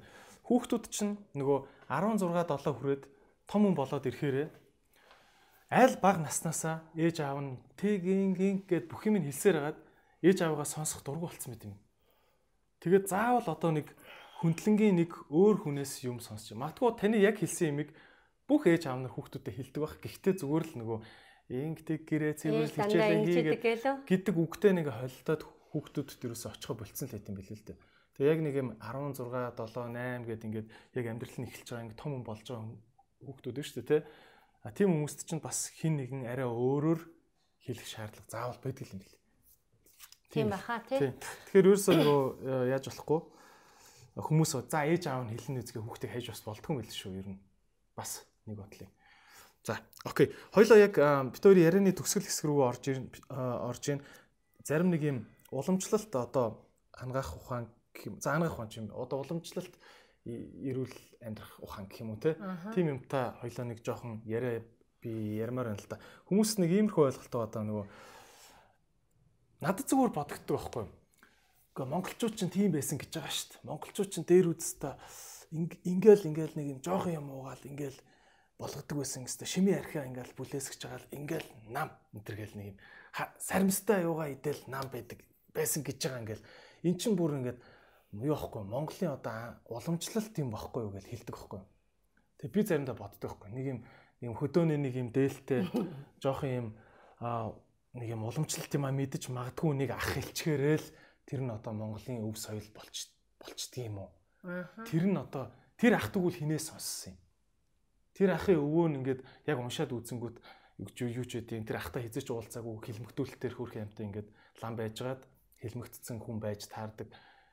Та тэгвэл ингээд би заримдаа ингээд ах эгч нарт асуумаар байдаг байхгүй. Нэг л их Монгол юмаа мэд мэдэх хэрэгтэй ингэдэг байсан гэж байгаа дээ гэл ингэхээр яг ханаас уншсан юм. Яг ханаас уншсан юм. Үнэхээр үнэхээр ингээ Монголын 500 жилийн түүхтэй эрүүл амьдрах ухаан гээд уугарч үсгэр бичсэн тийм ном та уншсан юм уу? Уншаагүй. гэж би асуумаар байдаг байхгүй. Таны бодлоор тий. Яг нь Монгол уламжлалт ухаан гэдэг юм ялангуяа энэ эрүүл хооллолт, эрүүл амьдрах тэр хаанаас гарч ирээд байгаа? Хин энийг өвлүүлж биднэрт өгөөд байгаа гэдэг юм биш үү? Хаана ах шиг байна ер нь яг одоо. Чиний ярианд одоо ингэ шууд байна шүү дээ. Тэр хаана вэ? Тэр хаана байна? Тэр судраг тэр эргүүлэх мэдлэг нь одоо яг хаана байна? Одоо жишээ нь тэр тэр 500 хуудастай судар юм уу 500 жилийн өмнө бичигдсэн судар хаана байна одоо яг? Үзэд л байгаа байвал гандан даа болов. Тэр хүний энэ ам дамжсан юм бол байгаа мэт. Үеийн үедээ одоо бид нар чи ингээл намайг бүтээх гэж хичнээн олон хүн хүч хөдөлмөрөөр зарцуулсан бидний амьдралыг бүтээх гэж те тийм үстэй одоо чинь манай аав ээж аав ээж аав ээж гэл тэгэл тэдний тэдний тэдний гэл ингээд нэг юм байна тийм үү. Энийг зүгээр ингээд судар ном байхгүй ч гэсэн энэ хүний дорны одоо яг ухаан буюу дотор талын ухаан Өөрөөр хэлбэл энэ угаасаа хүнд энэ ертөнцийн энэ энэ бие яс хоёр бол үлдэнэ. Энэ одоо бид нар ингээл амьдрал өхөл дуусна. Юуг хүн мөнх гэж яриад идгийг. Юу юм ямар ямыг хүн мөнх гэж яриад идгийг. Энэ хүнээс ч ерөөсө ухамсар мөнхийн юм. Үрд мөнхийн юм, та мөнхийн юм тийм учраас. Тийм учраас ухамсараас ухамсарлуу одоо шинжлэх ухааны номон дээр байдаг баха Дэвид аль дээр нь байдаг үлээ дээ одоо шинжлэх ухааны номон дээр байдгийн шинжлэх ухаан гэдэг бол Өөрөөр хэлбэл одоо энэ орчин цагийн химийн шинжлэх ухаан, биологийн физикийн шинжлэх ухаан гэдэг бол орчлон ертөнцийн энэ окторгойд байгаа ухамсарын дуун юм гэж хэлдэг. Ухамсарын чарлаан гэдэг ч юм уу тийм орилон юм гэдэг. Энэ дотроос яаж явж байгаа шар тас шимийн аригтай ухаар хий дардаг гэд мэдчихв. Нэрээ бид нар юунаас ч уншдаггүй те. Энэ зүгээр л биднэрт өв уламжлалж хин нэг нь хэлж өгөөгүй ч гэсэн биднэрт угаасаа байгаа. Нэг өдөр чи чамд нэрэл хин хэлээгүй байсан ч гэсэн шар тас шимийн аригтай уухаар хий дарагдсан гэдэг юм орж ирнэ. Зөн совин бол биш. Бид нар чинь нэг юм бид нар ер нь махан бие биеэрэл амьдраг үзтээ. Одоо би жишээ нь юундаа энэ мэдлэгийг тогтоогод байгаа. Тархиндаа юу? Тархиндаа юу мэдрээ? Ухамсар одоо юу юу гэх юм ухамсартаа тий ухамсартаа тэгэхээр биднэрт ухамсар нь бий гэдэг тэр ухамсар нь яг хаана байна одоо? Тархинд байхгүй байгаас тий Одоо ингээд ийм бид нар чи ингээд одоо жишээ нь махан бие махан биений чи гадар ахаа бие ахаа бие ахаа бие гэн бодлон бие аюу хаан бие яз жаргалан бие ухамсаран бие гээ байгаа байхгүй юу. Тэгэхээр бид нар ийм том биенээсээ том ахаад ийм одоо юу гэдгийг энерги гэж юм хүнд чинь байна тий. Энерги чи одоо тэр кил калороор хэмжиж болохгүй юм. Кил калор ч юм бол зүгээр миний энэ махан биений л ажлын юм байхгүй юу. А тэгэхэд бидний сэтгэлэн биеийн ажлын юм гэдэг нь юу юм бэ гэхээр тэр энергич байхгүй. Энэ энерги чинь тэртээ тэргүй үлдэн штэ. Энэ бэлэгт жишээ нь одоо манай охин жишээлбэл ингээд миний энэ одоо зөвлөгөө мөвлөгөө өгж байгааг бол одоохондоо ингээд ерөөсө угаасаа тоодгүй ийм одоо юу гэдгийг тэр сонирхол нь биш юм чи угаасаа тоохгүй байна. Гэтэл нэг л өдөр магадгүй ингээд сууж авах. А ял дээл холстрын чи сахараас үүсдэг ингээд сууж авах. Энийг миний ярьж исэн яриад тархинд нь үлдсэн байх. Гэхдээ байнгын ингэ сонсогцоор хагаад миний ухамсар тэртээ тэргүй хажууд нь ээж нь нас орцсон байна ээж нь. Гэхдээ ярьж ийн ээж нь юу ярьж байгаа даа? Ээж нь яг ээж яг тэгжсэн чихэнд нь сонсогдлоо сая. Юу ярьсан бэ сая? Би бас чирээд яриаг үстэй. Тийм. Энийг ухамсарын мэдлэг гэдэг байгаа байхгүй юу. Тийм учраас энэ эргүүлэх судар бол заавал юм цаасан судар эргэх алуугүй. Одоо юм та нар бол одоо яг энэ виртуал одоо жишээ нөгөө баримт хайгаад байна шүү дээ. Аа тийм хайгаад байгаа. Энэ чинь логик буюу өрний ухаан багхгүй юу. Логик сэтгэлгээ гэдэг бол ер нь бол угаасаа мэдээж логик сэтгэлгээгээр логик сэтгэлгээгээр шинжлэх ухаан сэтгэлгээ. Дарны сэтгэлгээ гэдэг бол одоо уламжлалт сэтгэлгээ буюу дотоод сэтгэлгээ байхгүй юу? Яг ингээл нэрэл би Монгол юм чи тэр хүн хэлсэн хэлээгүй чи монголоор л амьдрна. Энэ мэдлэг нь чамд хадгалаастай байгаа. Чамд нэг өдөр аав чи шивнэ, нэг өдөр ээж чи шивнэ. Байхгүйсэн ч байсан ч. Тийм учраас одоо тэгээд залуудаа хүүхдүүд ярьдаг байхгүй юу? Шар тас архтай хий дарна гэж жишээлбэл одоо 18 та хүүхдээ ярихтал баргийн хүн тоохгүй зүтэй. Тэгээд нэг жоох ингээ хөгшилж бариад ирэхээр бас хүмүүс зөвлөгөө өгмөрч юм шиг санагддаг шүү байгаа. Хүн болгоно л амар зөвлөгч болцсон шүү дээ одоо чи. Жохон жохон юм яриад яриад явдаг болцсон шүү дээ. Тий. Тэгэхээр би бол судар ном мэдээж судар ном дээр мэдлэг үлдэж байна үлдэж чадаагүй мэдлэг гэдэг ямыг дамжуулт одоо дамжуулах юм нь бол өв нь өөртөө. Тэр өв заавал нэг музейд юм уу заавал номын сан дотор одоо байгаа юмар одоо хязгаарлагдахгүй. Шууд бит өв бит бус өвгүүд гэж байна тий. Жишээ нь жишээ нь одоо бид нар гой би гой дуулдаг байлаа гэж утхад миний дууг сонсоход яах вэ ингээл дуун тэр одоо бичлэг мчлэгээр үлдсэн сонсогдож байгаа боловч ягаад ээжийн дуу миний чихэнд хангинаад байгаа? Ингээд бит бусаар үлдсэн байгаа зү угаасаа шууд ингээд ээжийн хоолой. Тэгэл ингээд нулимс мулмс сэлгэнэт байгаа зү. Энд чинь юу гэхээр тэр ухамсарн ном багхгүй юу? Өөрөөр хэлбэл үедээ үедээ дамжигдаж ирсэн ухамсар ном энэс бол бид нар гажиж амьдрч чадахгүй. Энэ тэртээ тэргөө ухамсар ДНК-тай юм бол тэр бодлоор бичигдсэн цаасан дээр бичигдээгүй бодлоор бичигдсэн энергийн бичээс бол үүр дамид байна. За энэ бол яг хаа жоохон хүмүүст тийм нэлээ next level дээ. Тэг өөрөөр хэлбэлчихвэ гэмээр мэдлэг багхгүй юу? Тийм. Окей. Тэгээ ер нь бол за яг бүр инженеэр бүр инженеэр яривал та өнөөдөр маш олон ингээд юу гэдэг чинь монголчууд ингэдэг байсан гэж байгаа шүү дээ. Дээр үу тэгдэг байсан гэж байгаа шүү дээ гэдэг юм ихэнх нь ер нь бол үннээрээ үннээрээ ингээд дамжаад ирж чадсан гэж үзэж байгаа юу та? Бүр зүйтэй. Яг тэгсэн учраас эдгээр энэ шинжлэх ухаанаар нотлогдсон байна. Жишээ нь кофе уудаг хүн хийхтэй байдаг. Одоо өөрөөр хэлбэл хийхтэй гэдэг нь ангаах ухааны онлоор бол бүр мут байдаг. А хий ихтэл гэж юм нэг ойлгохдохгүй юм ярьжсэн тий. Одоо жишээ нь тэр Рудольф Вирхов гэдэг хүн чинь Эрдэмтэн тэр 1928 онд хор тавтартай тэмцэх нийгэмлэг рүү одоо Америк нэгдсэн улс орж ирсэн байлээ. Ороод яг тэр Вирховыг орж ирж явах үед а хор тавдрын нийгэмлэг дээр амьд тийм одоо цэсний хортой хүүтийн цэсний хортой хавдрыг яах вэ гэл ингээд бүр ингээд аргаа бараад бүр ерөөс эмчлэгдэхгүй өвчин гэдэг дээр анш тавигдаад амар аргаан барц уу байсан билээ. Тэгэнгүүт хин тэр эрдэмтэн ингээд энэ архаг цус биш хорт цус багталтан дээр ажилласан байгаа энэ тэр эрдэмтэн. Тэгээ дотроо ингэж боддог байсан гэж байгаа байхгүй. Тэр хүний бүр түүхэн байдаг. Одоо юм бод би бас нэг шинжлэх ухааны ном уншиж явж байгаа тэр Верховын мэдлэгийг уншсан чинь надад бүр ингэж миний танил юм шиг юм ингэж юу гэдэг юм стресс ядарч исэн багтаа гэж бодогдсон шүү дээ. Амар өрөвдмөр тийм юм бодогдсон. Яасан гэхээр за ямар ч байсан бол за хүүхдийн хүүхдүүд усны хордоо авдар тусвал идэхгүй юм байна. Би ямар ч байсан энэ хорт цус багталтыг эдгээ ч юмсан гэж дайрсан байгаа байхгүй юу. Тэгж авж байгаад цинкобаламин буюу одооны бидний ярьж байгаа B12 витаминээр тэр хорт цус багталтыг дарцсан учраас B12-ыг цус багталтай витамин гэдэг байхгүй юу?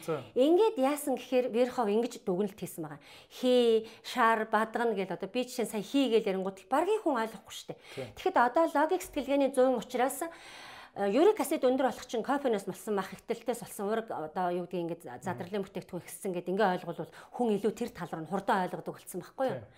Тий. Тэгэнгүүт дараа нь тэр Верховын дараа би зүгээр энийг ярьсан дээр энийг юм ярьчих. Аа B9 гээд витамин нэг ахаад өөр газар одоо Английн Бомбей гэдэг хотод Бишмөр 1928 он. Аа ингээд тэр Бомбей хотын даавны үйлдвэрийн ажилчид ингээ амар цуцаад ерөөс ажил хийж чадхаа болоод исэн юм байна л да. Ялангуяа ингээд амарчсан дараах эмэгтэйчүүд нь бүр ингээд одоо ингээд өвдөө. Тэгээ за одоо бас л нэг төрлийн өвчин тусчлаа. Яадаг үлээ гэжсэн чинь тэр Вилс гээд эрдэмтэн ирээд mm -hmm Тэгээ тэр эрдэмтэн бас тэр хүмүүсийг ингээд одоо нөгөө аа зэлгөө будааны цутан мамрайт гэдэг юм да. Тэрүүгээр имчилсэн байгаа. Тэгээ яагаад мамрайтанд энэ хүмүүсээ ядаргаа идэвч вэ гэд үдсэн чинь B9 фоли хүчил буюу фолат Тэрүүгээр эдгээцэн. Тэгэнгүүт нөгөө хортой хавдрын ч одоо Вэлсэн ч, Фарберн ч нөгөө нөгөө Верхов энэ төр чинь хүү энэ тэгвэл Б9 чинь тэгвэл энийг эдгэж байгаа юм болоо юу яа. Хортой хавдрыг байгаа юм шүү. Чөмгний Б9 чинь чөмгний улаан хэсийг сэргээж шинжилдэг юм байна. Тэгэхээр чөмгний улаан хэсийг одоо хувиргалтын зогсоочвол цусны хортой хавдар ер нь зогсох байхгүй юу? Яг жинхэнэ утга нь бол. Тэгэнгүүт биш үү гэд Б9-өө тариад өгөөд эхэлсэн чинь хуагтцсан. Ингэнгүүт яаж ин B9 гэдэг юмыг хавдрын үед тарьж хэрглэж болохгүй гэдэг юм тэндээс эхэлсэн. Бүр эртнээс эхэлсэн байна. Одоо хүмүүс хавдартай хүмүүс Б бүлгийн аминд юм битгий уугараа гэдэг нь тэрэн дотор нөгөө эсийг хуваачдаг зүйлүүд байгаа. Тэнгүүд нөгөөтг чинь нөгөө нэг гипертрофи, гиперплаза гэдэг юмараа өсөөд өсөөд үржиж тавьчихдаг байхгүй. Тиймээс бид нар ингээд одоо энэ хий гэдэг ойлголтыг тий одоо ангаах ухаанаар нь тайлбарлаад хэлээд өгөх юм бол ойлгочоод байна. Ийм 100-д ирчээд байна. Гэхдээ миний дотор талд энэ бол хий гэдгийг мэдчих. Тийм ээ. Та тэгтээ тэрийг тайлбарлах гэхээр маш олон хүмүүс ойлгохгүй нөгөө шинжлэх ухааны логиктой боловсролын суурьтай учраас ойлгохгүй ингээд Аа, логик фантастик юм яриад байгаа юм санагдаж байна. Яг гоо өрнийн боловсралтай очсон учраас нотлогоо байхгүй. Тийм. Ямар ч нотлогоо байхгүй. За чи хий ихтэй байгаа. Одоо чи бөөрийн юунд яхад орчод хүрээд Тэгэхээр чиний ETS бөөрийн чи 2 бөөрийн паранхим ETS одоо дээрийн тэр бөөрийн хэмжээ аягуулсаа хэлжсэн. Тэр бөөрийн ETS чинь сэрэгжсэн байх үү дээ гэд хэлэхэд яг сэрэгжсэн байдаг. Тэгэхээр би тэр хүнийг тэгж баталгаажуулахгүйгээр чи хийдсэн байна бөөр чи сэрэгжсэн дээ гэх тэгвэл нөгөө оцсон чинь балай тэгжил шүү дээ намайг. Яа хүний бөөрийг харж байгаа юм шиг. Хүн чинь угаасаа ингэ харж байгаа юм шиг яриад болохгүй шүү дээ тий. Тэгэнгүүт одоо шинжлэх ухаанаар ингээ баталгаажуулаад өгчгөр айгу амар байдаг байхгүй. Одоо залуучууд чинь ер нь одооны хүн чинь тийм болсон шүү дээ. Ер нь хараа ийм байхгүй ядрээ. Айл болохоор Монголын одоо ангах ухааны ойлголт юм байна тий уламжилт нөө хийшар бадганыхаа онлоор хий нэгсэн гэсэн үг байхгүй юу? Ер нь ийм байхгүй юу? Айл хэдэн мянган жилийн өмнө тэр одоо орон судлаачдын бидний ард түмний тэр одоо ухамсартаа тийжсэн өв юмны үнэн гэдгийг л одоо шинжлэх ухаан батлаад байгаа юм байхгүй юу? Шинжлэх ухаан бол яг үүндээ бол оройдож явж байгаа гэж ойлгож болно. Угаасаа одоо судруу уншихаар тэгдгийн шинжлэх ухаанаас одоо шинжлэх ухаанаар баталж байгаа юм даа л хийцээ бэждэг. Одоо бодоод үзэлдээ би ясыг хий хий хий чин тэнцвэргүй болно шүү. Хий тэнцвэргүй болохоор тэр тэр чинь өвдөн гэдэг юм байна. Тийм, тэгэнгүүт хараа одоо тэр Вилси хийсэн тэр Б9-оор тэр хорт цус багталтыг дарсан тэр давны үйлдвэрийн ажилчдын Б9-оор тэр тэр нөгөө нэг урт хугацааны унаад ядраад байгаа ядралыг арилгасан тэр юм нь явж явж яг үнэндээ бол дотор ягаад тэр Верхов гэдэг эрдэмтэн дургуутжсэн гэхээр ядраатай энэ нэг уламжлалт эмнэлгийн энэ хий гэдэг юмнаас салах юмсан. Ягаад гэвэл цусны хортой хавдрыг уламжлалтынх нь тэр үеийн одоо тэр сэтгэлгээний эрүүл мэндийнхэн болохоор юу гэдсэн гэхээр хийн өвчөн гэдсэн байгаа. Гэсэн чи яг үнэндээ хийн өвчин байгаа юм чи. Яг оншийн уншихаар. Хортой хамтар чи ер нь тийм штэ. Одоо ингээл угаасаа бүх хувиргалтыг мэдхгүй өнгөрүүлээл эцсийн мөчөд очсон үедээ л ингээл сүйт хийчихэд байгаа штэ. Тэгэхэд чөмгөнд тэжээл очихгүй байна гэдэг чинь тэр хүн чөмгөнд шинээс үүсэхгүй байна гэдэг чинь тэр хүний биендээ шингээж байгаа хоолны төгсгөл нь чөмгөний идэд очиж байгаа юм чи. Жишээ нь би энэ шоколадыг идээд амаар ороод гизээр шимэгдээд Тэгээд цус болоод цус нь цусны сэвнгээ тэжээгээд тэрний араас булчингаа тэжээгээд АТФ гэдэг юм үйлдвэрлэгдэн шинжлэх ухаанаараа бол тэгээд яг булчингийнхаа дараа өөхөө тэжээгээд дараа нь яс мөгөөрсөө тэжээгээд чүмэг рүү орж чүмэгний эсийг тэжээж сая тэнд цагаан эс буюу дархлааны эсүүд өстой заастаа гоё тэжээл ирлээгээд олон болоод тэрнийх нь огш шимээр нь бид нар одоо энэ эр бэлгээс эм бэлгээс боловсрж идэг байхгүй юу. Тэгэхээр чи яг үндэ бол энэ бол ангаах уламжлалт ангаах ухааны ийм дараалал. Гэтэл яг юугаар нь одооны орчин цагийн шинжлэх ухаанаар хөөгд үцхэр чи яахаараа бантан бантан цус олцоод огтч угаасаа яаж цус болно хоолч ихлээ цус болно гэдэг юмд итгэхгүй байх юм. Тийм байна шүү дээ. Тийм тэгэхээр уламжлалт сэтгэлгээ бол яхав нөгөө барих юм байхгүй яриад байгаа. Уламжлалт мэдлэг бол А одоо бол ингээд судас барьчаад хэлсэн ч гэсэн бас левгүй шүү дээ тий энэ судас барьчаад нөгөө л хүнд мэдэгдэж байгаа. Тэр ахал сайн юм гинлээ гэдэг тий. Ийм болчиход байгаа байхгүй юу? Тэгэхээр ялчгүй аа одоо Гэхдээ энэ талаар бол ойлголттой байх нь бол зөв л дээ тий ер нь. Угаасаа эцсийн мөчид бол бид нарт юунд туслах вэ гэхээр ухамсарт байгаа нь туслана. Хамгийн анхны анхан шатны түргэн ирэхээс өмнөх юуг анх шатны тусламжийг гэрт нь байгаа хүн үзүүлдэг үстэй. Жишээ нь нойр булчирхаан шок хийчээд гинтгийн ингээл харш үлсэн асгараад хордлогонд ороод ирэх юм бол өмхий давс ягаад долоолог гэдгийг. Дээр үесээ айл болгонд өмхий давс байдаг гэсэн. Ягаад тэгэхээр хүн тэр түргийн ирэхээс өмнө хүлчихгүй тулд хөхөр оруулж ирж гин, кали натри оруулж ирж гин. Тэгэнгүүт кали натри хоёр ороод ирэнгүүтээ яад гэхээр тэр нойр булчирхааг үүмүүлээд байгаа хүчлэлэг орчин шүлтлэг болгочдөг байхгүй юу. Тэгэнгүүт түргийн иртэл байж идэг байхгүй юу. Магадгүй түргийн ирэхэд зүгээр болсон байх гэж үгүйсэхгүй байхгүй хөнгөн бол. Ийм болохоор надад тэрийг хэлж хэлж өгөөгүй. Энийг баг ихэн кайл тэгдгийг хүүхдэнд хологтоол юм уу хордлоготой ирэнгүүт хөрөн давс долоологдог. Дээр үед байсан. Энд чи хинч хөрөн давс долоогоорой гэж зааж өгөөг шүү дээ. Тийм тийм. Тэгэхээр энэ мэдлэг бол угаасаа айлд байж. Тэгэхээр уламжлал гэдэг юм бол бас ингээл хүчтэй яваал гэдэг тийм. Ухамсарн судар гэж ойлгоно. Би бол тэгж л хүмүүс тайлбарладаг. Яг хөө жоохон ингээд наривчлаад явбал илүү хүндрэн зарим хүн төрөлдөн төрөлснөөсөө болоод стресстэн уурлна юу балан юм яриад байгаа гэх тэгээд эрдэмтэд чинь одоо юу гэдгийг тэгээ магадгүй баг нэг хоосон юм яриад байхаар тарих угаалаа гин. Тийм үстэй орчин цагийнх нь нэр нэг аяга муухан үг байгаа шүү дээ тарих угаалаа тийм ер нь бол яг хөө мэдээж бас яг ийм Европын шинжлэх ухаан гэх юм уу те одоо ийм баталгаатай нотлохотой юм юмнаас өөр юм ярих юм бол одоо шууд за одоо бас нэг хэдэн мянган дагагчтай те ингээл хүн амтны зөв зөв. Мөнгө авах гэж ийн гэсэн ийм хардлагачуд өртдөг ийм үе болчиход байгаа шүү дээ ер нь бол те. За ер нь уламжлалт юм дээр бас юм байна л да. Нэг энэ би нэг ганц хоёр үзэгчдээс асуулт авсан юм тэгээд өглөө босоод хүүхдэд ялангуяа ямар хоол хамгийн түрүүлж өгвөл зүгээр вэ гэд. Тэгээд зарим юм юмн дээр болохоор энэ бантан ч муу ч юм шиг сайн ч юм шиг болчиход байгаа шүү дээ, тэ энэ хүүхдийн тижээлэн дээр та нэг юу юу ч талаас одоо Европ ухаан талаасаа ч одоо энэ уламжлалт талаасаа ч гэсэн нэг юу гэж хүүхдийн яага буруу гэдэгдгийг мэдгүй одоо тэгэл ийм асуулт ирсэн байна. Би яг хуу бүрэлдэхүүнтэй энэ төр холбоотой баг. Магадгүй бантанг яага буруу гэдгийг гэдгийг эсвэл өөх тус буруу гэдэг юм байна. Хүмүүсийн зүгээр цуу яриа юу энэ? Ямар юм бэл да тийм ээ. Ийм хариултнууд жоохон айгу бүдэг байд юм а. Ер нь ингээд асуултанд шууд хариулчихад төвхтэй. Ямар талаас нь муу гэдэг. Яг үүндээ мах гурал хоёр холцсон хоолыг өв уламжлалт амжаад идлээ. Энэнд одоо хор бол байхгүй. Аа зүгээр дандаа өгөөдөөвэл магадгүй цагаан гурлын нөгөө лаагалдаж биеийн дотор ороод задрах нөгөө сахар юм болохоор орж задрах явц нь өөрөө удаан. Хурдан. Хурдан задардаг нь сахарандаа байгаа, глюкозондаа байгаа. Хурдан задарсан учраас хүүхдийн цуснд сахарын түвшин хурдан ихсээд бага бага наснаасаа таргалах эрсдэлтэй гэдэг талаас нь хэлсэн болов. Тэрнээс бол дохируулаад өгөөд байхад бол хүүхдийн боцис солилцоо гэдэг чинь том хүн шиг тэгэл орж ирсэн гурлыг наалдуулчаал заваарад идэг боцис солилцоо бол биш шүү дээ. Хүүхдийн боцис солилцоо чинь маш шинхэн, маш олон юм том хүнээс эрс ялгаатай явагддаг.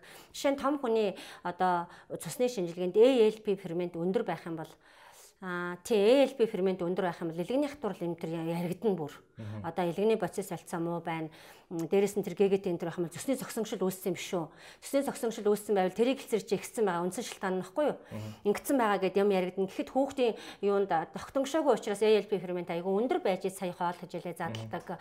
Тэр одоо орж ирж байгаа өндөр сахар энэ тэрийг боловсруулах чадамж бол хүүхдэд бол бүрэн байдаг гэж үздэг юм байна. Шинжлэх ухаанаараа а би бол яг хүүхдийн юун дээр хоолтон дээр одоо би бол том хүний хоолтон дээр ингээд одоо жишээ нь аригч өгөөд уршицсан сахарч өгөөд уршицсан дандаа цагаан гурлаар өхөр яадаг гэдгийг бол угаасаа шинж шинжилгээгээр нь хараад бодит байдлыг харцсан учраас бүр угаасаа ингээл нэлээд тийм одоо шахалттай атаклж явдаг. Чи энийгээ болвол надтай 4 сар зуралд чадахгүй л нөө гэдэг баггүй юу? А тэгтэл хүүхдтэй би тийм яг шинжилгээ хараад ингэж зуралдж байгааг болохоор бол яг бол одоо тийм юм зөвлөх, ийм юм зөвлөх гэж хэлжүүлж чадахгүй. Зүгээр бантанг муу гэдэг шалтгаан нь цаашаа ороод одоо ингээл аяар аягаар ихээр өгөөл байдгүй байлгүй. Байнгын өгж яхад муу юм биш ч зүг юуг л дандаа л бантан өгөх гэжтэй. Өдөрт нэг удаагийн бантан хор болоод болоод юу шалах вэ тийм ээ. Одоо тийм юу болж чадахгүй. No problem тий. За энэ хүүхдийн бодис солилцооны хүүхдийн хооллолтын ээж нь бол юу багш нь бол ээж нь шүү. Ер нь ээж нь мэдрэмжээр хооллоход бол ямар ч алдаа гарахгүй. Ээж нар чинь зүүн совинтой байт ингэ. Ээж чи хүүхдтэй юу ч муу юм өх юм. Мэдэрдэг юм шүү дээ. Тийм шүү дээ. Хүүх хүн бол ээж хүн бол өстой. Яагаад юмд ийм ээж сэтгэлгээгээр ханд гэдэг гэхээр хүн юмд юм хин сэтгэлээр хандчих юм бол хизээж муу юм ихгүй. Хизээж. Тэгэхээр хүн яаж гаргасан хүүхдтэй их юм сэтгэлээр хандах юм. Тийм ээ. Хин нэгнэр тэр хүүхдийнхээ хоолтыг заалгах гэхээсээ илүү өөрөө л чамбар бол. Тэр нь хамаагүй гоё. Тийм баг. Эрүүл явна. Аа Тэгээ ер нь ингэдэг би хаанаас бас сонсч ба хүний суур эрүүл мэндийн 80% нь ээжийнхэн суур эрүүл мэндээс хамаатай байдаг гэд хинээс би сонсч. Аа яад юм бэлээ ингээд бие үзүүлэхээр танаа ээж чи ямар ямар өвчтэй байсан бэ гэж асууд юм лээ. Тэгээ одоо юу гэдэг чи ээжд нь одоо нэг тийм тийм тийм одоо хоолой өвддөг байсан бол хүүхэд нь бас нэг юм Тэ. Нэг ч тийм ээж хүүхэд хоёрын эрүүл мэнд хоорондоо айгаа холбоотой байд юм шүү. Бараг хүүхэд гарахаас өмнө эхэлж бие ингэж эрүүлж үлж байжгаад тэгээд хүүхэдтэй болд юм шүү. Ингээл одоо заан төлөө ер нь удамшлыг эмэгтэй хүн тээж авдаг шүү дээ. Эмэгтэй хүний эм бэлгээс митохондртой эм эр бэлгээс митохондрог гэхгүй одоо тэр нөгөө юм тэр мемориг нь тээж авдаг гэсэн үг. Өөрөөр хэлбэл манай удмын тэр нөгөө одоо цусны талыг аав яагаад яс ээж цус гэдэг нь одоо яг шинжлэх ухаанаараа тийм шүү бүр.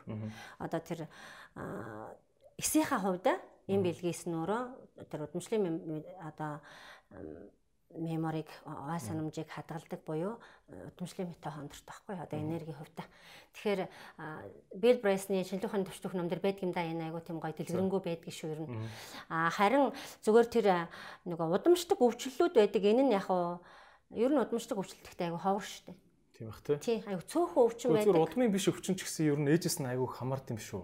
Одоо бүр хүүхэд нь том болцсон ч гэсэн.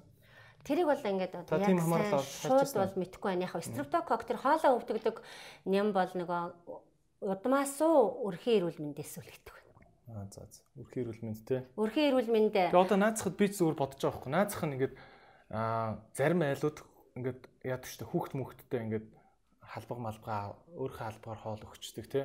Зарим ээжнэр ингээд хөргөж мөргөж ингээд хүүхдийн халбаг ам амдаа хийцээ явж идэг шүү дээ тий.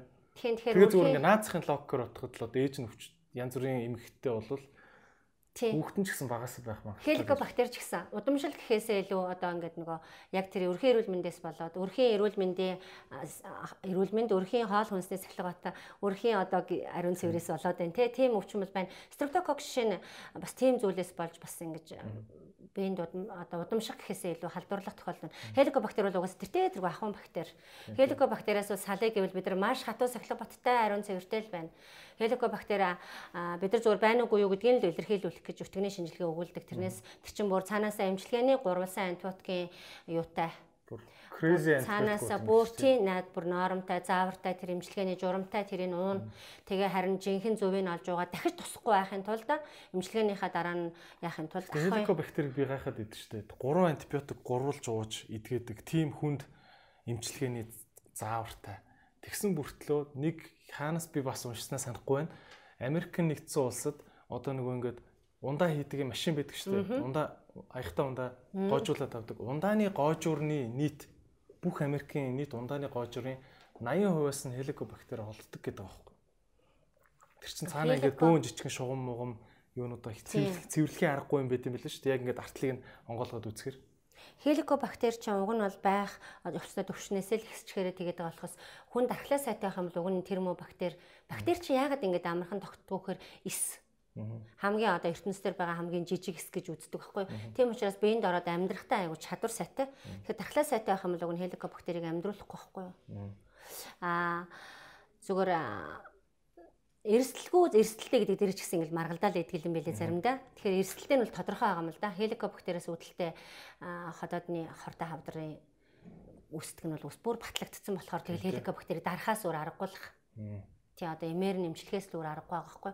Тийм одоо байхсгүй газараа очиод олширчхороо бактери гэдэг бол өстой гай тарьдаг байхгүй юу. Жишээ нь coli өвдөгдөг бактери байна. Цуснасаа гараад хоолойны гүйлсэн булчирхоор ороод ирэнгүүтээ өстой. Цусны дотор байхдаа бид нар ерөөс өвдөхгүй байгаа зү хэвийн хэмжээндээ байхдаа. Тэгэл хоолоор ороод ирэхээр л махцал гачдаг тий бүр өвдөл халуурал өстой. Бүр яава гэмээр юм болдог өстой. Тэгэхээр бактери чинь байх хэвээр газараа байхаараа ажилласаа зүгээр зүгээр хийдэг байдаг. Байх хэвээр газараас өөр газар очичхороо төвөчдөг тийм. Төвөөгөө аждаг бүр тэрнээс ч гаралтай өвчлөл мөвчлөөч гэсэн их байна шүү дээ. Өнөөдрийн подкастыг та бүхэндээ хоёр супер брэндтэй хамтарч хүргэж байгаа. Hitachi брэнд Монголд аль биесны цорын ганц төлөөлөгч Номин Electronics компани.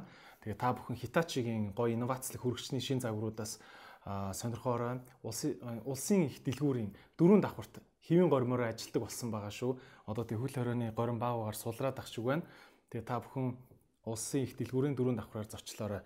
За Hitachi брендийн хувьд гэх юм бол анх 2007 оноос эхлэн энэ вакуум тасалгаатай хүрэгч гэдэг имийг зах зээлд нэвтрүүлжсэн. Ингэснээрээ хоол хүнсний хадгалах хугацааг маш урт хугацаанд чанартай fresh air нь байлгадаг байгаа. Дараагийн үеийн технологи нь болохоор гурвалсан үнэр дарах технологи гэдээ байгаа. Энэ нь болохоор хүнснээс ялгардаг элдэн үнэрийг байхгүй болгодог, ням бактерийг 99% цэвэрлээд байлгаж яадаг хүнсийг fresh air нь хадгалдаг ийм мундаг технологиг хөгжүүлсэн компани байгаа. Тэгээд Hitachi брендийн маш олон төрлийн бас хөргөчнүүдийн загварууд байдаг. Та бүхэн сонирхоорой. Өнөөдрийн дугаарын спонсор байгууллагаас маань маш гоё уриалгыг та бүхэндээ дамжуулж уламжилж байна. Хайртай бизнесээ дэмжиж гэдэг уриалгыг Simply хамт олноос дамжуулж байна. Тэгээд энэхүү уриалгыг нь дэмжиж Rock Coffee Shop, Gold's Gym, BRB, Matrix, Faro, Lamour, Internom, Sweet kitchen зэрэг брэндууд бас дэмжиж оролцож байгаа юм байна. Тэгээд хайртай бизнесээ дэмжиж гэдэг маань ямар учиртай вэ гэхээр цар тахлын энэ хүнд үед бидний одоо анх ихч хамаатан саднууд маань ажилдаг энэхүү гоё компаниуд маань маш хүнд байдалд байгаа. Тийм учраас одоо жишээ нь энэ бол зөвхөн Монголын асуудал биш, дэлхийн дахны хүнд асуудал байгаа. Бизнесийн ертөнц маш хэцүү байдалд байдаг. Жишээ нь одоо Америк нэгдсэн улсад жижиг дунд бизнесүүдээс 10 бизнес тутмын 3 нь хаалгаа барихад хүрсэн ийм хүнд цаг үе байгаад байгаа. Монгол улсад маань 50 мянга орчим хүн цар тахлаас болж ажлын байр нь хэцүүдэд байгаа ийм үе байна. Ийм үед бүгдээрээ бид бүхний амьдралыг өдөр тутмын одоо энэ гоё мэдрэмжийг төсөөлхийн аргагүй одоо байхгүйгээр нь төсөөлхийн аргагүй ийм гоё брэндүүд байдаг. Тэгэхээр бүгдээрээ бизнесүүдийг ажил олгогч нийгэмдээ хувь нэмэр оруулдаг байгууллагууд гэдэг утгаар нь дэмжиж сайхан дуртай брэндүүдийг аль болох Facebook дээр шеэрлж, юмнаас нь авч дэмжиж байцгаая гэдэг ийм уриалгыг Simply хамт олноос дамжуулж байна. Одоо ялангуяа манай Монгол улс болвол нэг салбараас маш их хамааралтай ийм эдийн засагтай гисэн хэдий ч бас нөгөө талаар нь ажлын байр гэд бодоод үзэх юм бол манай жижиг дунд бизнесүүд маань нийт ажлын байрны бараг 80%-ийг дангаараа бүрдүүлдэг. Тэр дундаа худалдаа үйлчлэгээний салбар 60 хэдэн хувийг хувийн ажлын байрыг бүрдүүлдэг байгаа. Тийм учраас та бүхэн өөрийнхөө дуртай, орох дуртай жижиг дунд бизнесүүдийг маш сайн дэмжиж байгаараа гэж та бүхэндээ уриалж байна. Тэгээд хайртай бизнесээ дэмжиж гэдэг уриалгыг Simply хамт олноос та бүхэнд уламжилж байна. Simplex бизнес эрхлэгчдэд дэмжих зорилгоор 500 сая хүртэлх уян хатан бизнесийн зээлийг 1-ээс 36 сарын хугацаатай санал болгож байна. Бизнесийн зээлийн эрхээ Simple CGM-ийн ташуу зураас бизнес вебээр орж шууд шалгах мөн зээлийн хүсэлтэд явуулах боломжтой. Simple app. За их сайхан багшд бас баярлалаа. Тэгээд маш эрүүл мэнд гэдэг бол асар том сэдв те. Тэгээд хоёлаа энэ жоохон хугацаанд ер нь бол жоохон жоохон л төвөрлж ярьж ах шиг байна. Тэгээд үзэгч нартаа бас хандаж хэлэхэд их сайхан багшийг бас Facebook дээр олоороо энэ видеоны description дотор байгаа. Тэгээд Facebook дээр бас их лайв баг бага сэдвэр нь фокустай хийдэг те. Тийм өмнөх бас бичлэг лайвуудыг нь та бүхэн үзээрэй гэж санал болгож байна. Би болохоор бясалгалын сургалтанд нь сууж ирсэн те. Бясалгал бас яривал үнэхээр бүр хідэн цагийн сэдв те. Гой сэдв. Хамгийн хамгийн одоо супер сэдв. Аа. За тэрийг одоо тэгэл дараа л хоёлаа ярьсан гэдэг багтаа тий. Өнөөдөр яалчгүй цаг юм байна. А манай өнөөдрийн ивент дэгч спонсор компани Hitachi брэнд байгаа. Намын электрониксын танд бяцхан гарын бэлэг өгөөрөө гэсэн. Тэгээд энэ гоё юм байна шүү. Энэ юм төлхөр өнтрээ олдог юм гоё GPS юм бэл шүү. Олох болохгүй юу тий. Тийм үү. Одоо GPS юм олоод авчих юм тийм үү? Охиндоо зүгээд орой орой шавуудахт нь тий. Чи хаана явж гин гэж залахгүй юм тий.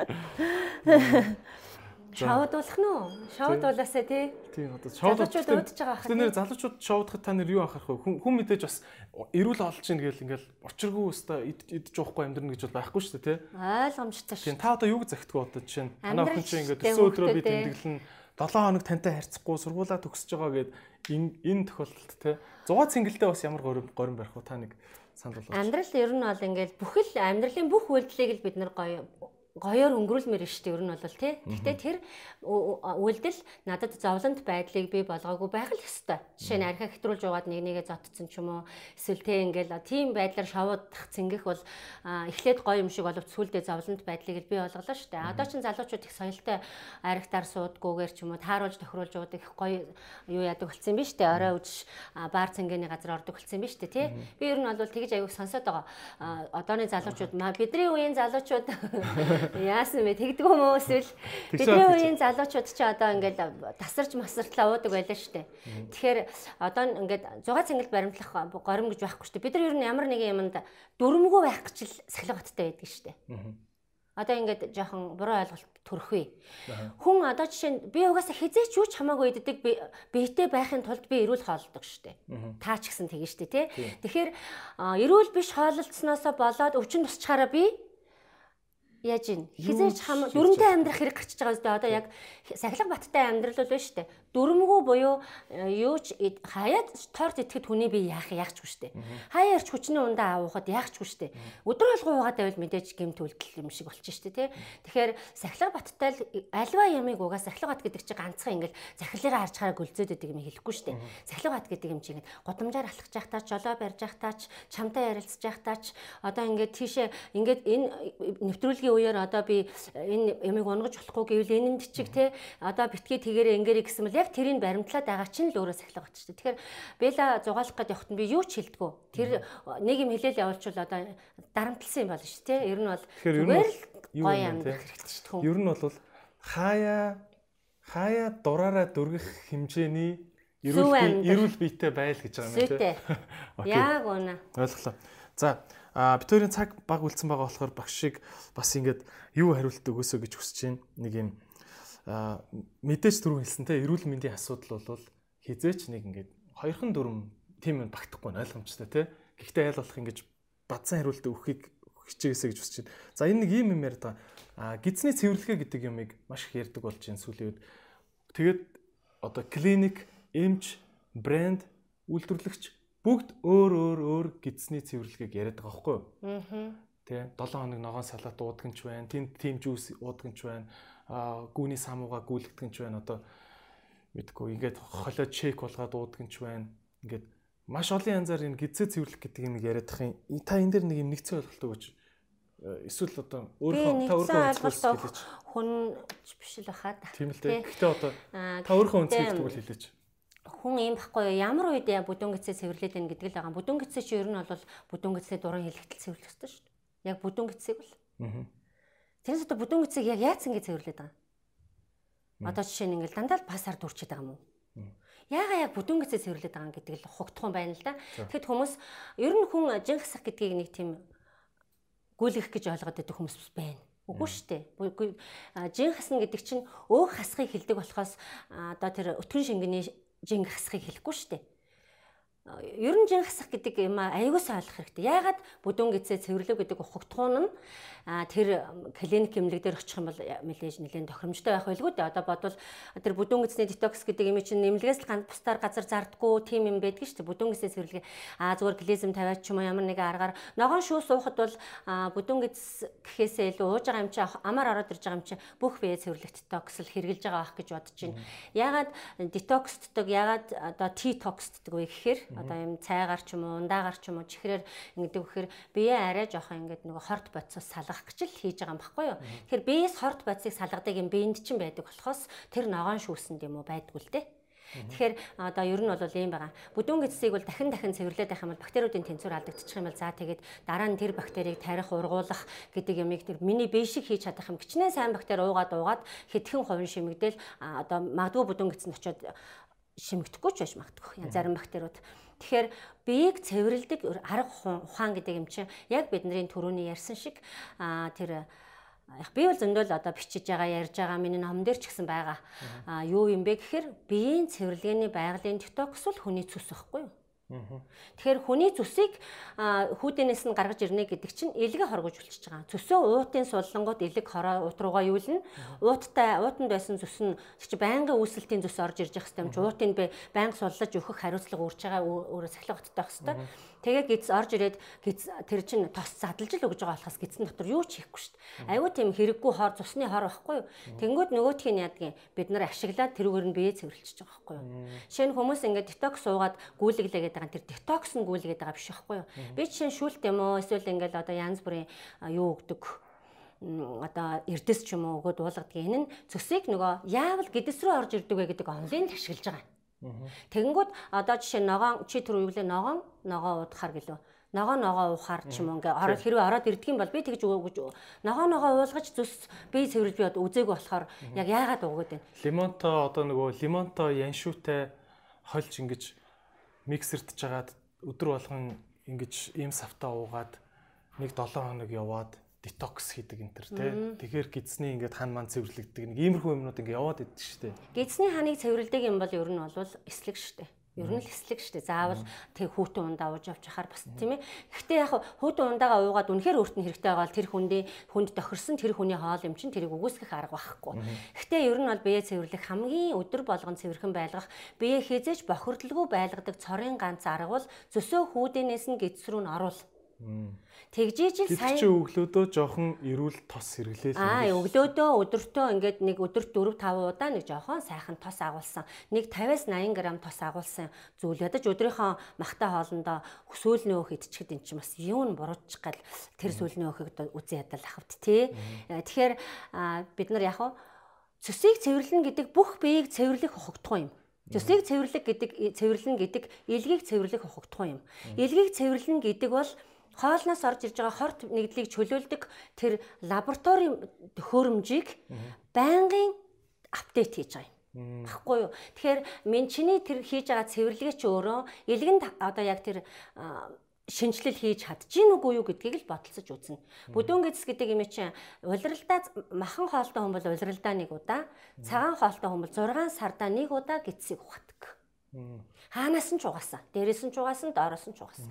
Ойрхон ойрхон угаагаал авил өстой жинхэнэ бэйгүү болно гэдэг юм чи тэнд гарч ирнэ. Тийм шүү дээ. Ер нь бол тийм. Хамаг бактерийн тэнцвэртэй ажиллагаа. Аа, бактерийн тэнцвэртэй ажиллагаа алдагдана гэдэг бол биед нэлээд том баланс тэнцвэрийн алдагдал гарч ирж байгаа. Тийм ээ.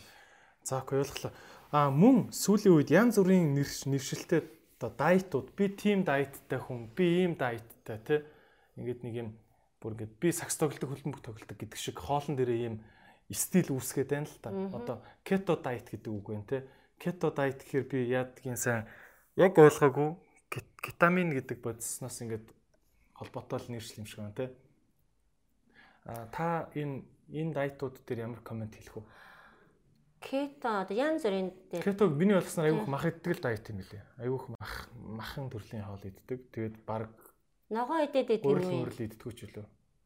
Веган хүмүүс гээд байгаа. За мэдгүй. Ер нь юм олон төрлийн юм да дайтуудтай хүмүүс тань дээр орж ирж байна. гэдэг нь болохоор кето дайет барьсан юм уу? Удаан хугацаагаар мацаг барьсан байгаа хүмүүсээр ээлдэл холестерин өндөр яваад байгаа. За яагаад кето гэдэг үг нь өөрөө яг ер нь юу гэсэн үг юм гэдэг нь болохоор кетон гэдэг үгнээс гаралтай байхгүй юу? Кетон гэдэг үг нь өөрөө юу юм гэхээр өөхний дээд молекул байхгүй юу? Илгэн үйлдвэрлэгдээд шууд тарих авдаг энерги нь бол тарих авдаг одоо хоол гэсэн үг байхгүй юу? Сайн тос гэсэн үг. Өөрөөр хэлбэл өөхний дээд молекул буюу нөгөө одоо энэ орчлон ертөнцийн байгаа хамгийн одоо өндөр нэгттэй сайн тосохгүй өөхний өндөр молекулд нэгдэл гэж ойлгож болно. Тэгтэл тэр шээсээр гарч ирвэл за энэ кетон дээр хувирал үсчлээ. Илэг энэ өөхийг одоо гликогены үйлдвэрлэл буюу тэр сахарын нөөц нь халиад өөхний илэгний цардуул дээр алдаа гарлаа. Хүү илэг одоо сүйд болоогүй байгаа. Гэдэг юм үсэж яж байгаа хгүй. Тэр кетон гэдэг юм бол өхнөөс ч үүснэ сахар илүүдэл дээрээс үсэж байгаа. Өхнөөсөө ч үүснэ адилхан. А энэ болохоор хүний биед өөх тос фосфатид триглицеридстерин гэж гурван бүлэг оршдог. Энэ стерин бүлгийн өөх байхгүй юу? Тэгэхээр би кето дайетыг ингэж ойлгоод байгаа. Өөх тос хориод байгаа дайет юм уу да Магадгүй эсвэл өөх тос их хідээд байгаа дайет юм уу? Би яг л үндэ яг алин кето гэдэг аг нь би хэрэгжүүлж үзег болохоор юусэн мэдэхгүй байгаа байхгүй юу? Тэгтэл тэрэн дотор жишээ нь мах их явж байгаа болоо зүгээр одоо тохиромжийн тухай л ярив. Мах их явж байгаа бол кето дайетыг юрик асид өндөртэй хүн бол махан дайет гэж юм бол болж болох ёстой. А ногоон дайет юм бол ногоо иддэг их тэр яншуутай ч юм уу ямар нэг юм ногоо юм уудгийн бол шээсэр чин оксалат кальци, кальци эсвэл юу гэдгийг бактери энэ төр илэрдэг бол чи тэр дайет чамд зохгүй байна гэсэн үг. Нитрит ч юм уу, нитрат ч юм уу илэрчий бол эсвэл микроальбумын энэ төр хаяад шээсний шинжилгээгээ үз дайет барьж байгаа хүмүүс төрсөд зүгээр найдвартай бүгд гараад ирдэг. Жишээ нь шээсэн дээр нь гюта хайцсан байна. Шээсэн дээр нь бэлэр үби хайцсан байна. Урублин ог ингээд одоо ингээд энэ шинжилгээ ярихаар юм нэг орчуулж болдгоо заавал тайлбарладаг юмнууд байдаг болохоор би эдрийг бол ингээд ингээ орхий тий. Тэгэхээр дайет гэдэг бол юм штэ хүмүүстэд нэг дайетэр битгий удаан яваач. Тэр кетогийн ч юм уу одоо юу гэдэг Аткинсоны ч гинүү дюканы дайет энэ төр янз бүрийн дайетууд барьдаг хүмүүс байдаг. Энэ яг чиний биохимийн чинь ив ирүүл биенд чинь бол нэг 7 хоног ногоо уухт ягчгүй л ах. А өвчтэй хүн ногоо уугаад акслат кальц шээсээр хайжсэн хүн байна гэж бодъё. Тэгвэл бөөрийн чулуунд л бэлтгэж байгаа. Акслат кальц шээсээр хаяхад бөөр өстой өстой аюу хурдан чулуу үйлдвэрлэдэг болчихдөг юм байлээ. Би энийг бол өстой бүр Өстой айгүй олон хараад бүр айгүй эмзэг сэдв миний. Ягаад гэвэл эмэгтэйчүүд ингээд бөөр нугасаа тэр таны подкастаар орсон бөөрийн эмч залууга ярьсан тэр бөөр чулуу үйлдвэрлэгч болж хувирдаг гэдэг тий. Тэгсэн хүмбэл ногоо ногооны шүүс ууж өрс болохгүй. А ногоо ногооны шүүсийг ер нь өглөө уугаад байгаа нь акслат кальцийг биендээ оруулж ирээд байгаа хэмжээгээр акслат гэдэг эм чинь тэр нөгөө EMD чинь шүү. Өдөр болгоны орж ирж байгаа тэр E нөгөө нэг өдөр болгоны микроэлементийг устгагч гэдэгдээ явдсан шүү. Тийм болохоор тэр юунд орж ирдэг вэхэр ногоон бүх төрлийн ногоонд байт. Тэгээд юунд байдаг? Цаангуурл мөрлөнд байдаг. Тэгэхээр энийг яаж идэх вэ гэхээр акслатын бууруулъя гэвэл Нөгөө акслач орж ид миний B9 гэдэг нь B12 гэдэг нь магни гэдэг нь ценки гэдчих байхгүй юу.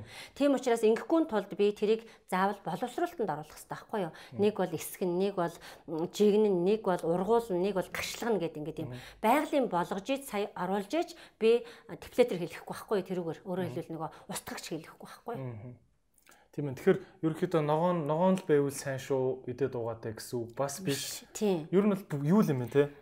Өөртөө тохирсон юм а л итгэх. Тийм ээ. Энэ дэлхийн ертөнцөөр дүүрэн хоол байхад яагаад заавал ногооны шүүс уугаа яваад байгаа юм. Ингээд өөртөө хүн чинь тэр уураг сахар өөх тос гэдэг гурван амин хүчлийг тэнцвэртэй авж иж биеийн энерги үйлдвэр тэрүүгээр амьдрдаг багт чинь шинжлэх ухаан нь нотолцоод байхад юуны тулд ингээд өөрөө хайрцаг үсгэж зүтгэнэ үү? Турхын тулд ногоон даяат уугаад байгаа бол зүгээр бүгдийн тэнцвэртэй идэж байгаа турал та. Тийм ээ ийм зовлонтой үйлдэл битгий хийлдээл гэж хэлэх гэж байгаа. Нийгмийг удаан хэрэглэхээр махыг удаан хэрэглэснээс бөөрийн өвчтөд болчихж байгаа сте. Уг тосыг удаан хэрэглээгүйгээс тархалтай болчихж байгаа сте. Тэгэхээр битгий ингээд дэлдэл гэдэг юм. Зүгээр ингээд нэг 3 хоног барьдаг юм уу 4 хоног ингээ ингээд 7 хоног болгон сольж барих юм бол ядаж нэг 2 7 хоног за 2 7 хоног барьчлаа гэж бодъё. Тэгэх юм бол ядаж нэг шинжилгээгээ эргэж хараад юу өөрчлөгдөж чинь нэг харчаад цаашаа үргэлжлүүл тээ. Тий. Шинжлэх ухаан гэдэг юм нь улаан цай ажиллаад байх чи ядаж шээсний шинжилгээгээ өгөөд харах хэрэгтэй шүү дээ тий. Мэдгүй юм байвал эмчтэр ороод асуухад зүгээр янзтай тайлбарлаж өгч шүү дээ яаж нээж ийн гэдгийг хэлээд өгч штэ. Кетон гэдэг бол яг үндэ бол тоглоом тоглодог юм биш. Кетоноор кетон хэлбэр кетон бөөрөөр дамжуулсан чихрийн шижинтэй хүмүүстэр тохиолддог явдал واخгүй юу? Тэгэхээр кетон бөөрөөр хаяад эхлэнэ гэдэг чинь хүний тэр хүний биеийн дотор сахарын урвал дээр алдаа гараад эхэлсэн байхыг үгүйсэхгүй гэдгийг харж байгаа. Тэрийг хараад явхаар энэ яг юу болоод байна? Өндөр сахартай юм хажуугаар нэдэд байна гэдгээр. Тэгсэн мөртлөө ногоо ногоо ууж биеийн цэвэрлээл кофе уугаал яваад байдаг хүмүүс итгэж штэ. Ямар ч хэрэггүй байгаа зү. Ингээд ямаа гой тэнцвэржүүл өөрөө өөрийнхөө төлөө өөрийгөө хайрлах талаас нь дэглэмүүдээ гоё олго. Тэрнээс тэр ямар дэглэм барих бол хувь хүний асуудал. Тийм ээ. Окей. За таны тэгвэл одоо та тий та бол илүүдэл жингүү ингээд тий айгуугаа харагддаг. Аа таны гэхдээ би ч онцлог өөр. Тэгээ үзэгчд маань бас шууд өөрөөж болохгүй тий хэлэхэд тий. А та ер нь яг юу идэж бод өглөө идэн 100 юу яг яг өөрийнхөө кейсийг яриач. Та юу идэж бод? Юу ч хамаагүй иддэг шүү дээ. За. За юу ч хамаагүй иддэг гэдэг үгийг яа хэн хэлдэг юм бэ гэхээр Одоо жишээ нь хүмүүсийн ярилцлагын донд зөндөө байдаг. Би хизээл юм идмэр санаад нь тэгээ идчихэдэг гэдэг. Энэ хүмүүс шүү дээ боцын солилцоо түргэнтэй. Угаасаа юу ч хамаагүй иддэг гэдэг нь өөрийнх нь сахилга бат байдаг шүү. Яг үнэндээ. А би бол сая зүгээр энэ юу ч хамаагүй иддэг гэдэг үгийг хэлэх гээд хэлчлээ. Би бол цагаар холохгүй л одоо миний нас өөрөө боцын солилцооны зогсонгшил руу буюу бацин солилцооны итвэх бууралт гэдэг юм руу ороод ирсэн айл хизээ 45-аас хойш угаасаа эмгтээчүүдийн бацин солилцоо ингээд жоохон өөрчлөгдөж цэвэршилтийн нас мас гэл ингээд ийм асуудлууд байна шүү дээ. Гормоны өөрчлөлтөнд орж ийн буруу хооллол юм бол айгүй амархан таргалдаг үе зарим гормонууд итгэхгүй болцсон зарим гормонууд бүр огт ажиллахгүй болцсон. Ингээд байгаль нь өөрөө хүн нь айгүй арчаатай л явахгүй бол айгүй амархан одоо ингээд өдөөд сэдээдэг юмнууд гараад ирсэн байхгүй юу? Одоо тийм насан дээр байгаа учраас би бол одоо айхтар дэглэм журамтай амьдардаг. Энэ дэглэм журам нь надаа өөрөө угаасаа нөгөө зовлон өхөө болцсон учраас надаа тийм ёо энийг итгэмсэн тэрийг итгэмсэн гэдэг юм бол одоо байхгүй байна. Өглөө босоод бид нар манай байгуулагч нөгөө үнсгэн гэд боовт байхгүй юу? Бичэн арай биш тийм тийм бүтээгдэхүүнтэй үнсгэн гэдэг нь манай одоо оюуны өмчөр баталгаажсан брэнд нэр байхгүй юу? Тэгээд чи голдог өстэй амтгүй царай муутай гэд. Бор бор юм юу? Бор хав хар тий. Тийм тэр тэр чинь юу аахгүй тэрийг идчихэж байгаа нь тэгэл халуун цай уучдаг. Би ч нэгтээ ийм зөв эрүүл хоолтонд бас таргалснаасаа болж орсон шүү дээ. Би ер нь одоо залуугийнхаа тийм таргалдгүй хүн байхгүй байсан байхгүй юу. Улаанбаатар дээр 2 жил болсон чинь амьдралын хэм маяг өөрчлөгдөж хот маягийн хоол идээд өстой жинхэнэ одооны залуучуудын ингээд жоохон замбраагүй хэллэгээр бол дэлбэртлээ таргалсан байхгүй юу. Тэгээ яасан гэхээр манай нөхөр хажуу тал даралт нь ихсээд би бүр нөхрөө хайрлахын тулд би зөв хоолт орсон байхгүй. Тэрнээс бол тэрийг тэгж ойлгоогүй микрофоно барьж аваад би ч аягүй сахилгат муутай заримдаа аа тэгээд тэгээд одоо нөхрөө ингээд эмнэлэг яваад үзүүлээд тарих мархинд памбагаад хүнд ажлынхаа хажуугаар ингээд гаралт маралт нэгсээд байхаар эн чи хоёр хүүхдийнхээ аавыг бас хайрлах юм эрхэнд миний амьдралын юм аяг хотод ирсэнээс хойш баларлаа гэдгээ мэдээл 2 жил тарган байж үтсэн шүү дээ би. Тэгээд тэр хоорондоо эдсэн юм бодохоор бол үнэндээ би ч амар идэмхий байсан. Одоо бол би тэр үе мууийг бол намайг мэддэг хүн бол нөгөө хизээ юм байсан гэдэг чил одоо яг яригдах байхгүй. Тэгэхээр одоо бол би өглөө босоод үнцгнээс өөрөө мэдэхгүй байна. Одоо 5 6 жил би өглөө үнцгээ идэж байна. Яг заримдаа өндөг нэмээд идэх. Тэр нь болохоор одоо нөгөө эрүүл эрүүл найрлагатай Яг одоо нөгөө тий эрүүл хоолны тэр шалгуурыг хангасан үзүүлэлттэй л гэсэн үг. Одоо тэр нэг 100 г орцондоо байгаа орцынхаа байдیں۔ ер нь товч. Тэрэнд одоо эслэг хамгийн их байдаг байхгүй юу? Тэгээд уурагтай аа тэгээд эслэг их байна гэдэг чи утгаа. Эслэг их байна гэдэг нь л өөрөө тэр боцис солилцоог хурцсгаж өгж байгаа элемент ороод ирж байгаа гэсэн үг. Тэгээд одоо цагаан гурал энэ төр байхгүй. 100 г агуулмжиндаа 283 калоритой үндсэн юуных нь бүтцийнх нь үндсэн агуулмж нь тос байхгүй, шар тос байхгүй. Тэгээ гоё шарлаганд орчхоор ингээд өлдвөрийн шарлаганд орчхоор тэнгэрийг шиг компанид хийдэг. Би Тэнгэрийг шиг компанийн нэрийн барааны борлуулагч байсан. Тэгээд тэдрэгс таньдаг болохоор санал тавиад тэгээд та жороо гаргаад хийлгэх. Аа үндсэн баавыг гаргуулсан байхгүй. Одоо нэг хэдэн бүтээгт үнэм чекэл завдахгүй л яваад байна. За тэгээд тэрийг идчихдэг. Би усыг өдөрт хамгийн бада 3 литр ууж гин. 3 литр уухтаа а 3 литр ч ер нь хүний угаасаа биесээ алддаг ус байхгүй юу? Одоо шинжлэх ухаанаараа хөөхөр. Тэгэхээр тэрийг нөхөд уучж гин. А дээр нь тэр усан дотроо бас нэмээд бас байгалийн жинхэнэ үр мөр хийчихэж байна. Нэг часид энэ төр хаяа заримдаа бас жоохон бэмээ хавгнаад байвал жоохон хаван буулгах гожи бэри ч юм уу тий. Улаан үзэн бол хаван айгуу сайн буулгадаг хийчихэж байна. За тэгээ өдөр нь бол өдрийнхөө хоолыг би яг орой стресст хэргүй буюу орой өдөр тийм мэддэг байждаа гэж бодогдох ч юм уу. Хүү ер нь өдрийн хоол ах гоё идэх хэвээр гоё хоол стрессгүй. Тэгээд өөрийнхөө дуртай буузаа юм уу, цовингаа юм уу, хуушураа юм уу юу ч хамаагүй гол нь өөртөө тааруулаад Тухайн өдөр би би бол ерөөсө 1800 калориос дээш илчлэг илүүдгэл юм бол илүүдл болгоно нөөх болно тодорхой юм баггүй. Юу. Тийм болохоор ер нь нэг 1600 орчим барайл калори үндсэнд нь тооцоолол тэгээ өдрүүл яг би Монгол хоол идчихдэг. Нэг аяг цөм одоо хэдэн калори гэдэг? Яг нь мах 100 г мах 80-аас 100 г мах хийгээд явах юм бол цөөнгийнхаа гурлыг хэмжихгүйгээр хийхэд 680 калори хүрнэ. Хэмжихгүй хийлээ хийлээгээд одоо 100 г гурал хийдгүүл юм баггүй юу? Тэгэхээр нэг ингээл ер нь бол эхлээд хэмжээсэнд сурна Дараа нь тэр баг идэх гэдэг дадлаа суулгачаараа багцаалдаад хийдэг болчихно. Тийм ээ. Дандаа хэмжиж барих чинь бас тэгэл асуудал үүсгэж байгаа шүү дээ, тий. Сүулдэ болчихдөг юм уу? Гар чинь тэр чигээр хэмжээс юм чи. Чимэх нь баз натах нь гэл ингээл биш шүү дээ. Тэгээд өдөр бол юу ч хамаагүй идчих чинь гэсэн үг. За тэгээд өдөөс хойш 17 цагийн үедээ болохоор би айгүйх ингээл уншиж байгаа тийм үедээ шоколад юм уу, самар ч юм уу ингээл юу л бол юу. Одоо ойрын үед би өст айгүйх түүхий байцаа идэв байхгүй юу. Ингээл шууд барьж агаад нөгөө бөөрийнхий салаат байцааг шууд ингээл ном уншаалж компьютер шахад шахууд сууж ахтаа шууд угаасаа яг ямаа шиг л идчихээн.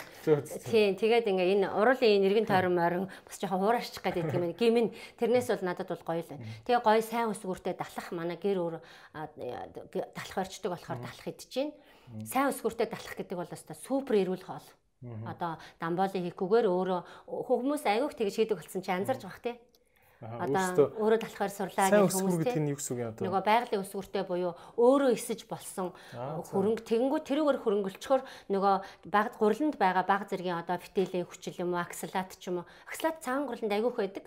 Тийм учраас цагаан гурал идэх хүмүүсийн бөөр чулууж шээсний зам чохоочих энэ төр асуудал гардаг байхгүй тэгэхээр тэрийг нөгөө сайн өсгөрөөрөө ингээд тэрийг сааруулчихж байгаа байхгүй тэгээ гоё хөөнгүүтэй тэр чи өөрөө угаасаа доторх муу юм аа ингээд тэр юуны хөөжинө гэдэг чи өөрөө сөнгөчл спиртийн бактери арай л хөөж ийн гэсэн үг. Юугаараа бол одоо хоол судлалынхаа юугаараа бол анлаараа бол тэгээ тэрийг тийм далах идэн гэдэг бол зүгээр өста дээдэн дээд эрүүл хоол. Тэгээ яад гэхээр сухаарлаа тавьчих юм бол нөгөө наранд чигээ алдахтаа бас жоохон одоо хэрэггүй элемент тавил тэр нь устчихна. Тэгэхээр далахыг одоо эрүүл хоолсон мацаг барьсны дараа айгүй хэдүүлдэг. Тэгээ би хар одоо тэр зөөлөн сайн гурал цагаан гурлыг идэх идэхэ болоод одоо хорожл болчихлоо шүү дээ. Хөө зөө. Угаасаа идэхгүйгээр хэрэглэнээс гаргаад тэгэхээр тийм сайн гуралтай байж гин тэрний дээрэс нь зөв өсгөртэй учраас талах нилээдгүй итчихдэг ер нь бол. Тэгээ арай 16 8 цагаас хойш ер нь гэр угаасаа өөр хоолгүй. Гэр бүлэрээ тийм юмд бас жоохон бэрхшээлтэй ажиж шилжсэн тэр одоо бэрхшээлийг харахад бол хэцүү лсэн тэр үедээ хоолоо солих нөхрөө оройны хоол идүүлэхгүй байна гэдэг бол харахад бол бас ингээд зүрхэнд бас хэцүү байсан гэтээ тэр алстаа би эрүүл гэр бүлийг бий болох гэж зорьсон зорилго байсан учраас тэрийг төвчж гарахад 3 жилийн дотор манай гэр оройны хоолг болсон 6-аас хойш юу ч юу ч идэхгүй заах. 6-аас хойш юм идэхгүй юм идлээ гэхэд одоо часэттэй усуух ч юм уу. За заримдаа савааг үтцгээгаал нэг алим энэ төр арилгацсан гуруула хэрчсэн энэ төр явж л байдаг. Тэр биднэрт ямар л хор удах вэ те? Байнгын эрүүл байгаа болохоор нэг өдрийн Тэгэхээр бид нар ингээ байнгын зөв явж байгаад нэг өдөр ресторанд ороход явах үү? Яах ч үгүй шүү дээ. Жишээ нь би заримдаа би нэг шарсан хашин дуртай. Тэгээд сөүл орж шарсан хаш идтгий. Хятад хоол. Хятад хоолны порц ихийг ч хэлэхүү те. Тийм тийм. Сэрэгэр нэг юм болно те. Амар их порцтай ч. Тос юу ихтэй те. Аюу хэцүү тэгээд тийм тэгсэн ирнэл тэгээд дурлсан үедээ ороод иддэг гоё л байдаг. Аа. Окей. Ийм л жартай жартай тэгэл мэдээж харилцаа адил өдрөө алга харилцаа адилгүй заримдаа их завгүй байгаа өдрөө бүр өдрийн хоол моолыг идэхгүй тэгэл нөгөө бэлэн байгаа юм аваад амруугаа игээл Одоо сүүлийн үед бид нар нөгөө сайн нэг 72 цагийн уртын мацаг барьсан байхгүй юу? Хаврын адаг сарын шинэ 26-нд их олуулаа нийлээд тэрнээс болоод ерөнхийдөө маш хөнгөн байна. Одоо хөнгөө хаалтай байна. Тийм ээ. Мацгийн чинь тэгээд ерөөсө мацаг барихын өмнөх бэлтгэл барьс барих үе, барьсны дараах тэр нөхөн хамгийн хэцүү юм нь барьсны дараах нь. Тэ. Бацаг барайл одоо болцсон юм чинь сайхан шоудна гэж болохгүй тий. Бацаг барьчаад бэлэн гомын иддэг хүүхд байна. Одоо би ч нэг амьдрал дээр зөндөө хүнтэй уулздаг болохоор бацаг барих бол амархан шүү дээ. Яг үндэ төвччихэж байгаа нь тий. Дараа нь тэр одоо нэг дурлж байгаа хоолоо ахаад идчихэж байгаа ч гэсэн төвчих. Энэ нь өөрөө эрүүл байх ухаан нөхгүй. Тэгэхгүй мацаг барайл яг барьсан 3 өдөр эв өрүүл болохгүй шүү дээ. Тийм шүү дээ. Яг заслан ардаа л хийгдэж байгаа юм баггүй. Тийм. Тэр л гол нь. За тэгээд их сайхан багштай баярлалаа. Маш одоо маш том сэдвээр хоёлаа ярьлаа. Тэгээд би бас үзэгч нартай дахин дахин хэлээд байгаа. Их сайхан багш маш гоё юм э, сэдв болгон дээр ингэж лайв хийж Facebook дээр тавьдаг. Ороод үзээрэй гэж хэлмээр байна. Оо устгасан юм та? Тэгтгийш лайв устгахгүй болох. Тийм та гэхдээ ер нь дараа дараагийн лайвыг үзэж байгаараа тий. Тий. Тэгээд манай залуучуудаар бас та гоё жижигхэн видео хийлгэж тавихгүй бас тий. Тэгэл та. Баярлалаа. А мэдээллүүдийг цааш нь аваараа мэдээж энэ маш том сэдв учраас одоо ингээл хоёлаа бясалгал жишээ нэг ярьж амжихгүй байна. Мацаг жишээ бас шинжилгээ ерөөсөө баг ярьж амжсангүй. Тийм. Гэхдээ хоёлаа тодорхой төвшөнд ярьсан. Одоо энэ богинохон цаг дээр энэ бүхэл бүтэн амьдралын сэдвийг ярих бол хэцүү л дээ угаасаа. Одоо мацаг гэхэд чинь тэгэл одоо хэдэн өдөр ярьдаг сэдв биз дээ тий.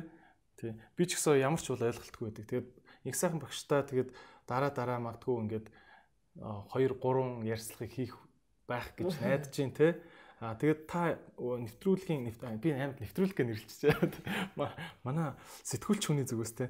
Та энэ аз жаргалын үндэс гээд төрийн бус байгууллагынхаа үйл ажиллагааг нэг товч танилцуулаач хамгийн сүүлд нь те. А одоо ойрын хугацаанд болох гэж байгаа янз бүрийн сургалт ч юм уу илтгэв зүйл юу байгаа вэ? Энэ 100 ямар юм төлөвлөж байгаа вэ? Танилцуулж. Одоо энэ бүх төлөвлөгөөг бидний ковид-19 болцсон байгаа шүү дээ тий.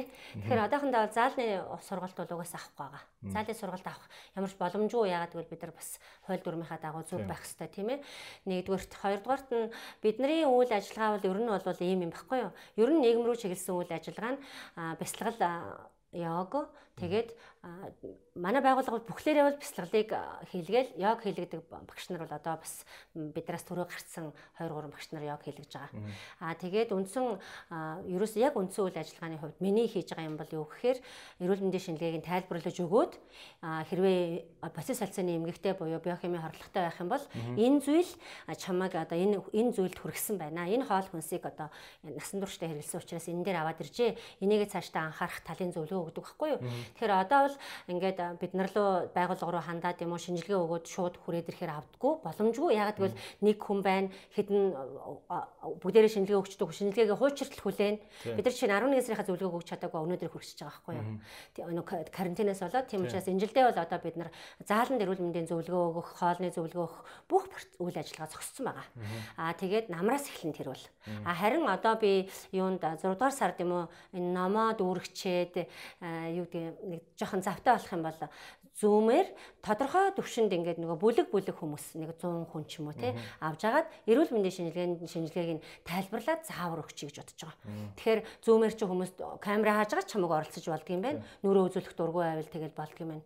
А тийм болохоор Zoom-ээр зөвлөгөө өгөх тийм нэг одоо тийм төлөвлөгөө гаргацсан байгаа. Тэрнийхээ дагуу хийвэл аяндаа би Facebook дээр өөрө зарлана. Би Facebook-ээс өөр одоо юу ашиглахгүй байгаа шүү дээ. Social media ашиглахгүй. Social media ашиглахгүй байгаад Facebook-ээж дийлэхгүй байна угаасаа. Тийм ээ. Таны ном хаагур зарагч байгаа гадуур. Ном одоохондоо дүүрсэн байгаа. Тэг чи угаасаа аль хэзээ дүүрсэн. Нодон гараал дүүрс зарагдцээ. Оо зарагдаа та дахиж хэвлэхгүй. Тэгээ дахиж хэвлэх гээд одоо нөгөө жоохон засвар оруулаад нэг жоохон энэ 2 дугаар хэвлэлтэн дээр ороод өөрийнхөө номыг хүн чинь аа ингээд голдсон байна.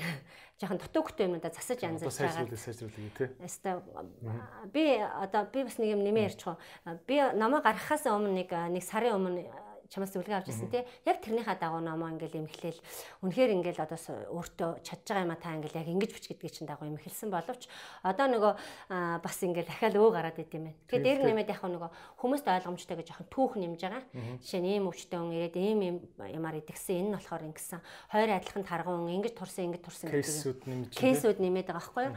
Тэгэнгүүт жоохон удаад байгаа. Одоо дараагийн 7 хоногт ном хэвлэлтээс гарч Тэгэхээр ном авчаар хүмүүс бол нэг бид нар лөө манай байгууллагын төрлөө уцтаад үл ямар ч үнэндээ үр дүнгүй ягаад гэвэл нэрвэ барна. Ягаад тэгэхээр угаасаа нөгөө хууль дүрмийнхаа хүрээнд бид нар заалны сургалтыг авч чадахгүй байна. Тийм ээ. Тэгээд таны ном өөрийгөө судлах үе гэдэг нэртэй тий. Нүрэн дээр таны зурагтай шүү дээ үс тий. Тий, одоо харин. Тим ном байгаа. Тэгээд манай хоолоод аваарай. Хэлээч бас нэг номтой тий нэг. Тий. За за. Окей. За тэгээд их сайхан багштай мэдээж урт удаан сайхан эрүүл жаргалтай амьдраарай гэж хүсэн өрөөй тий. Тэгээд дараагийн ярилцлагаараа хоёлаа үргэлжлүүлж ярилцъя. Баярлалаа эдрээ. Чамтай ярилцсандаа ингээд гоё яхаа хүмүүс нийгмийн мэндэд тустай мэдээлэл түгээсэн түгээж байгаа хүүхдийг ярилцлагад урихаар нь хүрээдэрлээ. Одоо бас юм сони хэвлэл мөвлөөс ингээд нэг яриа өгчөөч энэ хэрэг би жоохон дургүй байдаг. Бөөн ямиг нэг ямиг ярьчихаар бас утгагүй байдаг. Подкастын цагуудыг харсан чинь дажгүй ахаар нь би бас тухтай ярьж болох юм. Урж байгаа юм чи орой би бас хэм бэлээ. А эдгээр од чи юм одоо хэм бэлээ гэж бодлоо штэ. Намаа эндээ ч юм. Тэгэж бодлоо. Танай одоо энэ хам таланд маш их баярлалаа. Залуучуудаа их баярлалаа. За баярлалаа. Бүгдээрэнд нь баярлалаа амжилт хүсье.